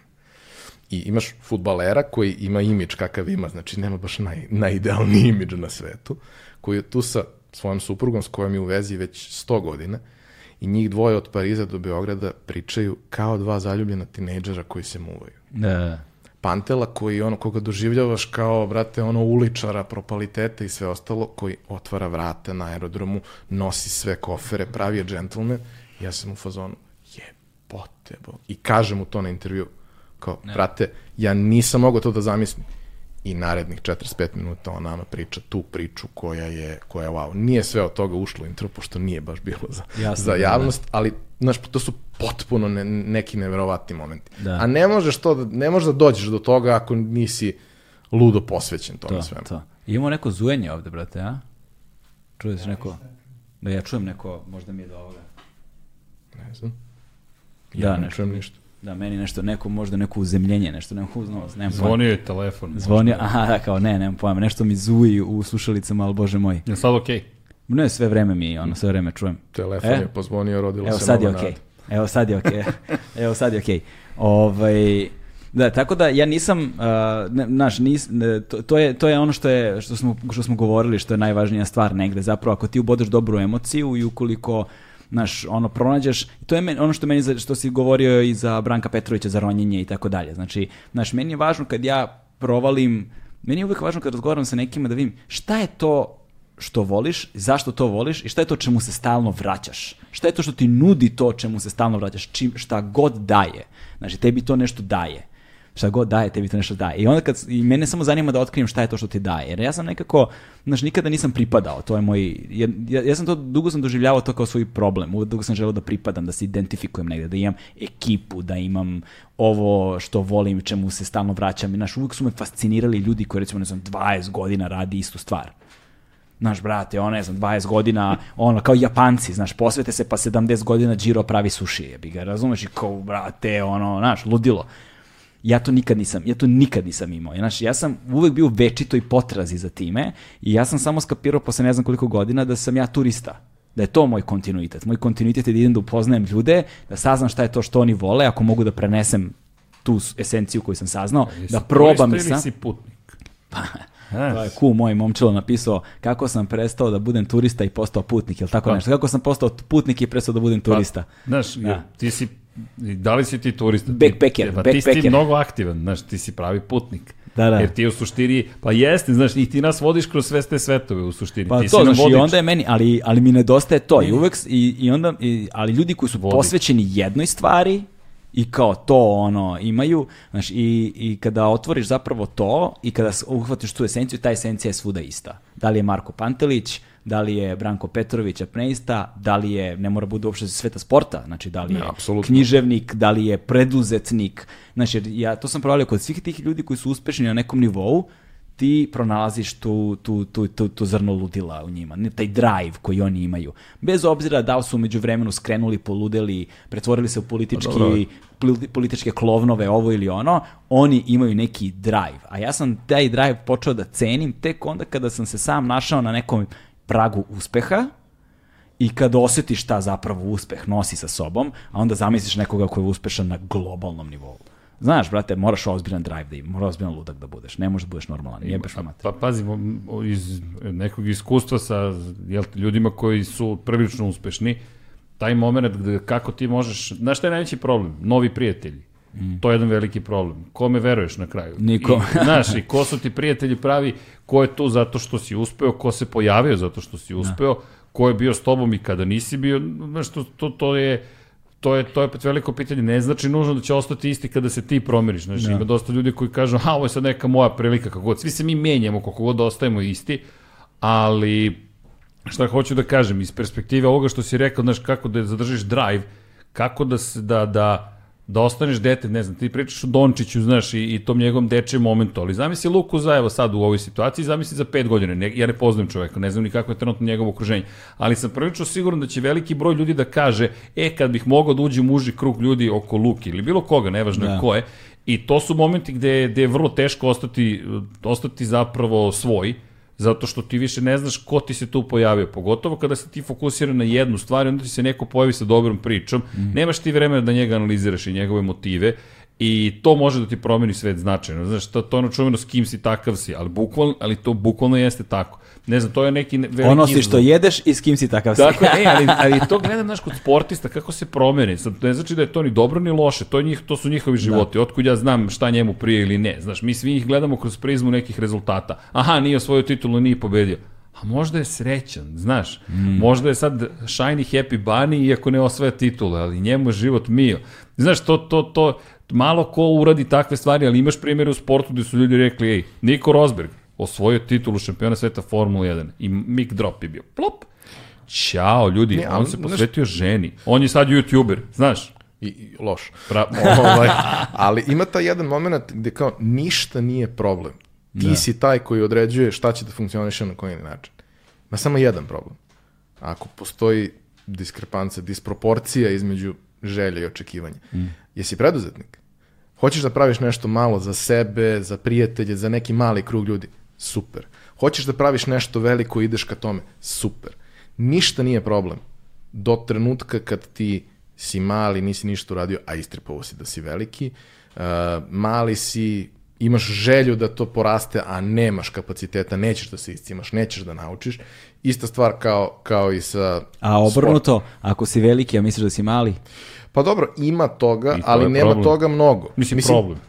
Nema toga mnogo. E, to je ono kao, ja nisam po defaultu osoba koja veruje u sebe. Ja sam počeo da verujem u sebe na osnovu rezultata, a ne na osnovu nekog unutrašnjeg osjećaja. Ja sam samo u jednom trenutku skapirao, a bio sam dosta, dosta mali tada, da ako se ja dovoljno dugo cimam, ne može da nema rezultata. imao si 16 godina E, verenicu. Da, bivšu. bivšu. E, ali vidi, ima tu par, par stvari, znaš kako, ja gledam, ajde, pričali smo, ne znam, još na početku šta sve radim, vidi, Sport Club, Infinity Lighthouse, Huge Media, ne, neka vrsta Ne, ovo hit privatnog, medija mi je zakon. privatnog života, nisam je ja smislio, ali, ali da, Ko da jesi. Ko, da, ko da, kao da jesam. Ali je Pa činjenica... nisi se sigurno okružio ljudima koji nisu poput tebe, znaš. Ne, kao, ne, to, to je, to- ono, to je sve- pa pazi. ispod, ispod jabuke orah ne pada, brate. Ej, vidi, to su sve robotičari. Sticamo oko čudnih okolnosti, to odeljenje iz Politehničke akademije je zaista neverovatno. To su ljudi koji su, ne, ne volim nužno te metrike uspeha koje šta postigli, ali kada pogledaš njihove društvene norme, kada pogledaš i uspehe, oni su zaista postigli mnogo toga. Mm. Jedan je bio glavni u Sidnijskom univerzitetu kao IT, jedan je prodao firmu Twitteru, ne šalim se, čovjek je osnovao Twitter univerzitet, dakle, to je čovjek s kojim smo ja sticam okolosti sedeo u klupi, nisam ja nešto pametno uradio, ja sam sedeo u klupi sa njim, pored mene Ivan, koji je Marko Gargent, inače čovjek koji i, i autor, izdavao za O'Reilly, ne znam šta sve nije radio, on je čovjek sada u Silicijumskoj dolini Angel Investor, to, je... Šta znači Angel Invest? Pa to znači da su njegove, njegovi motivi su anđeoski, a ima pare da investira. Aha, jo, brate. Reci. Znaš, ne znam da li da se oduševim da povraćam. Ne, ne, To je ono što bi srđan bio da ima para. Ne, da, otprilike. Ali Marko je the good guy, zaista. Da. I on je stvarno jedan poseban čovjek koji je to- toliko skroman, on je nas, mi smo bi godinu i po proveli s njim, on nas svaki put kada se vidimo s njim dočeka kao da smo, ne znam, ceo život proveli zajedno. I, i više ga mi hvalimo nego on sebe ni ne hvali, on sebe ni ne spomenje, on, on živi neki svoj život i to je to. Ali, Ima rezultate, pa nema ni Tako je, potrebe da to... ali, Da, da. ali znaš, on je zaista, od sticamo konci sediš sa njim, pa sa Ivanom Rečićem, koji je eno ga sada data evangelist u Bayeru u Švajcarskoj, pa Bogdan koji je prodao ne znam Šta je, koliko brate, firmi. data evangelist, E, slušaj to, to si evangelista za podatke, ideš po firmi i govoriš o tome koliko su podaci važni. Ne šalim se, to mu je, to mu je posao, ali on je vrlo ozbiljan, on, je, on se bavi naukom podataka i čovek radi jedan nevjerojatan posao. Isto, njegova posvećenost, njegova specifičnost i situacija, znaš, moraš i da nađeš ekipu koja te razume, koja će da ti da odrešene ruke da neke stvari uradiš. Zaista sve pohvale za sve ono što je postigao. Eto, to ti je, na primjer, okruženje u kojem sam jednom momentu bio. Pa pričao sam na, on, ono što smo spomenuli za računare. Stvori se neko okruženje, pa se nešto dogodi, pa ti kažeš, aha, možemo na sledeći nivo da odemo zato što smo svi sada na ovom nivou zajedno, cijela ta neka grupa ljudi, pa ajmo na sledeći ili desno ili levo ili ćemo da, ajde, regresiju da doživimo. Znaš, sve su to i ova priča o uspehu i neuspehu uvek su iste priče manje više. Znaš, e, meni ono što, što, što, što, je bitno, pitao si me, šta ti je bitno u ovom momentu? E, a to je da pokušamo planski da uradimo neke stvari time što ćemo da budemo ono što jesmo. Konkretno pričam za sebe. Da budemo ono što jesam, to je to, ali ako možemo da pokrenemo ljude da Ne znam, kosmos je meni mnogo važan. Znaš, da, Da, da da. prenosimo lansiranja raketa, zašto? A zašto da ne? Čekaj, da li ti na našem jeziku, na bilo kom jeziku s ovih prostora možeš da slušaš komentarisanje toga da poleće raketa i da ti neko objasni šta se tu zbiva? Znaš, o Masku se zna Neki manje više... robotičar. Neki robotičar, da. Ali, znaš, o Masku se zna više uh, o Dogecoinu, SpaceX-u i Tesli, ali čekaj, šta sad ti ljudi rade? U čemu učestvuju? Koje su tehnologije? Kako, na primjer, neka klinka ili neki klinac da čuje nešto drugačije? Čekaj, super je što sada, ne- što, što SpaceX ima aplik, e, aplikaciju i kao stiže ti pin, ping ono, kada se sprema lansiranje. Jeste. I onda možeš samo da uključiš i da gledaš stream Pazi, kad poleće raketa, što je do jaja. Nikad lakše neke stvari nisu bile, ali niko to nije uradio. Onda smo Da. mi seli ovako, čekaj, ajde mi to da uradimo, zašto? Pa, da se vratimo na ono kukanje po kafićima. Hajde uradi nešto. Mm. Imamo mogućnosti. Sada nikad lakše nije napraviti svoju televiziju, uslovno rečeno, i to je neki ideal. Zašto? Hajde da neko dete kaže, ja nemam ništa protiv nijedne vrste muzike, svako nek sluša svoju muziku, nek radi svako ko šta hoće. Ovde zvone telefoni. Ali je u A, pa to je do toga, To je do sad toga. sam e. opet zazujalo, Odbio brate, sam da, da. poziv. Sad ćemo završiti da, polako. ali pazi sad ovo, ti sada imaš mogućnost, da, i ja kažem, e, e, smatram da ne možeš da se boriš protiv nečega ako smatraš da nije dobro time što ćeš da uništiš to nešto. Da. Čekaj, to opet destrukcija. Šta si ti generisao? Šta si kreirao? Šta si ti stvorio? To ono što ti pričaš o kreatorima. Evo, mi hoćemo da stvorimo priče koje možda će nekog da inspirišu da kaže čekaj, ajde možda da mogu da studiram matematiku, tehnologiju, pa i novinarstvo. Neko mora da ispriča priče o kosmonautima, o astronautima. Inače, Uh, ajde, ovo je ono moment možda za, za spoiler alert, dakle za one koji gledaju For All the Mankind. Uh, morate priznati, ima završna scena Da, u- tu čekaj, bre, tu, tu je ovaj glumi Đuričko. je, Đuričko, da, ali bre, baš. Đurička hoću da spomenem. Pazi, Đuričko glumi u jednoj sceni koja je toliko dirljiva, toliko gigantska. Ja, respekt, ja čovjeka nemam ne poznam, nemam predstavu, ni šta radi, ni šta ne radi. Ali ja gledam ovako, čekaj, sad ovaj čovek učestvuje u nekoj sceni koja treba da inspiriše jednu ozbiljnu priču, da ne otkrivam previše, A meni je to bilo fascinantno. To je čovjek takođe sa ovih prostora. Čekaj, stigo si do Hollywooda, ozbiljnog Hollywooda, Apple TV je u pitanju i to je nešto, wow, respekt. Znači, to je moguće i to isto, uh, ja ne poznajem čovjeka, nemam pojma da čuo, čuo sam se, loš. čuo sam se s, e, s njime pre neki dan snima ovde sa Bertom Kreisherom. Ako isto. mogu da te zamolim o, u moje ime, zaista, zato što je to toliko dirljiva scena. Meni je to jedna od lepših scena. Ne mogu kažem nužno da je još uvek antologijska, zato što je pitanje koliko će ta serija odjeknuti ili ne. Ali priča koju priča i on učestvuje u toj sceni je potpuno neverovatna. I sad to je ta ideja. Hoćeš da radiš da nasu? Možeš, kako? Pa studiraj matematiku, studiraj, ne znam, upiši prirodno matematičku, prirodnu fiziku ili ako ne znaš, završi školu koja će ti da omogućiti da ti se otvori neki koleđ u Americi. To je takođe moguće. Sedi, uči, raspituj se. E to ono što je meni bio ideal, samo da kažem taj deo priče sa Infinity Lighthouse-om i sve to. Nije ovo reklama. Znaš, nema reklame. I, a, možda sledeće nedelje odlučim da radim nešto drugo. I to je i dalje moje pravo, zato što je to moja priča. Ne znam, Lab 76. Da. Ja sam izmislio brojeve jer sam htio da imamo brojeve. Jer kult brojeva postoji generalno, imaš ga u trkanju. Da. Valentin Imaš ga, Rossi. i, imaš ga u autostoparskom vodiču kroz galaksiju. Tako je, tako je. To je to. Pazi, malo pre pričaš, ti si vodič. Baš mi je pao na pamet vodič kroz galaksiju za autostopere. Ti si naš vodič. Znači svako, ti si vodič u ovom podcastu i ti nas vodiš kroz neke svetove. To je meni fenomen, sad sam shvatio, ti nisi turista, nisi ni putnik, ti si vodič, ti si treća kategorija. Jer ti Ti prolaziš snosiš svete... odgovornost. Ma nema odgovornosti, vidi, ono, uglavnom bezopasni, to je cela poruka, Da, da, razumeš, da. nema, unos je jasan za ljude, ali to si ti, meni je to uzbudljivo, zašto meni sve ovo uzbudljivo, sve to što ti radiš, znaš, otvaraš, pa sad da li će biti gledano, neće biti gledano, who cares, na kraju dana, koga je briga, ti si ispričao neku priču i ako pokreneš jednu osobu da nešto izmeri, nešto uradi, pa to je već ogroman uspeh, to je, to je moje mišljenje, Znaš, vodič, konkretno, ajde, broj 42, Rossi je 46, Marquez je 93, Ti si Hamilton 76. Ja sam 76 i to je to. Otkud taj broj? Eto, tražio sam ko ni jedan vozač to nema. Mada ima Loris Baza, ali nema veze. Zvaćemo Baza u našu emisiju Cable pa da guy, pričamo s cable njim. guy, ali tu je beš obsesivnost brojevima. Jeste, Tako, jeste, jeste, jeste, jeste, da, obsesivnost da. brojeva, to ti je to, a sad ne smeš da odeš u ludilo, ali broj postoji i to dobro sad, sve to ima sve, to je to pitanje, ne znaš, dokle si stigao i kako si Pitanje je šta je normalno i gde se nalazi granica ludila. Jebi E, znaš. jeste. E, samo, izvini, sam mi pada na pamet. Samo kratka anegdota. Vodič kroz galaksiju za autostopere. Ja 1988. u Poreču, Plava laguna, nađem knjigu Vodič kroz galaksiju za autostopere. Ne kupim je kod uličnog prodavca, vratim se sutra, njega nema. Tragedija, moram kupim knjigu. Ulazim u prodavnicu pored, ne šalim se, ljudi, to je ona najlepša priča kada, kada se desilo. I pitam čoveka da li imate vodič kroz za autostopere. Kaže, ne, ali imam vodič za autokampere kroz Istru. ja, I ti kupiš. Ja kažem, mislim da to nije ono što mi treba, hvala lepo. Do... Pazi ti, on je spojio, dobar prodavac, pazi, treba ti vodič. Autostoperi neki, ja imam autokampere kroz Istru, rekao, matori. Ko zna kako bi ti se život otvorio da si to kupio to, tada, to, brate, sam postao autokamper. I ja ga gledam i rekao, ništa, hvala, vidimo se. to je fora, iza svakog ćoška vreba, znaš, neko životna avantura nova je. Možda, isto za možda Dragan Kojić Keba. ovaj, možda smo malo matori, ne godinama, ali ono, iskustvom i svim što smo prošli definitivno.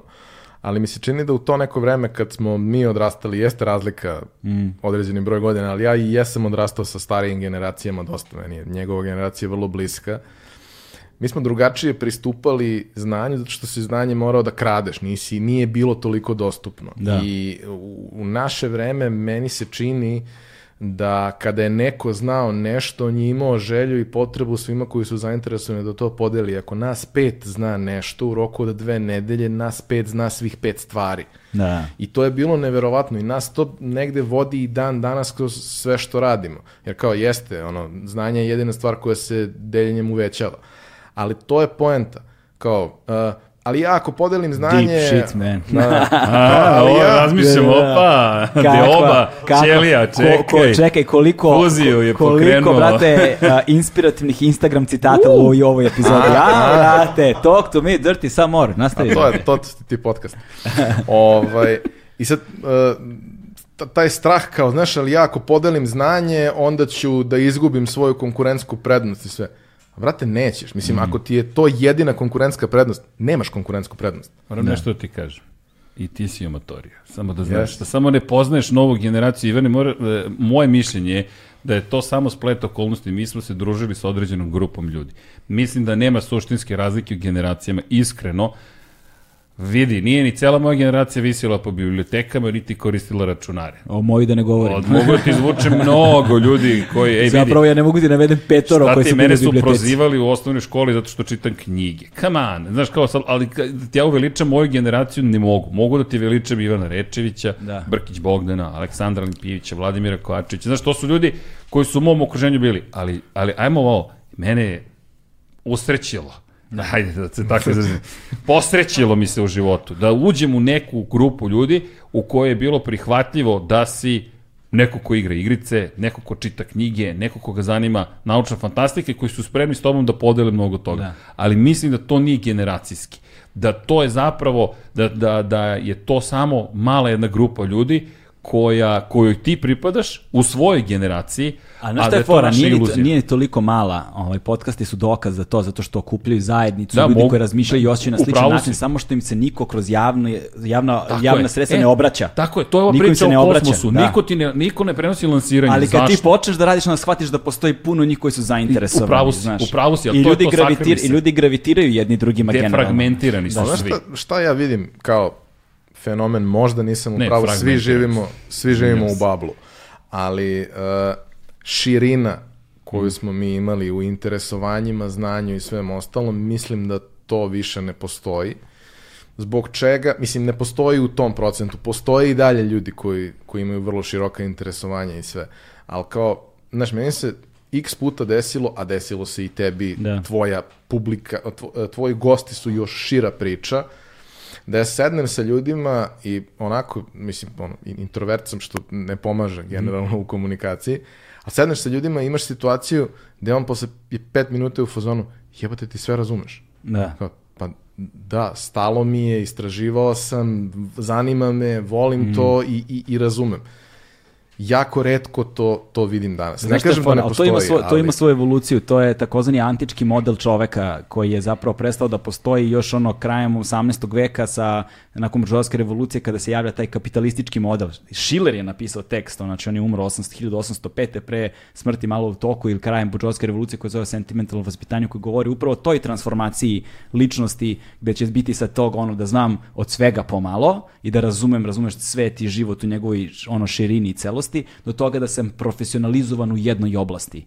Znaš, gde onda ceo svoj život od malih nogu posvetiš jednoj stvari i kao ceo dan posvetiš samo tome da bi postigao pik u jednom, ali onda atrofiraju ostali aspekte ličnosti, zato što ti nemaš prosto vremena da se njima baviš. Jeste. Ali ako si robotičar, onda si generalista. Onda si imao vrlo zahtevne profesore i iz predmeta koji suštinski nemaju nikakve veze sa onim Pa, što si. ali- To je bila fora sa, Znam, sa, sa ali tim da li smerom. su svi robotičari Ivane takvi? Nisu. Ma nisu, to je do, to ti je do ličnosti takođe, imaš ljude, ali vidi, ono što je problem jeste neka vrsta jednoumlja i manjak dijaloga. Dakle, da li je jedan model bolji ili drugi, nemam pojma. Imaš sportiste koji su se toliko fokusirali da se bave samo sportom, pa su zato toliko uspešni. Da. Ali život grade posle karijere ostale aspekte života. Ali se mnogo muče oni nakon karijere, Jeste, znaš, to nije je ono... jednostavno prilagoditi se, Da, da. ali znaš, sve ima svoje dobre i loše strane. Znaš, mi smo učili mnogo toga. Ja sam srećan zbog toga. Širok meni, me, moje ličnosti to odgovara. Da primjer, moj burazir je programer.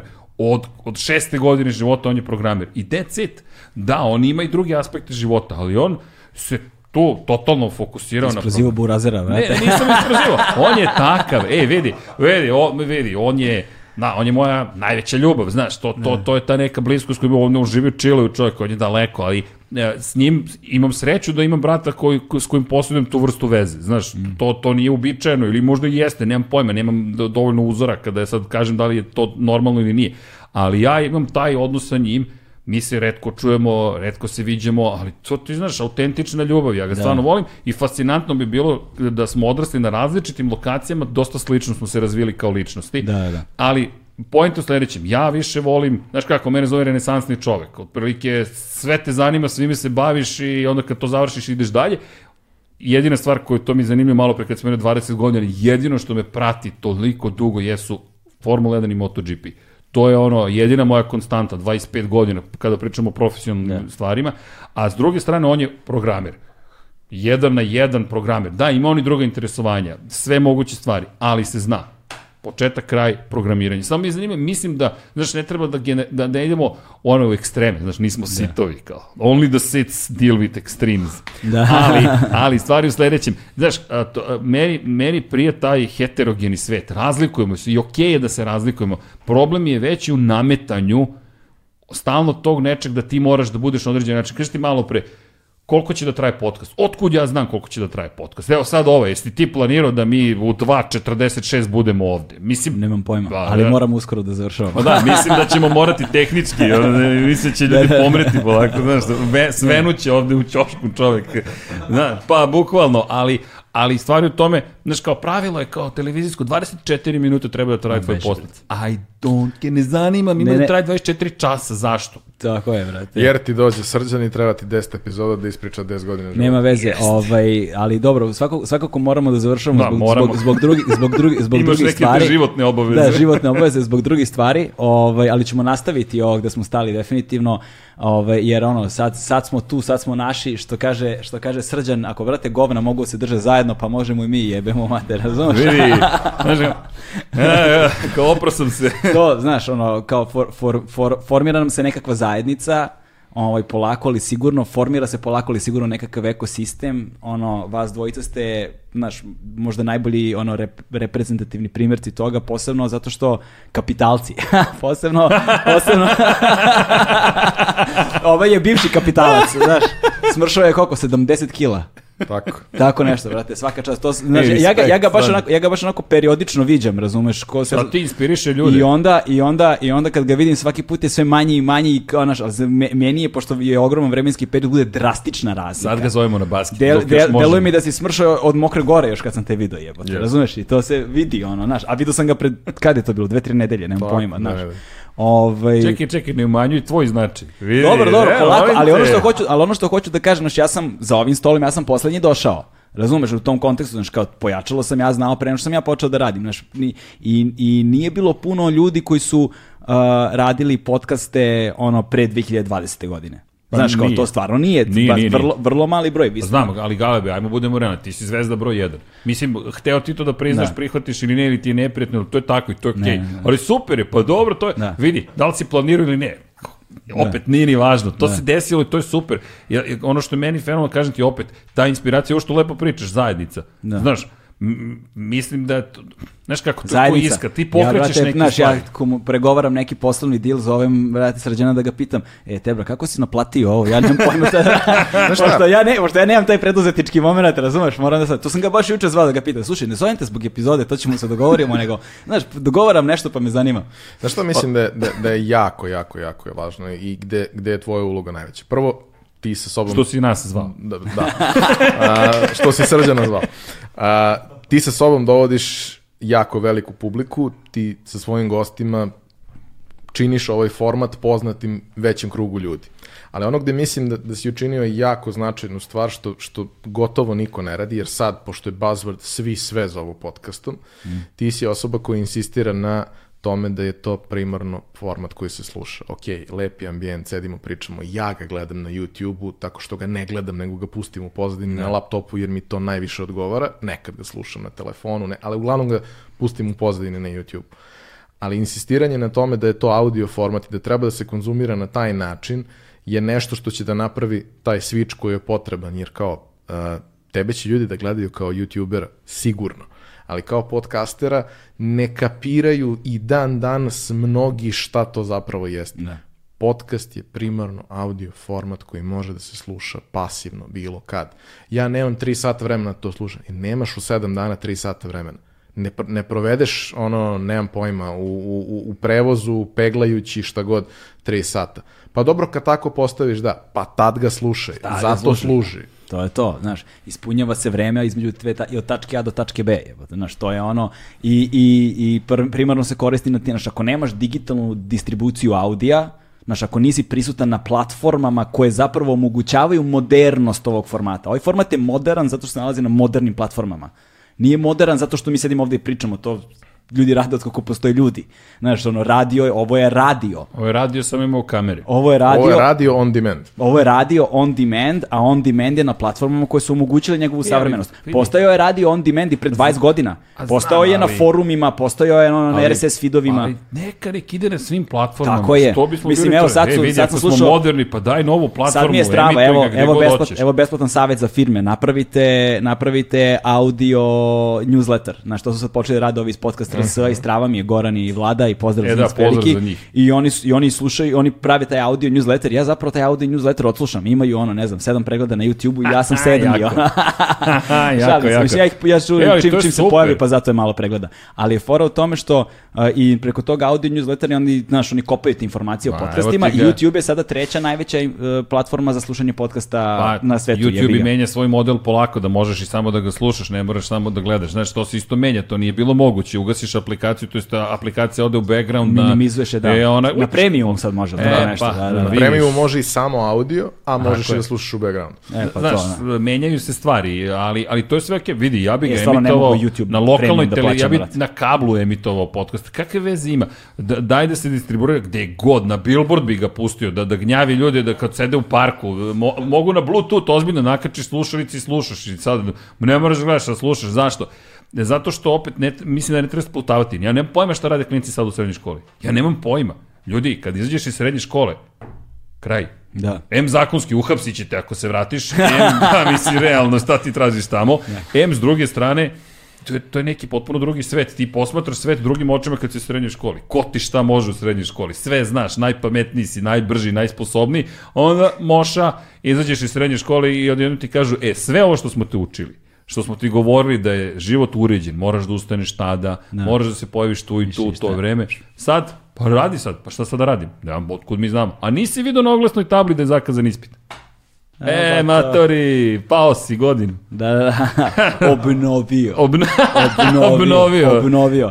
E, drugari, e, moramo da završavamo. Hvala vam puno još jednom što ste došli. Ogromni zadovoljstvo. Nastavit ćemo, pričamo sad malo posle.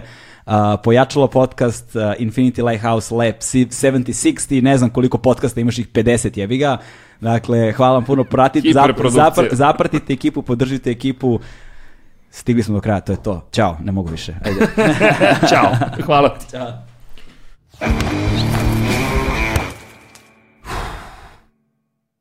Hmm.